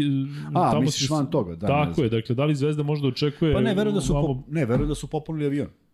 Popularno avion sigurno, ali to znaš to da idu to. ljudi svojim kolima, idu, Idu, idu, idu. svojim, i sad da li treba Zvezda da očekuje tamo stotine ili Ne znam, jedan, jedan, dobio sam poruku danas od jednog momka i kaže da li možda znamo u kom je hotelu Zvezda, nisam uspeo da saznam pa mu nisam ni javio. Ali znači ima biće navijača koji će otići tamo. To da, sa sigurno. Daretom tamo, sa navijačima tamo, neće to biti, bit će to atipično da li će gostovanje. skine slušalici da se popne gore. Da, u Milanu kažu 2000 delija. Eto, vidiš? Eto, sad kaže ovde, ja ču 4000, evo to raste, lagano, lagano raste, Da, iz, iz, iz odgovora u odgovor to raste, ali um, biće, biće zanimljivo da pratimo i to, da vidimo kako će izgledati. Kuzma, e, kao što sam rekao za Partizan i za ovaj meč protiv Asfala, tako i ovaj Zvezdi, ne možemo da kažemo da je biti ili ne biti, ali sad ta pobeda na gostovanju e, može da donese mnogo. Reci mi iz tvog ugla, šta je realno, a šta bi, ne znam šta bi volao, ali da li sa 1-1 iz ovog e, duplog gostovanja u Italiji Zvezda treba da bude zadovoljna? Da li je to realno? Jer sa, sa, ako izgubi Iz oba 3-4, meča, idem dalje, 3-4. Ozbiljno, 3-4 Partizan i Zvezda. Sad u ovom duplom kolu, Ne u duplom kolu, 3-4 u naredne 4 utakmice. a govoriš o gostovanjima, Da. gostovanjima ta. Da. 3-4 vezano se za taj datum, pošto onda kao eventualno dolazi Kampacu. Aha, Pa, pa sam negde u glavi imao te, te utakmice i ovaj, 3 od 4 e, na papiru je malo zvuči kao uf, jeste, ali nisu to protivnici i stvarno mislim da makar jedan od ta dva tima može da dođe do toga. I jedan i drugi protivnik su ozbiljno razočarali ove sezone u Euroligi. Dakle, Virtus je pojačao tim koji im je osvojio Eurocup, očekivalo se da će biti u top 8, Bolonja. Armani, Taj, Ludilo, taj rivalitet, se, da, ludilo, to je bio grad sa dva tima, košarka, kolevka košarke u Italiji, trte mrte, ništa. Ništa, mislim, nije kasno, ali ne vidim način kako bi oni mogli da, da, da, da, se, da se vrate u neku ozbiljniju borbu, a kažem, nisu strah i trepet pa ni na domaćem terenu i Zvezda to apsolutno može da iskoristi ovaj, i da, i da koliko god je potrebno, minimalna, minimalna pobeda, ali samo da se triumfuje. Um, dakle, trenutno stanje na, na tabeli, verovatno znate svi naravno da i Zvezda i Partizan trenutno imaju taj isti skor od uh, 10 pobjeda i 11 poraza, ali evo kako to izgleda oko njih. Makabi i Valencia imaju 11-10. A ispod i Anadolu Efes ima dakle 10-11, a ispod su Bayern i Virtus sa 9-12, Panathinaikos uh, i Asvel imaju 8-13 i Albu i Armani zaista ne vidim uh, kao timove koji mogu da se uključe u borbu za playoff, ali iz ugla Virtusa, Kuzma, to, dakle, pobeda Pa protiv Zvezde im donosi, uh, dakle, ne samo mm, uh, triumf, već Verovatno oni iz svog ugla gledaju daj da dobijemo više od 9 razlike, dakle... Čvrstina to da igre, šta. čvrstina igre i du, dužina klackalice moguće da Zvezda ne pada sa nekim u nekom bo, odnosu koš, koševa, dakle da ne gubi, ubacuje Virtus u nervozu. Prvo oni imaju u glavi da vrate taj taj ovaj zbir. Pa kad vide da ne mogu, pokušat će na bilo koji način. I kažem, Zvezda nema razloga da igra nervozno. Zvezda mora da igra smireno i mislim da je uh, odlika Zvezde na gostovanju bila upravo ta smirena igra. Sve što mogu da se setim sa gostovanja, da nije valjalo, svodi se u tih pet minuta protiv, protiv, uh, ovoga, protiv Žalgirisa. Sve ostalo, čak i kada su bili porazi, nije to uopšte bilo toliko loše. Um, Dobro, što se tiče meča Zvezda Virtus, to je otprilike to. Ja zaista najiskrenije verujem i čak sam i siguran da ćemo mi sutra, kada budemo radili, da ćemo uh, pričati o pobedama Zvezde i Partizana i kako je sad to super 11-11, zato što mislim da je Zvezda favorit protiv Virtusa, iako to možda neki ne vide. Partizan je favorit protiv Asvela uh, u Beogradu, tako da uh, nadamo se da će ovo biti jedan od onih podcasta kada Zvezda i Partizan igraju u istom danu i kada triumfuju u istom danu. Mislim da smo imali jedan, jedan takav, jednu takvu situaciju do sada ove sezone. 750 lajkova, dakle fali nam još 250 do 1000 tog, tako da smo daleko od ovog free beta, možda ćemo morati nešto da menjamo umeđu vremenu. Kuzma, mi bi mogli da prođemo još malo samo ove mečeve koji su na programu sutra. Fenerbahče Olimpijakos, e, meč koji će otvoriti ovo 22. kolo, Fenerbahče u jako lošem e, jako lošoj formi, Olimpijakos koji zaista je onako, čini mi se jedan od najkonstantnijih timova ove sezone u Euroligi. Igraju dobro, igraju dobro i na domaćem i na gostujućem terenu. E, znaju šta bi im značilo, stavljaju jednog velikog konkurenta iza sebe dosta sa tom pobedom. E, spremni su na tu pobedu, igraju dobro, igraju dobro na svim pozicijama. Nekako kad, kad proigra Mekisik, kad je on proigra, onda sve je to ludo. Tako da su o, posle onih ubitačnih utakmica gde su pobedili pa doživjeli poraz od Zvezde koji ih je u suštini jedini poremetio u tom nekom nizu, sve ostalo bez obzira na teške utakmice protiv Monaka i ostalo što smo gledali već prošle godine, oni su bili tu i žele da nastave jer sa ovim zaista zadaju jedan ozbiljan udarac Feneru koji je ne tako davno bio prvi na tabeli. Neverovatno, da smo prvi kako se tabeli. sklopile se kockice, pa su pričali kao, znaš, nisu igrali na evropskom prvenstvu. Tako da su i pa- oni ovaj, ranjeni ozbiljno, ne znam šta se izdešavalo, ne znam šta je posredi, ali ako ne reše, ako ne reše, vidit ćemo na ovoj utakmici. Biće interesantno svakako. E, Armani Baskonija. E, dakle, Baskonija tim za koji smo i rekli da će početi da pada i da ne može da bude bili ljudi na prvom mestu Euroligije. Dakle, jednostavno mm, nije realno da, da meni čak oni neće me čuti ako ispadnu iz top 8. A Armani pokušava da se podigne. E, šta očekuješ od tog meča? Treba navijati svim srcem za, Za. Baskoniju. Za, Za Baskoniju, Baskoniju. Za Baskoniju, da, da, da, da da ih ubaci u problem. Ne mogu oni se povrate za dva dana i da odigraju Pa su se povratili protiv Zvezde ovde u meč. Pa to je deveti poraz bio. O, šest, osmi. Pa su morali da odigraju jednu utakmicu. Mm, Da. verovatno veliki brojevi su bili u pitanju. Ali ovde ako bi ako bi nagazili, mislim da bi atmosfera bila još gora i pitanje je kako bi se odigrao Da, taj meč. pobediš ovde katastrofa. Pa da, mislim i to kad vratiš pitaš se kako Jest. je moguće. Prema tome, ovaj a, a, a, ja mislim da je bolje da izgube i da uđu još u veću dubiozu, jer na kom broju ih ostavlja ta prva, taj prvi poraz? Recimo, Zvezda triumfuje protiv Virtusa. Dobro. Pa Zvezda ima dvo- 11-11. Na Tako je. čemu ostaje Armani? Ako izgubi Da, 6, To je već pet pobjeda. To je Šest, već, šesnaest. To je već pet, misliš da oni pet razlike, da, da, pa znajući... Aha, kako- vidim, razum, znači ako Armani pobedi ovo, za ovo znači sad, Sad idemo, idemo još krećemo, da, stižemo, da, da. kapiram, kapiram, a ovo je totalno da ih A hvale. ovo Ali je- pazi, Baskonija ako dobije, ja i dalje verujem da Partizan i Zvezda ovde jure Baskoniju koja... koja... Baskinović, ali Baskinović još da oscilira. Ovde si eliminisao Hoće. jednog, jednog više ne juriš. A taj Armani će iz nekog ponosa nekoga da ošašulje kod kuće ni krivog Da. ni dužnog. Tako da to su opet neka nepisana pravila. E, Kuzma, meč e, između Valencije i Bajerna. Valencija ima 11-10, Bajerna ima 9-12. Jel navijači Partizana i Zvezde tu treba da navijaju za jedni ili za drugi? Pa navijači Partizana treba da navijaju za Da, Bayern. da, da, da, da, da. Navijači Ja bih navijao da, za da. Valenciju da pobedi domaćin da bi Bayern, pošto i pa, sa Bayernom sledi utakmica, ovaj, tu jurio bodove, ali jer ako Bayern pobedi, a ne daj Bože Partizan izgubi, onda su Bayern i Partizan isti, Jeste. pa sad ne znaš šta je bolje, da li da budeš isti sa nekim novim ili da ovaj beži i dalje isti broj bodova. Tako da bi najbolje bilo da, da u nekom drugom segmentu jure Valenciju, a da Valencija pobedi kao domaćin. E, I Kuzma, posljednji meč koji se igra sutra je Barcelona Makabi, Barcelona sa Eskivičiusom, Eskivičius proti kluba sa kojim je osvajao titule. Euroligi. Da, i ovi bez Brauna u jednom Bez španca. koliko bez španca, Da. starog španca Brauna, i imaju, je li tako, jednu pobedu na gostovanju?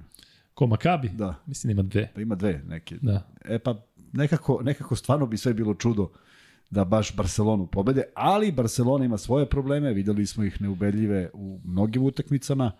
Pitanje je kako ne, ka, zašto neke stvari ne funkcionišu, a definitivno ne funkcionišu i stvarno mi se nameće utisak da je ovo šta god Jasikivičius uradio u Barcelona ove godine, možda i njegova posljednja sezona tamo. Dakle, sa osvojenom ligom šampiona mislim da je ili će morati da sformiraju ceo tim. Četvrto rešenje, treće Ligu rešenje. ne šampiona mislim da će da otvori da pređe na futbal, da uzme neki klub i da To osvoji je neki Ligu šampiona. sport, da. Liga šampiona. E, eto, ovde je zanimljivo jedno pitanje iz Štrpca.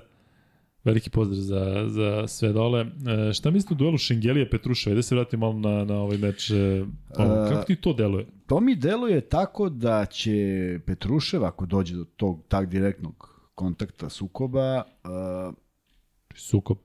sukoba, Se biju, da, da, da, e, prosto Petrušev mora da odgovori čvršće. On nije bio dovoljno čvrst protiv Partizana i to je jedna od retkih utakmica u posljednje vreme kad nije bio dovoljno čvrst. Šta znači biti dovoljno čvrst iz mog ugla?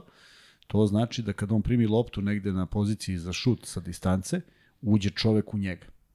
I nije njemu lako da sa 7 metara napravi x driblinga i da obiđe. Dakle, igrali su izuzetno agresivno i to je bio stvar dogovora. I nikoga nije puštao na perimetar, jer faktički imao taj jedan šut iz ćoška i to je, taj šut je nastao kao posljedica skoka u napadu, gde ne znaš gde je tvoj igrač. Znači, ni jednog trenutka nije bio ostavljen sam na šutu. Um, moguće da će imati isti pristup uh, i Virtus, onda se traži drugo rešenje da bi uh, Petrušev primio tu loptu ispod koša gde ima neverovatno dobar osjećaj o tablu ili direktno i on to mora da koristi. Viši od Čengelije, manje je iskusan, ovo je dosta stabilan, dosta jak, ima nekoliko kečeva u rukavu, ali mislim da to može da bude jedan jedan ozbiljan duel kojim Petrušev može da ubaci u problem Šengeliju, jer je zaista veliki, ali mora da bude i konkretniji i da završava te neke poene mnogo, mnogo jednostavnije i da eliminiše jednog od njihovih bitnih igrača. Da, vidim da se ovde malo pominje ovaj meč između Fenerbahče i Olimpijakosa, zašto je tako velika kvota na Olimpijakos i da a, neće igrati s Lukas. Vanček, možeš da ugasiš ovaj pol, da li biste volili da Partizan igra utakmice ABA ligi u Pioniru, da ili ne, a, pa ćemo da stavimo odmah novi pol, dakle ne 60%, 39% da. Možda staviš a, pol kao kada smo imali ove a, humanitarne etikete, dakle da vidim šta ljudi očekuju E, Ko će pobediti sutra uh, u duelu Fenerba, u- ko će pobediti sutra, pa stavi samo Fenerbahče ili Olimpijakos, da vidim kako vi razmišljate, da li razmišljate možda drugačije u odnosu na kladionice koje su ipak tu favorizile Fenerbahče, bez obzira na to što je Olimpijako zaista u ovom trenutku u mnogo boljoj formi i što su mnogo bolja ekipa, nećemo dugo da držimo taj pol. Mi ćemo sada da samo prođemo kratko i mečeve koji su sutra na programu Evrokupu. Sve ih naravno možete pratiti na sport klubu. Turk Telekom, Šljonsk. Turk Telekom šta je? Ne, kad god čujem šćanski, ja se Pa ne šta da radim? Pa Pa. Ispravno je tako. Potpuno te razumem. E, Turk Telekom Slask Vroclav. Jesi sad To je zadovoljan? već ozbiljnija, Da, ozbiljnija da, delo, utakmica. del, delo je onako da, da to potpuno drugačije menja, menja, Menja tekmu kao tekmu, da. Kluž, Let Kabelis, e, ka, jesi video Čanak šta je, šta je, kako je hteo da se bije sa sudijama? Ne. Nisi video? Ne. Uđi, molim te, pronađi e, na sport klubu, na, na YouTube e, sport klubu, Ajde ti pričaj tamo, ne, sad ću kuci. Nenad Čanak sport klub izaće ti kako je krenuo Na YouTubeu. sudije, koliko je, koliko je ovaj, Na simpatičan bio. Jok, na, na, na, kako zove onaj, kako se, kako se zove Na ona, TikToku. ona platforma što nam jednom Srki veliki rekao kao pošaljite mi na Smek, Smek, Stek, Slack. A Slack je slično kao Whatsapp i Viber, tako, taj tip.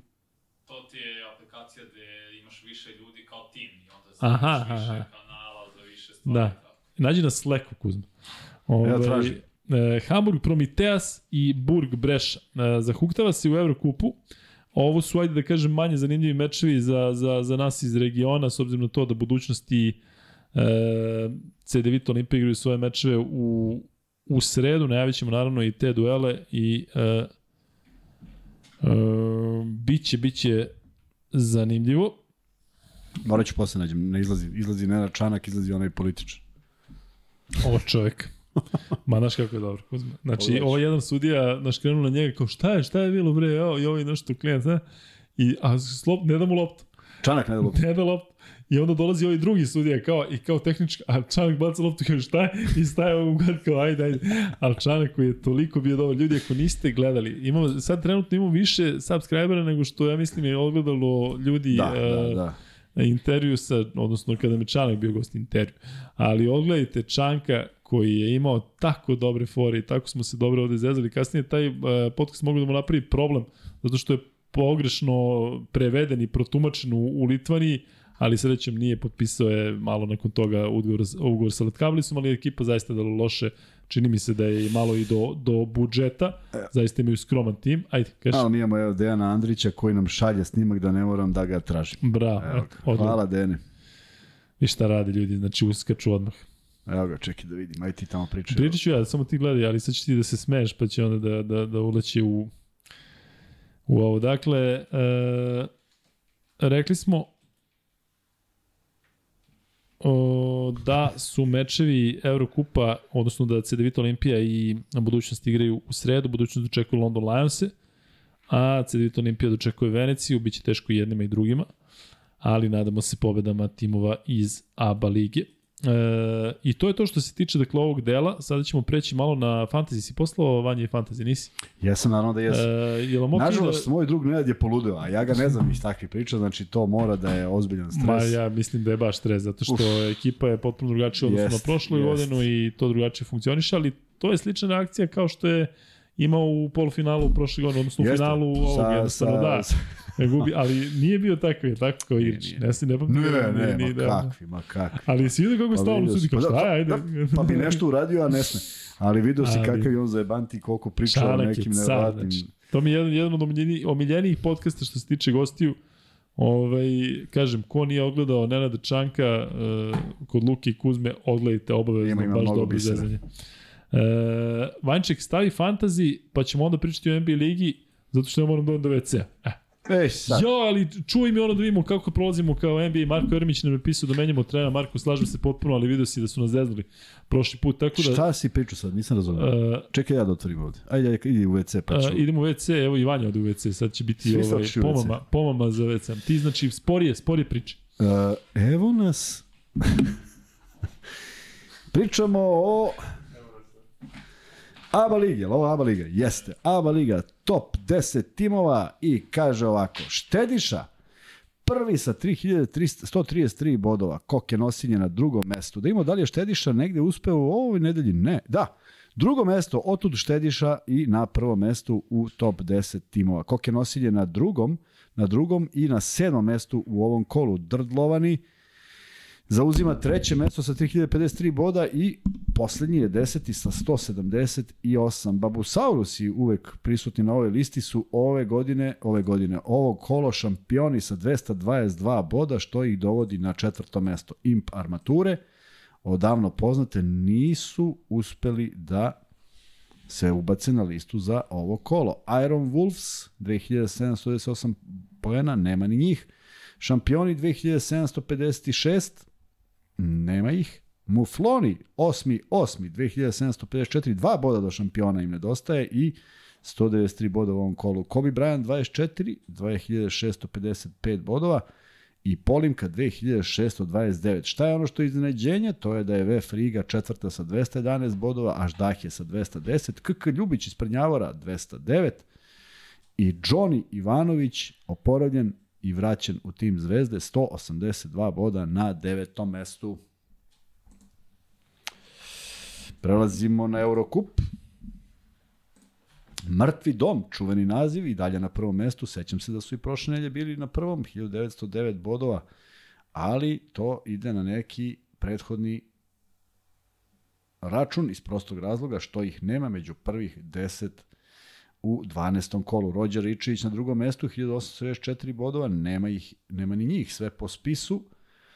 Treći, to su neki stari rezultati, očigledno, s obzirom da nema prva tri plasirana nema na ovoj nedeljnoj listi. KK Borac Nektar na četvrtom i oni takođe. Fantazi Paćenik je uspeo sa 208 bodova u ovom kolu da se probije na peto mesto i beži mu KK Borac Nektar samo 3 boda, a Sijena jedan bod iza njega. Sijena šesta, ali bez plasmana u ovom kolu. Centar uvek daje poene, sedmi, KK Leskovac osmi, Džiglo 1732 deveti i KK Čekić na desetom mestu. Međutim, apsolutni pobednik u ovom kolu Dejorama 03 223 boda. Treće mesto KK Rudar Pljevlja 207, Šušara 192, Iron Wolf 17 181, Team 1 179, Nero 178, Štediša 176 i Ulični psi Ulični psi 175. Evroliga, da vidimo, RSB tim 3391 bod, da li je uspeo u ovom kolu nešto više da napravi? Ne, nema ih među 10. Avijatičari 3344 i to zahvaljujući 185 novih bodova u ovom kolu. Ryan Key na trećem mestu, mislim da su pali baš zbog ovog plasmana avijatičara, jer ih nema među prvih 10. Twente na četvrtom, Twente 2, pardon. Peaky Blinders 44 na petom mestu i nema ih među 10 u ovom kolu. Dobrići šesti sa 3184 boda, KK Polet sedmi 3182, Alex Smederevo 3173, V9K 3130, nema ni njih, i Fragola 10 3125. Drenova Ravan B 207 bodova u ovom kolu, D Nice KK 207 takođe dele prvo mesto, KK Leskovac treći 197, Latino Evropa 196, Shanghai Sharks samo bod manje, Kobe Bryant 24, isti kao i kapetani Pepereca i avijatičari sa po 185 i Agronom 184 boda. I ostaje nam još NBA Liga. Da, Bubanj Niš koji nam se javio. NBA liga. E, Ko tako je divac zove NBA liga. NBA Liga. Bubanj Niš javio nam se, da li beše Petar Mitić ili je već Mitić, izvinjam se ako nije Petar, ali Mitić jeste, javio nam se i pozdravljamo ga što nam je poslao poruku. Bubanj Niš 9663 boda. Da li ih ima u ovom kolu? Ne. Kilian 9095, zahvaljujući 301 bodu u ovom kolu svaka čast. Pčelice 9061 i sedmo, sedmo mesto u ovom kolu, Rock'n'Roll na četvrtom mestu, KK Podina na petom sa 8523, Bugari šesti, Playboy sedmi, Mondo Gecko osmi, Ozgilat deveti i Ražanj Warriors na desetom mestu. Međutim, nova imena, Bargain 291, Burgi 288, Pohovane Sarme 258, MVP 247, Viktor 5 sa 245, dakle neki momci koji su napravili ozbiljno dobre rezultate, možda i devojke naravno, Čelice 7, Zaječarsko 8, KK Morava 9 i futbalski klub Polet, tako je. Futbalski klub Polet na 232. I onda, Naš tim, naš tim, jer, jer niste birali kao što sam ja hteo, jer nema nikoga iz inače bi imali, Minnesota. pa da, imali bi ceo tim Inače bi Minnesota. imali 173 sigurno. Ali dobili smo 14. mesto, sasvim zadovoljavajuće s obzirom na okolnosti. E, Marko, javljaj da li možemo da e, menjamo timove u Euroligi i Eurokupu, a da opet nekako imamo interakciju ovde tokom samog podcasta sa svima vama, zato što znam da je Kuzma, kada je pravio naš timo na početku sezone, stavio Jagodića, Kuriđu, Davidovca, Lazića, Markovića, dakle ove njegove favorite i zato smo tu gde smo. Dakle, samo nam javi da li, ovaj, koga ti beš voliš, koga ti, ono, ko ima divno telo. Imam ja mnogo onih koji Da. imaju divno Tako da ne sad, zaista da vidimo da možda malo i Euroligu i Eurocup uh, odradimo mm, bolje. Miš, ja se da sećam. uopšte možeš... Misliš da ja se sećam naših pasvorda za to? Pa si lud. Ne, da li se ono možeš Pa da, da, da, uh, da nam pomogneš. Odnosno da, da vidimo da li taj tim možemo da menjamo, to je Kuzma, ko zna što se Nemoj tiče- sad skočio, pa mi se namešteno. Da, da, da, da, da jeste. E, Kuzma, sad ti možeš da se dopisuješ na Instagramu, dođeš do WC-a, da Sad ja malo, a? natigneš još jednu, tako je, zato što ćemo ja i Gosan Vanček pričati o NBA ligi. Je li igra Vanček, Minnesota, sami reci. Neko te je sinoć? hvalio, dakle, dakle, od kad si rekao za Minnesota, da ono da Si Minnesota vidio ti šta je razvaljuje. Minnesota? Minnesota ubija. Da li će ući u playoff, to ćemo videti, ali još mi se E, nisu javili. Ali ja čekam. javit će se, javit će se. Ovako držim telefon. Da, da, i čekaš da se ja, da, da, se piše ti Wolves. Minnesoćani. Uh, Vanček, prvo, uh, da li si video kombinaciju za trade uh, CP3, Russell Westbrook, D'Angelo, si? Mm, čuo sam, ali nisam video to bi bilo detalje. fenomenalno za sve. A koji su pročite? Uh, Samo pročiti ko je tačan detalj, ko, gde je, Da, ne zašto. mogu da vidio sam na Bličeru, sam video samo da su njih trojica u kombinaciji, ali čim Westbrook ide iz Lakersa i e, Chris Paul mora da dođe u Lakers. A da li Mislim stvarno da- misliš da Chris Paul neko dobro rešenje, iskreno? Mislim u da je ovim bolje godinama. od Westbrooka i mislim da bi sa Lebronom mnogo bolje sarađivao zašto su dobri ortaci. I bilo bi mi interesantno da ga vidim ovaj, u, u, u Los Angelesu opet, zato što mislim da tamo ima status neko De, igrača evo, postavio. D'Angelo Russell dode u Phoenix, Tako je. Lakersi dobiju Chris Paula, Timberwolvesi dobiju Terry Rozier. Da, a Westbrook ide u... Hornets. U... Pa Westbrook i treba da ide u Hornets kod Jordana. Zašto znaš da je Jordan jednom rekao kao mi smo hteli njega, on ovde... ovde Zvaro, mislim da bi malo ugušio Glamela. Ugušio bi, taj bi ugušio, znači, e, A, gde god ovde svako bi ugušio, ali... Iskreno, Westbrook sa klupe igra mnogo bolje nego Chris Paul cele ove sezone. Makar moj neki utisak što toga Da, tiče. ti Još je bio povređen. Od kada... Od kod je na klupi da. igra kvalitetnije, ne troši toliko lopti, čak i efikasniji, kad kažem procenti ima i sve to i ima momente, naravno njegovih ispada, ali Chris Paul s druge strane, mislim, je, je povređen, propušta, M košta boga oca, mislim, M osta, ostario čovjek za dve godine kao da je prošlo 15, a ne... A jel, e, misliš da može da se popravi situacija u Phoenixu koja je prilično Pa, dramatična? baš zato i ne mislim. Ne, ne znam, mislim, igra je 30 utakmica ove ne misliš da se sezone. on čuva za playoff kao što Pa su možda. Golden State? Mislim, i ove- 14 D i 9 zapravo nije toliko loše, nego slabiji procenti za dva, bacanje isto malo opala. Ne znam, mnogo mi čudno. Ne znam šta se dešava s Chris Paulom, ali vidjet ću. Vanček, ugasi ovaj pol, pa ćemo da stavimo NBA pol. Možemo odmah da stavimo sledeći pol u vezi NBA lige. Prvo samo da kažem da ovo što smo pričali, ko pobeđuje sutra Olimpijakos Fenerbahče, Olimpijakos 70%, Fenerbahče 29%. Ja sam u tih 70%. Kladionice nisu, vidjet ćemo sutra ko ovaj, e, može ko je bio u pravu. Vanče, kada smo kod Lakersa, ajde malo da prokomentarišemo i to suđenje. Šta se dešava to? Video si onaj foul Tatuma. Dakle, zaista je e, Komen, nemam komentar. katastrofa gledati ono, ono, ono što se dešava. A ko je Niko da vidi ono- izvini? Šta? Šta si rekao za Paul? Za NBA E, Paul? za pol stavi, da li mislite da će Denver na kraju sezone biti prvi na, e, na zapadu, da ili ne, zato što ja već spremam glavu da se oćelavim, kao što sam obećao, jer vidim da nema ko da ih ugrozi, ali i dalje tvrdim, nažalost, e, siguran sam da Denver neće biti e, konkurentan za titulu, sve bih dao, sve bih dao. Volao bih mnogo da, da, da, da je drugačija, ali e, plašim se da nije. E, šta kažeš, Vanček, za ovaj, Pa ne ono što se desilo ne u mogu da Lakersima? imaju takve propuste, stvarno. Baš je ali, ali deluje da bilo. Lakersima zaista je is, i, onako iscuralo nekoliko utakmica baš zbog sudija ove sezone. Jest.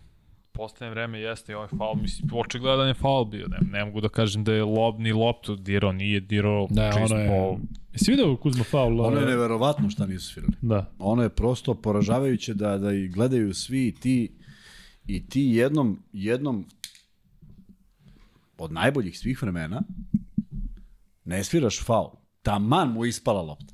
Taman mu ispala. Ali treba da ima to težinu, što je jedan od najboljih svih vremena. Treba, treba. I ide, ide na koš sa rukom pola metra iznad koša. I šta se desi? Promaši. I sad, ajmo verovatnoće da vidimo da li mu ispala lopta, što može da se desi, naravno, ali ono je bilo toliko očigledno. Ali pritom trojica. Tre... Da, I da. ono je gore duel gde ti nisi zaklonjen. Dakle, sve ne da vidiš. budeš zaklonjen, I toliko je očigledno da mu ruka... Tako je. I da Luka klecne i ostavi Da. loptu u mestu. Da.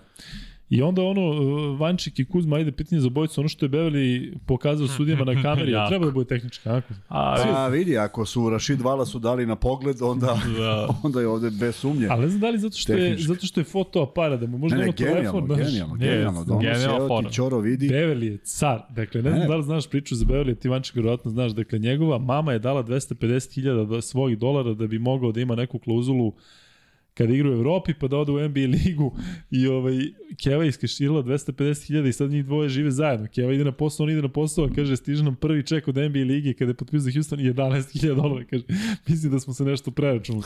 I zaradio da je sada u karijeri, ja mislim da je zaradio 50-70 miliona, on je imao Lepo, da, 10 isplatilo miliona, tako je, tako je, tako da mama je sada bezbrižna, ali Beverly je stvarno fenomenalan tip i Teodosić recimo za njega kaže da je Beverly, e, kaže za Beverly da je super, a Teodosić zna, e, ozbiljno zna da, da ocrni neke saigrače kada priča sa, sa ovima, tako da recimo neki iz, iz, iz od, e, recimo LA Clippersa svakakve priče imaju. Sigurno postoji. Od- Ali ovde što je ovo što je skrenuo pažnju, zaista Da. ovaj, nekako, nekako potpuno na mestu, a, kad, kad su dali taj usporeni snimak, mislim da ćemo nešto da naziremo, znaš, Da. da. negde gde je moguće Da, da, da. je bio kontakt, ono je potpuno banalno. Ne, ono što je, što je čim, čim se videla Lebronova reakcija, čak i da nisi gledao, odmah, je, odmah ti je jasno šta se dešava, Da. ali ovaj, na kraju oni priznaju grešku, ne znam da li je to još, još gore. Kada Šta ti priznaju znači kada to što je priznao grešku? A? Šta mu znači to što Tako je, pa da, bilo bi lepo Hoće da kaže, evo sad ću da doniram 50.000 od svog novca zarađenog suđenja E, u pa to treba da svrhe, rade. Da, to zato treba. što sam pogrešio. E, Treba tako da bi kazne novčano. E, Vanček, da idemo tim po tim, nećemo dugo da se zadržavamo, ali ajde kada smo već kod tog zapada, nećemo komentarisa- komentarisati Phoenix. Možda pročitaš All-Star igrače, to smo sa, sačuvali. Uh, ili imamo negde to? Pa i ukuce NBA All-Star, što ćeš ja? Uh, misliš startere? Pa da, znaš koji su. Pa znam, znam u suštini na pamet, ajde nema šta. Mislim, ovamo su na zapadu uh, Dončić, Lebron, Jokić, uh, ajde, počiti.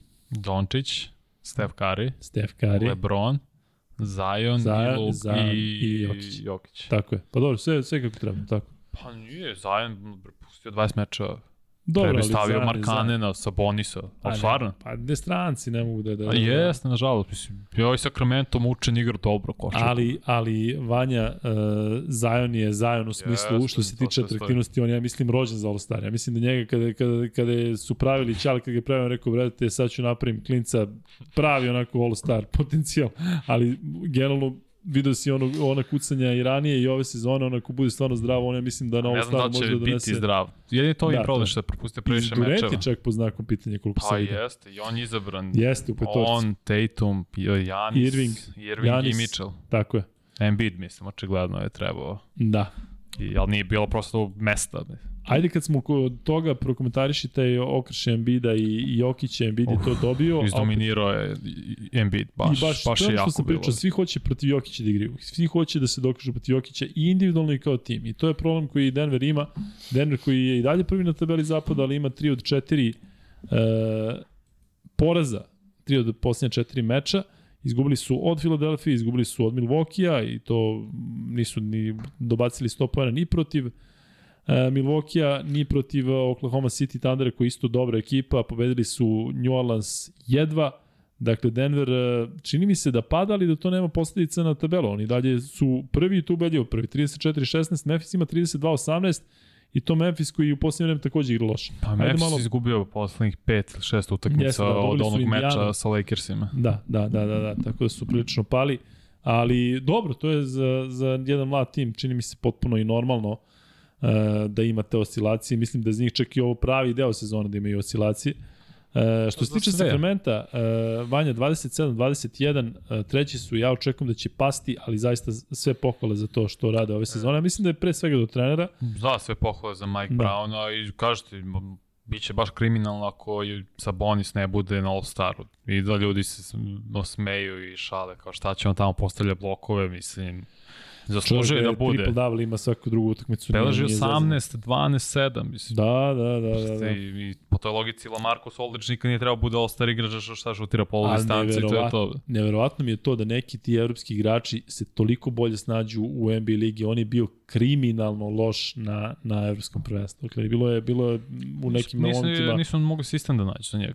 Ali sve jedno, ti ako si igrač koji je toliko dominantan, valjda tim skokovima možda dođe da izraže. On je jedan kao da, da, kao da je igrao pod, pod nekim stresom koji nema veze sa košarkom, ono ko je pratio Litvaniju na, na evropskom prvenstvu i što se tiče Sabonisa, na momente je izgledalo uh, potpuno suludo. Uh, Kuzma, obrati pažnju na ovo. Uh, u zapadnoj konferenciji tim koji je treći na tabeli, Sacramento Kings imaju 27 pobjeda.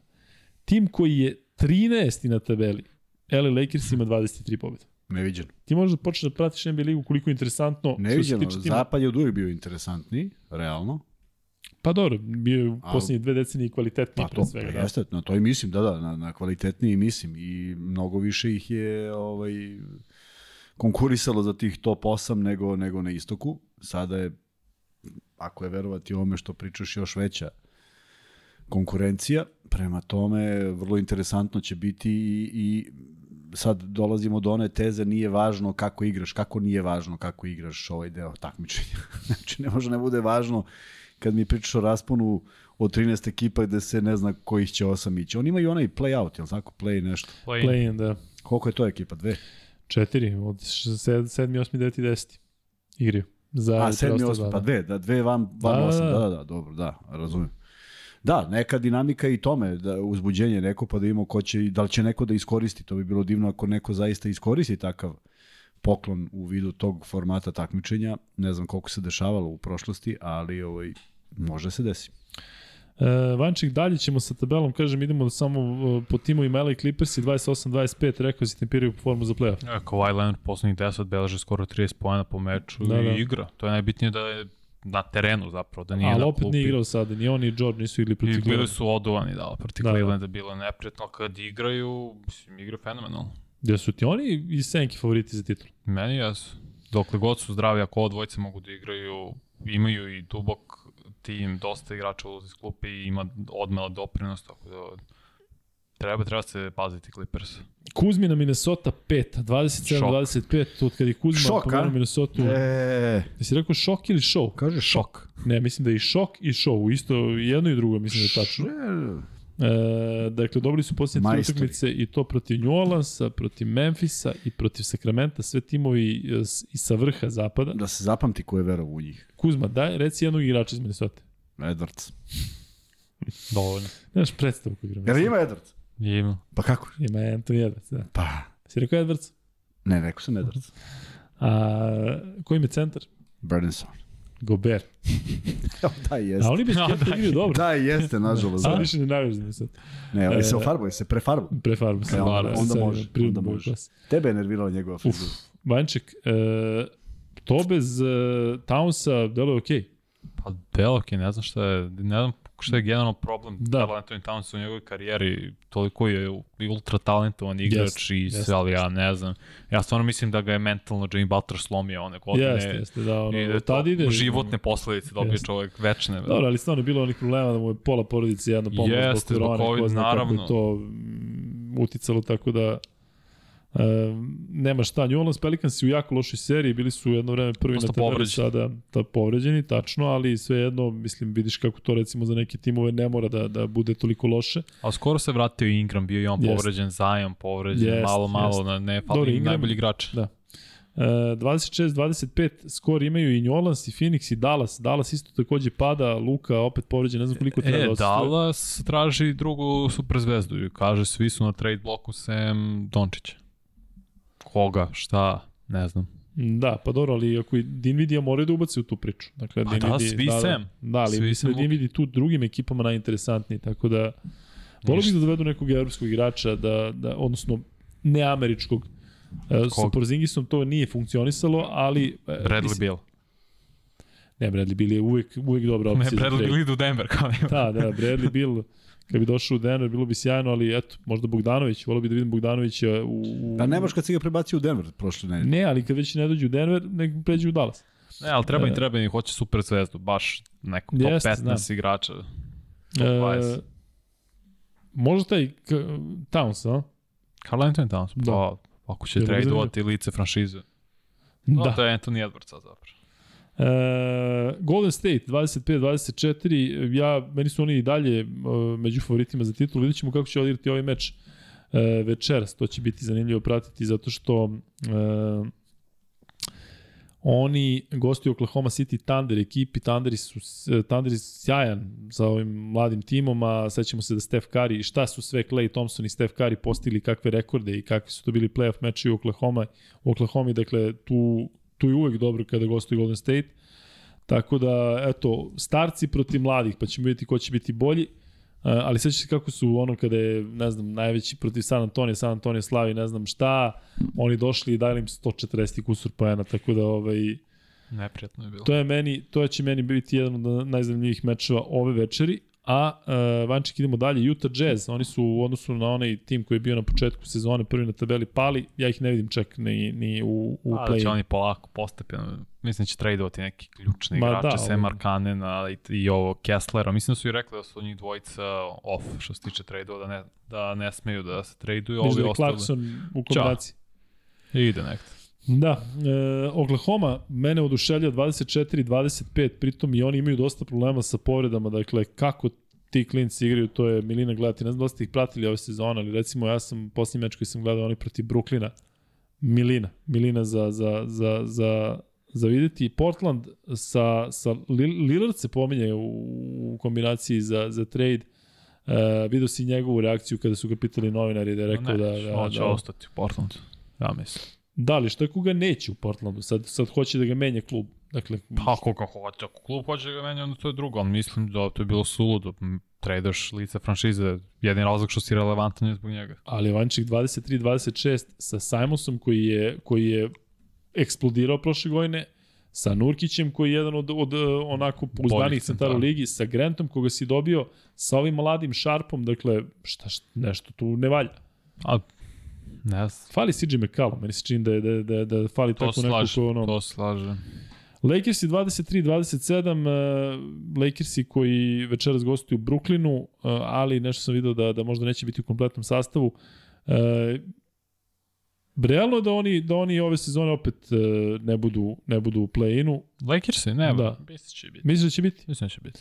Od povratkom Davisa, ili očekuješ nešto konkretno? Odigrao je protiv San Antonio, Jest. poprilično dobro, 21 Jest. 12 koliko ima prvo. Očekujem da samo da ostane zdrav.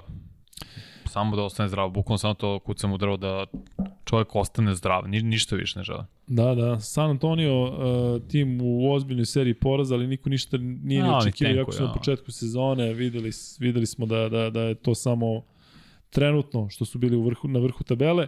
I Houston Rocketsi sa Shengunom, koga obožavam, dakle 12-38, mlad I on. tim. Hm? I oni jako tenkuju isto. Ma, Ma, da, mislim da oni nesvesno da. tenkuju, ne mogu bolje ni da igraju. On.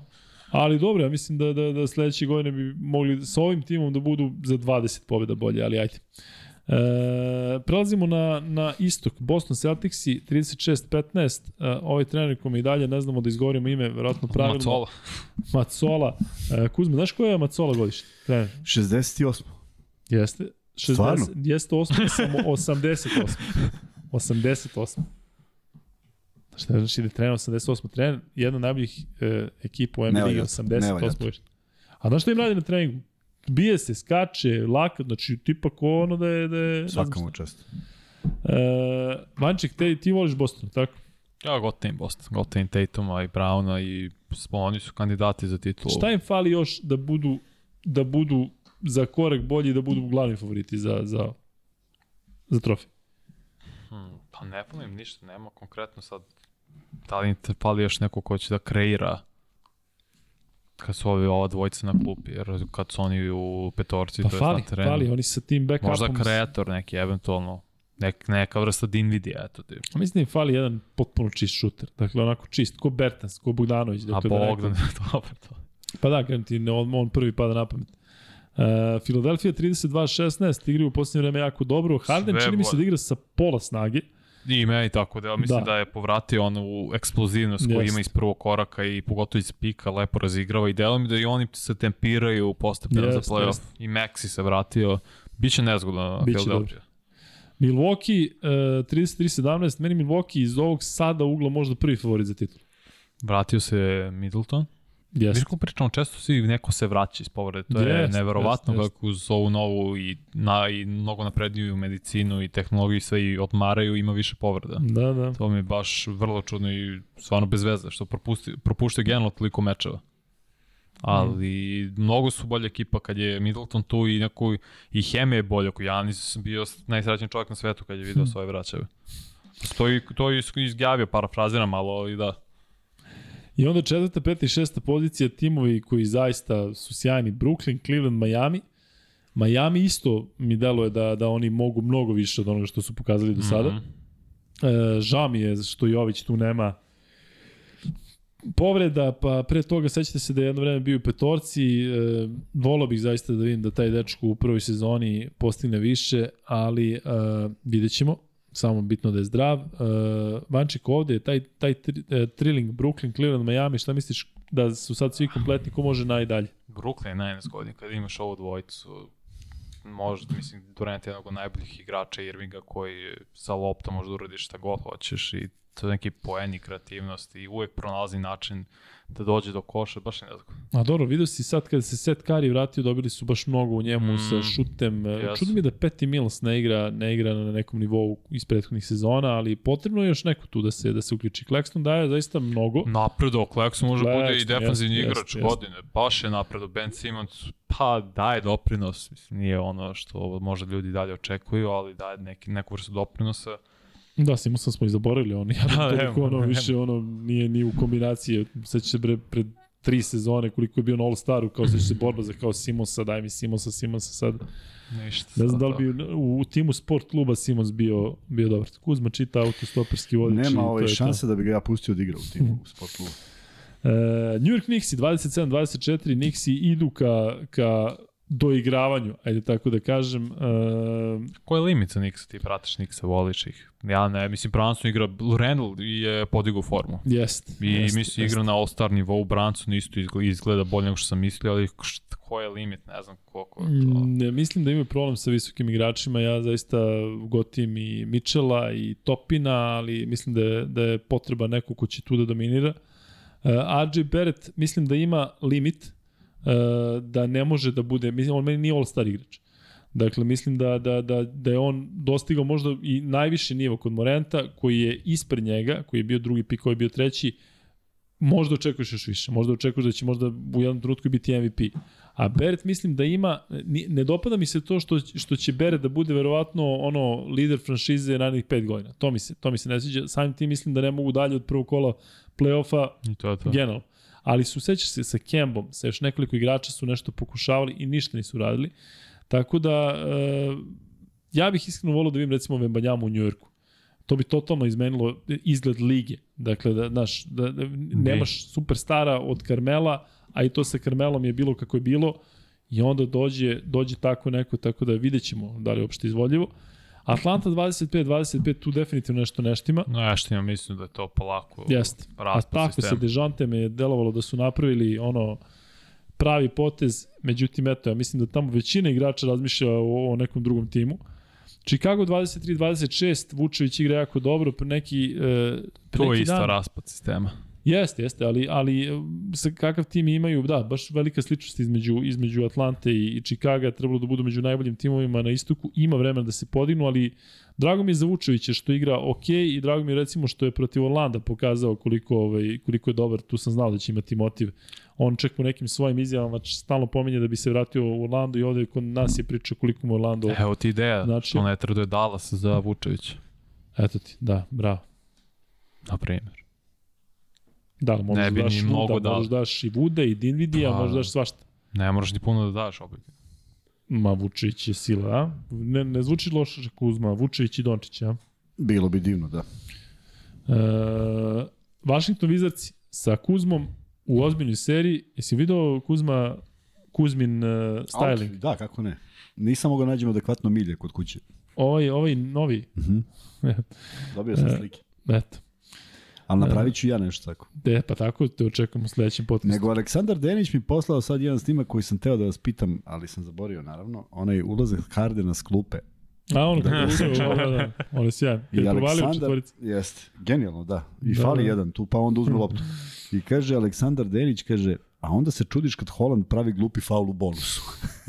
I naravno, pored ulaska Har, ovoga Hardena na teren ništa više ne čudi, tako da Ali, ovaj, znači, ovaj, ko je bio tu u ćošku, koji je kao faul.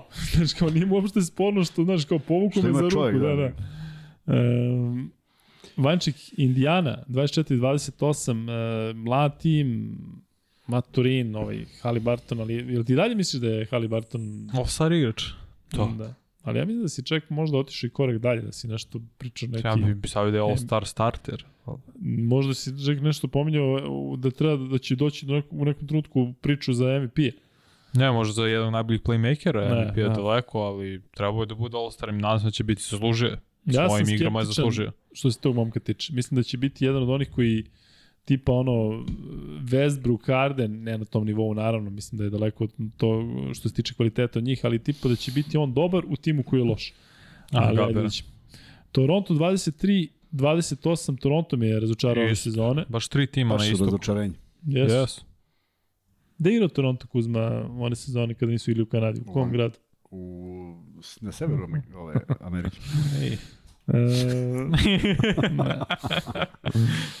Orlando e, 19-31, ja obožavam Orlando sa, sa ovim trenerom ko, za koga mislim zaista da, da, da može da izvuče najbolje iz tima. Kad su bili kompletni, igrali su dobro, pravili problem s njima, dobili dva put Boston za redom na gostovanju, ali da li će do, do play-ina teško. E, Charlotte 15-36, loša sezona i Detroit 13-38. Vanja, kako porediš istok i zapad, ono što je Kuzma počeo ovaj, Ja e, mislim da je jači malo istok, i iskreno ove se čini, godine. da, da je zanimljiviji pogledaš- zapad, što se Zanimljivi, tiče, ono, da, ali top timove kad pogledaš tih top Jest. 6, jeste, jeste, definitivno. sedam, eventualno još ovo dve, tri ekipe koje su pale, mogli su budu dobre, isto Pa i- mi delo baš kompletno i jače malo. Ali I, pazi, I u Chicagovo vreme je Chicago bio dominantan, a zapad bio jači. ali Nije, Nije. nije, istok je bio jači. jeste sa New Yorkom, sa Miami, Ma koji sa, New York sa, nikad nije ušao u... Indiana, Ma ne zazaj, bre. Vojso Orlando bio, ne, ko isto je bio jači. za, Pa pogledaj na zapadu, Houston koji je osvojio dva puta. Dobro, u tom, da, dobro, ta Jel tako? generacija, ok, Je tako? Utah, dobro. izgubila od Chicago, dobro. pa izgubilo Chicago, ali Utah, uh, Seattle, Seattle, dobro. uh, ovaj, uh, Portland možda. Portland sa, sa ovim Posle ranije, San Antonio. 90. Dobro. Posle San Antonio, već, već San Antonio. A nije, ve San Antonio je od Krenuo kad je da- došao da, Duncan. da. Posle, Pa ko je, ko je 98. osvajač? Ko je osvajač 98? posle Chicago? 99. je, to je prva godina Duncan. Da. Ko je osvajač posle Chicaga? Da. 99. je San San Antonio protiv Nixa. A ko je 97? Čekaj, ko je A, 97? Pa Ove Chicago. sezone, kada je, Ne, ne, 96. Mislim, mislim na, kad, si, kad je Jordan Kad pauzirao. je Jordan otišao? Ne, ne, 98. De, evo, kad gledaj, gledaj. otišao. 96. 7. 8. Je Chicago. Chicago. 99. San Antonio. Pa odmah kažem, odmah preuzima pri- primat zapad.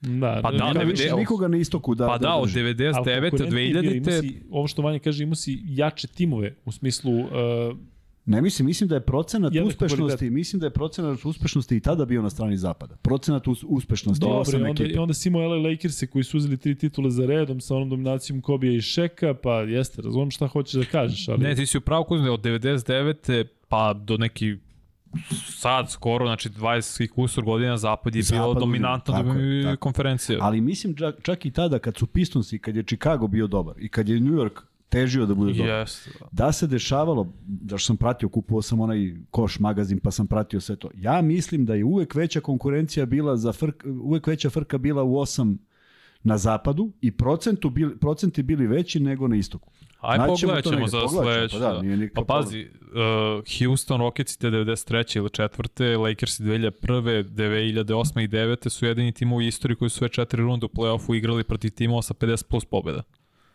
Što znači da ti je osmi tim na zapadu, zapadu. imao To mi 50 pričam. minimalno Tako je, pobjeda, to što je suludo. Pa da, to ne pričam. A, Luka, imaš li objašnjenje kako je Malone postao trener, zahvaljujući Nikoli Jokiću, kraj priče. E, imamo još dva, jesmo jedan free bet samo dali? Da, imaš još dva. Imamo i drugi treći da ispucamo za redom mančka. Ajde onda da zatvaramo sa NBA ligom. E, šta očekuješ od tog All-Stara? Ajde, primiče se, primiče, pričat ćemo još... A ništa ne očekujem, nažalost. Mislim da je all taj primat izgubio nekog draža, još on 2013-14. Kad je A ova ovo što stara garda otišla. Ali ovo što, što sad će da biraju... Da To je da vrh ideje. Iskreno, Ovo je sat vremena pre meča, to mi se sviđa, da, Da. biraju igrače. Znaš za to Guz? Da, da. Ne. da. Kao na basketu. Ne znaš s kim igraš i onda kapiteni To- to Janis i. Lebron, pa to rade. Pre sat vremena, pre All-Star meča biraju s kim će da igraju. Super. A Salt Lake City kao domaćin, to ne miriše na dobro, a? Što? Pa, što tamo... Bez veze. Pa, Pa jes, nije Evo, ne. izvinjam se, izvinjam se, mogu Nije, samo da ono- ubacim jedan komentarčić. Evo, ubao sam samo 99-a 2000-a, bez veze, bez ikakvog razloga. Istok, Pacers i prvi sa 56-26, a Pistons i osmi sa 42-40. eto ti sad. Na zapadu Lakers i 67-15, a Kings i 44-38. Pa to je to, 2000 te Da, zato kažem. nadalje. Mislim da su, a, misliš nešto ranije, ali pogledat ću ranije. Pogleda, ne, m, slaže se s tom da je od 99 2000 pa nadalje Evo, zapad. 95, ali možda 95. Može, evo, moguće. Magic 57-25, poslednji Celticsi 35-47. A između toga, 57, 52, 55, 50, 47, 43, 42. Pazi, a pazi uh, zapad. 62, 59, 60, 57, 48, 47, 44 i Nuggets i posljednji sa 41, 41. a pazi koji pad imaš, imaš četiri tima, sa, četiri tri tima na istoku sa 50 plus pobjeda, ali imaš dva na zapadu sa jel, Treba imaš dva, četiri sa 57, ej, četvrti su Supersonics i 57. A čekaj, čekaj, čekaj, a ko- koliko su drugi i treći imaju? Ajde ovako, P, uh, na, is, na istoku Ne, ne, na zapadu, na zapad i istok smo mogu samo. 62, 59,60, 57. E, to okej, okej, nisi to shvatio. Da, okej, da. Znači ja samo govorim da je raspon poslednjeg i prvog bio da je 50% prelazio osmi, a na istoku je 35-47 Celtics osmi, ej. Sa 42%. Što ovo je ekstra? Ej, bre! Kuzma, Kuzma u ozbiljnoj NBA konverzaciji. Eka, analizi, šta? Ali, Pa ko ali nije ipak budan? 90, E, pa ko nije budan? 90, da, da, da. Nije mogao nešto da, da ubaci sada iz ovog dela. Mogu ali vidiš, prati. 63. ako Video je. Hardena, video je faul na Lebronu, izlazi Sve sam njemu. ja to video. Znaš šta je bilo 96. Šta? Sledeće godine. Šta? Miami do 8. 42 pobede, na zapadu Sacramento 8. 39. Sanci 7. 41. Dobro, ali to je, to je, to je zaista ekstremno. E, Ozbiljno ti kažem, uvek je zapad bio, to je, to je slučajnost. Ne, ovde pričaju o kečima WWE. E, Gledao sam sa sinom Rovača, ja 50 puta, on prvi put pre neko veče, ali vi ne znate kad sam ja bio ovde, kada su bili u Beogradu ovi John Cena i ekipa, kad je bilo zaista malo ljudi, pa bila arena, prsteni ovi gore zatvoreni. Da vidite mene koji sam otišao, kao je pravi amerikanac, namjerno zelo sam jednog drugara s kojim sam išao, stavio neku traku, obukao se nešto i onda mi ovaj, kako se zove onaj, e, nešto je pljuno prema meni sad to kao se isprovocira, a ja ostao zatečen. Ko? Deluje, e, Ko te pljuna? e, onaj bre, Randy Orton. Randy Orton. Randy, ma znaš, on kao pljune prema tebi, a ja ostao ovako umesto da sam krenuo na njega kao deo folklora. Ništa nisi uradio. Nisam na Randy krenuo i posle sam se jeo da sam krenuo, Još se jedeš, priznaj. uh, ali Randy Orton koji, koji kao pljuc i umesto mu kažem šta je bre šabane šabanski da ti se popnem gore, ja ostao ukupan u mestu. Pakao.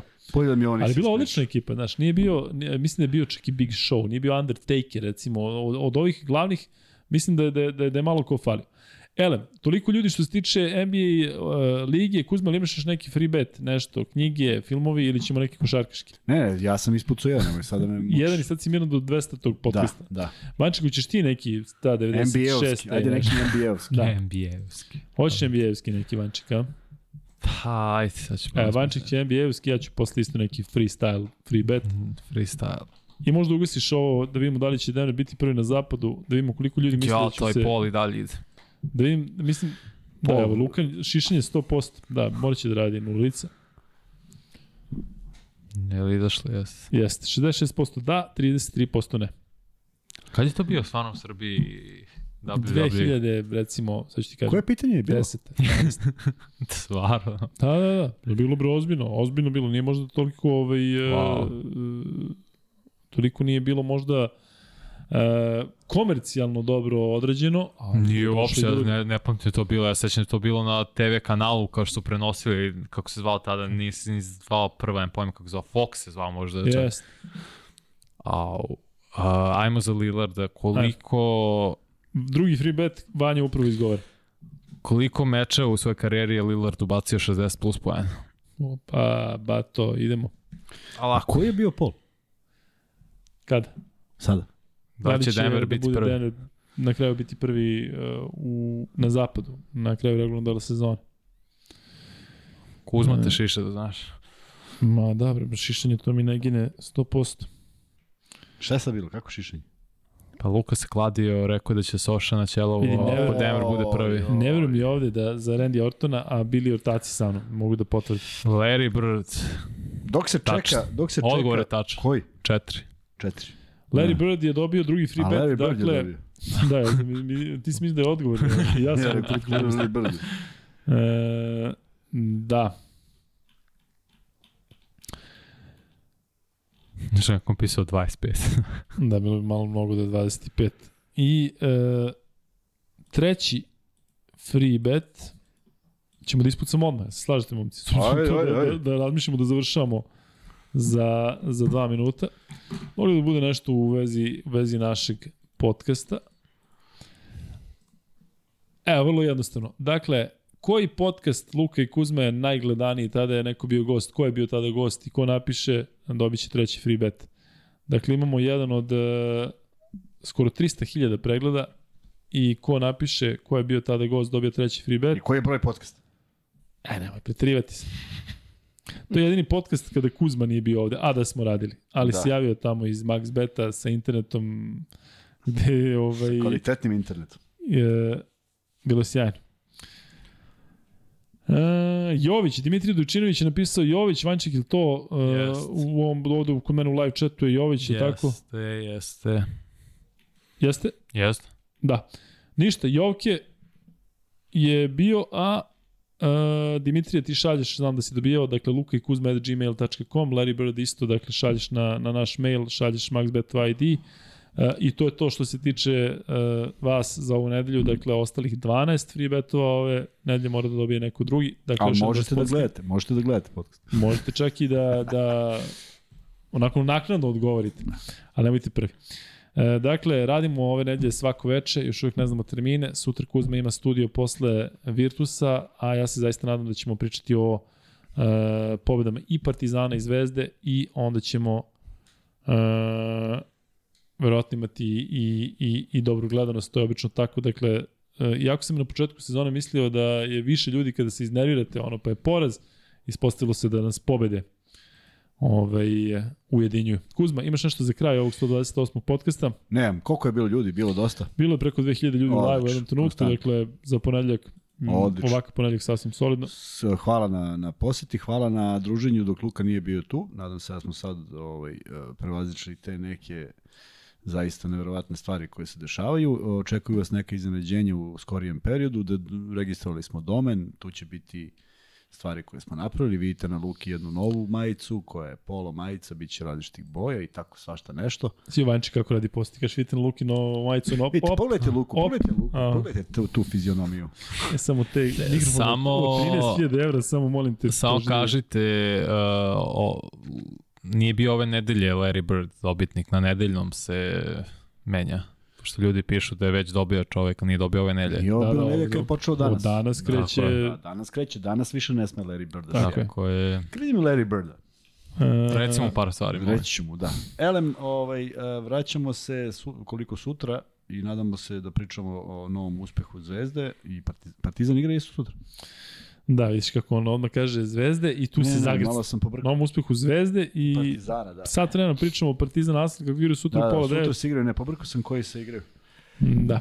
E, opa. Stavi na njega ovako kada ga uhvatiš, što je za, majmo, za majmove je dobro. I nadamo se da, da pričamo o dobrim stvarima ovaj, vezane za, vezanim za obe utakmice. Kažem još jednom, eh, pratite sve što ovaj, objavljujemo vezano za, za te neke novine oko, što bi Ruka Luka vorao kažem, merchandise a ja uopšte ne blokiram mi mozak da kažem št, drugu reč, srpsku, majke. Oko čega? Oko robe? Oko, Robe, robe. Pa robe? reći. Pa to je još gluplje zvuči. Jeste, kod da baljamo nešto, Kao neke, da- neke. Kaži sve, duksevi, majice. Da, bit će duksa majice i tako ne, svačega i eto to čekamo da naš kolega Velja napravi i eto to je to. Biće super. U svakom slučaju, hvala vam puno što ste bili u ovakvom broju, hvala vam što ste meni olakšali e, ove neke turbulentnije dane. Vrlo lako smo se vratili u ovaj vibe. E, dobar. E, evo, Vladimir Pantić kaže, Luka, drago mi je da ponovo te vidim, ne da se uz tebe smo i šaljemo ti dobru revaciju da te čuva. Hvala puno svima vama koje nisam stigao da pročitam, dakle, toliko poruka podrške e, mnogo znači, vidio sam Deli iz Srebrenice su poslali jako dobru podršku, Ilija konkretno i mnogo lepih e, stvari. Ima da pozdravim ja momke iz Čićevca, mislim da mi je Kuzma poslao, dakle, momci koji nazdravljaju negde u kafiću ili kod Da. da. kuće i gledaju Luka i Kuzma, veliki pozdrav za, za Čićevac, veliki pozdrav za sve vas koji pratite, nemojte zameriti što nekada ne pozdravimo tako pojedinačno, ali trudimo se da spomenemo što više i vas koji ovde komentarišete i na, na Instagramu, gde je Kuzma i Amin i Admin. I, i uh, hvala svima vama koji podržavate kroz PayPal varijantu, kroz Patreon, kroz uh, um, ovde chat i kažem uskoro će biti jako interesantno kada sa ovaj novi merchandise krene ima svega i svačega i sve to jako lepo izgleda. Kuzma, ili imaš nešto za sam kraj? Ne, bilo je dosta. Uh, Hvala Vanček, na hvala. 3 sata i 20 minuta. Kuzma, hvala. Vama hvala. Vidimo se već sutra u 129. podcastu.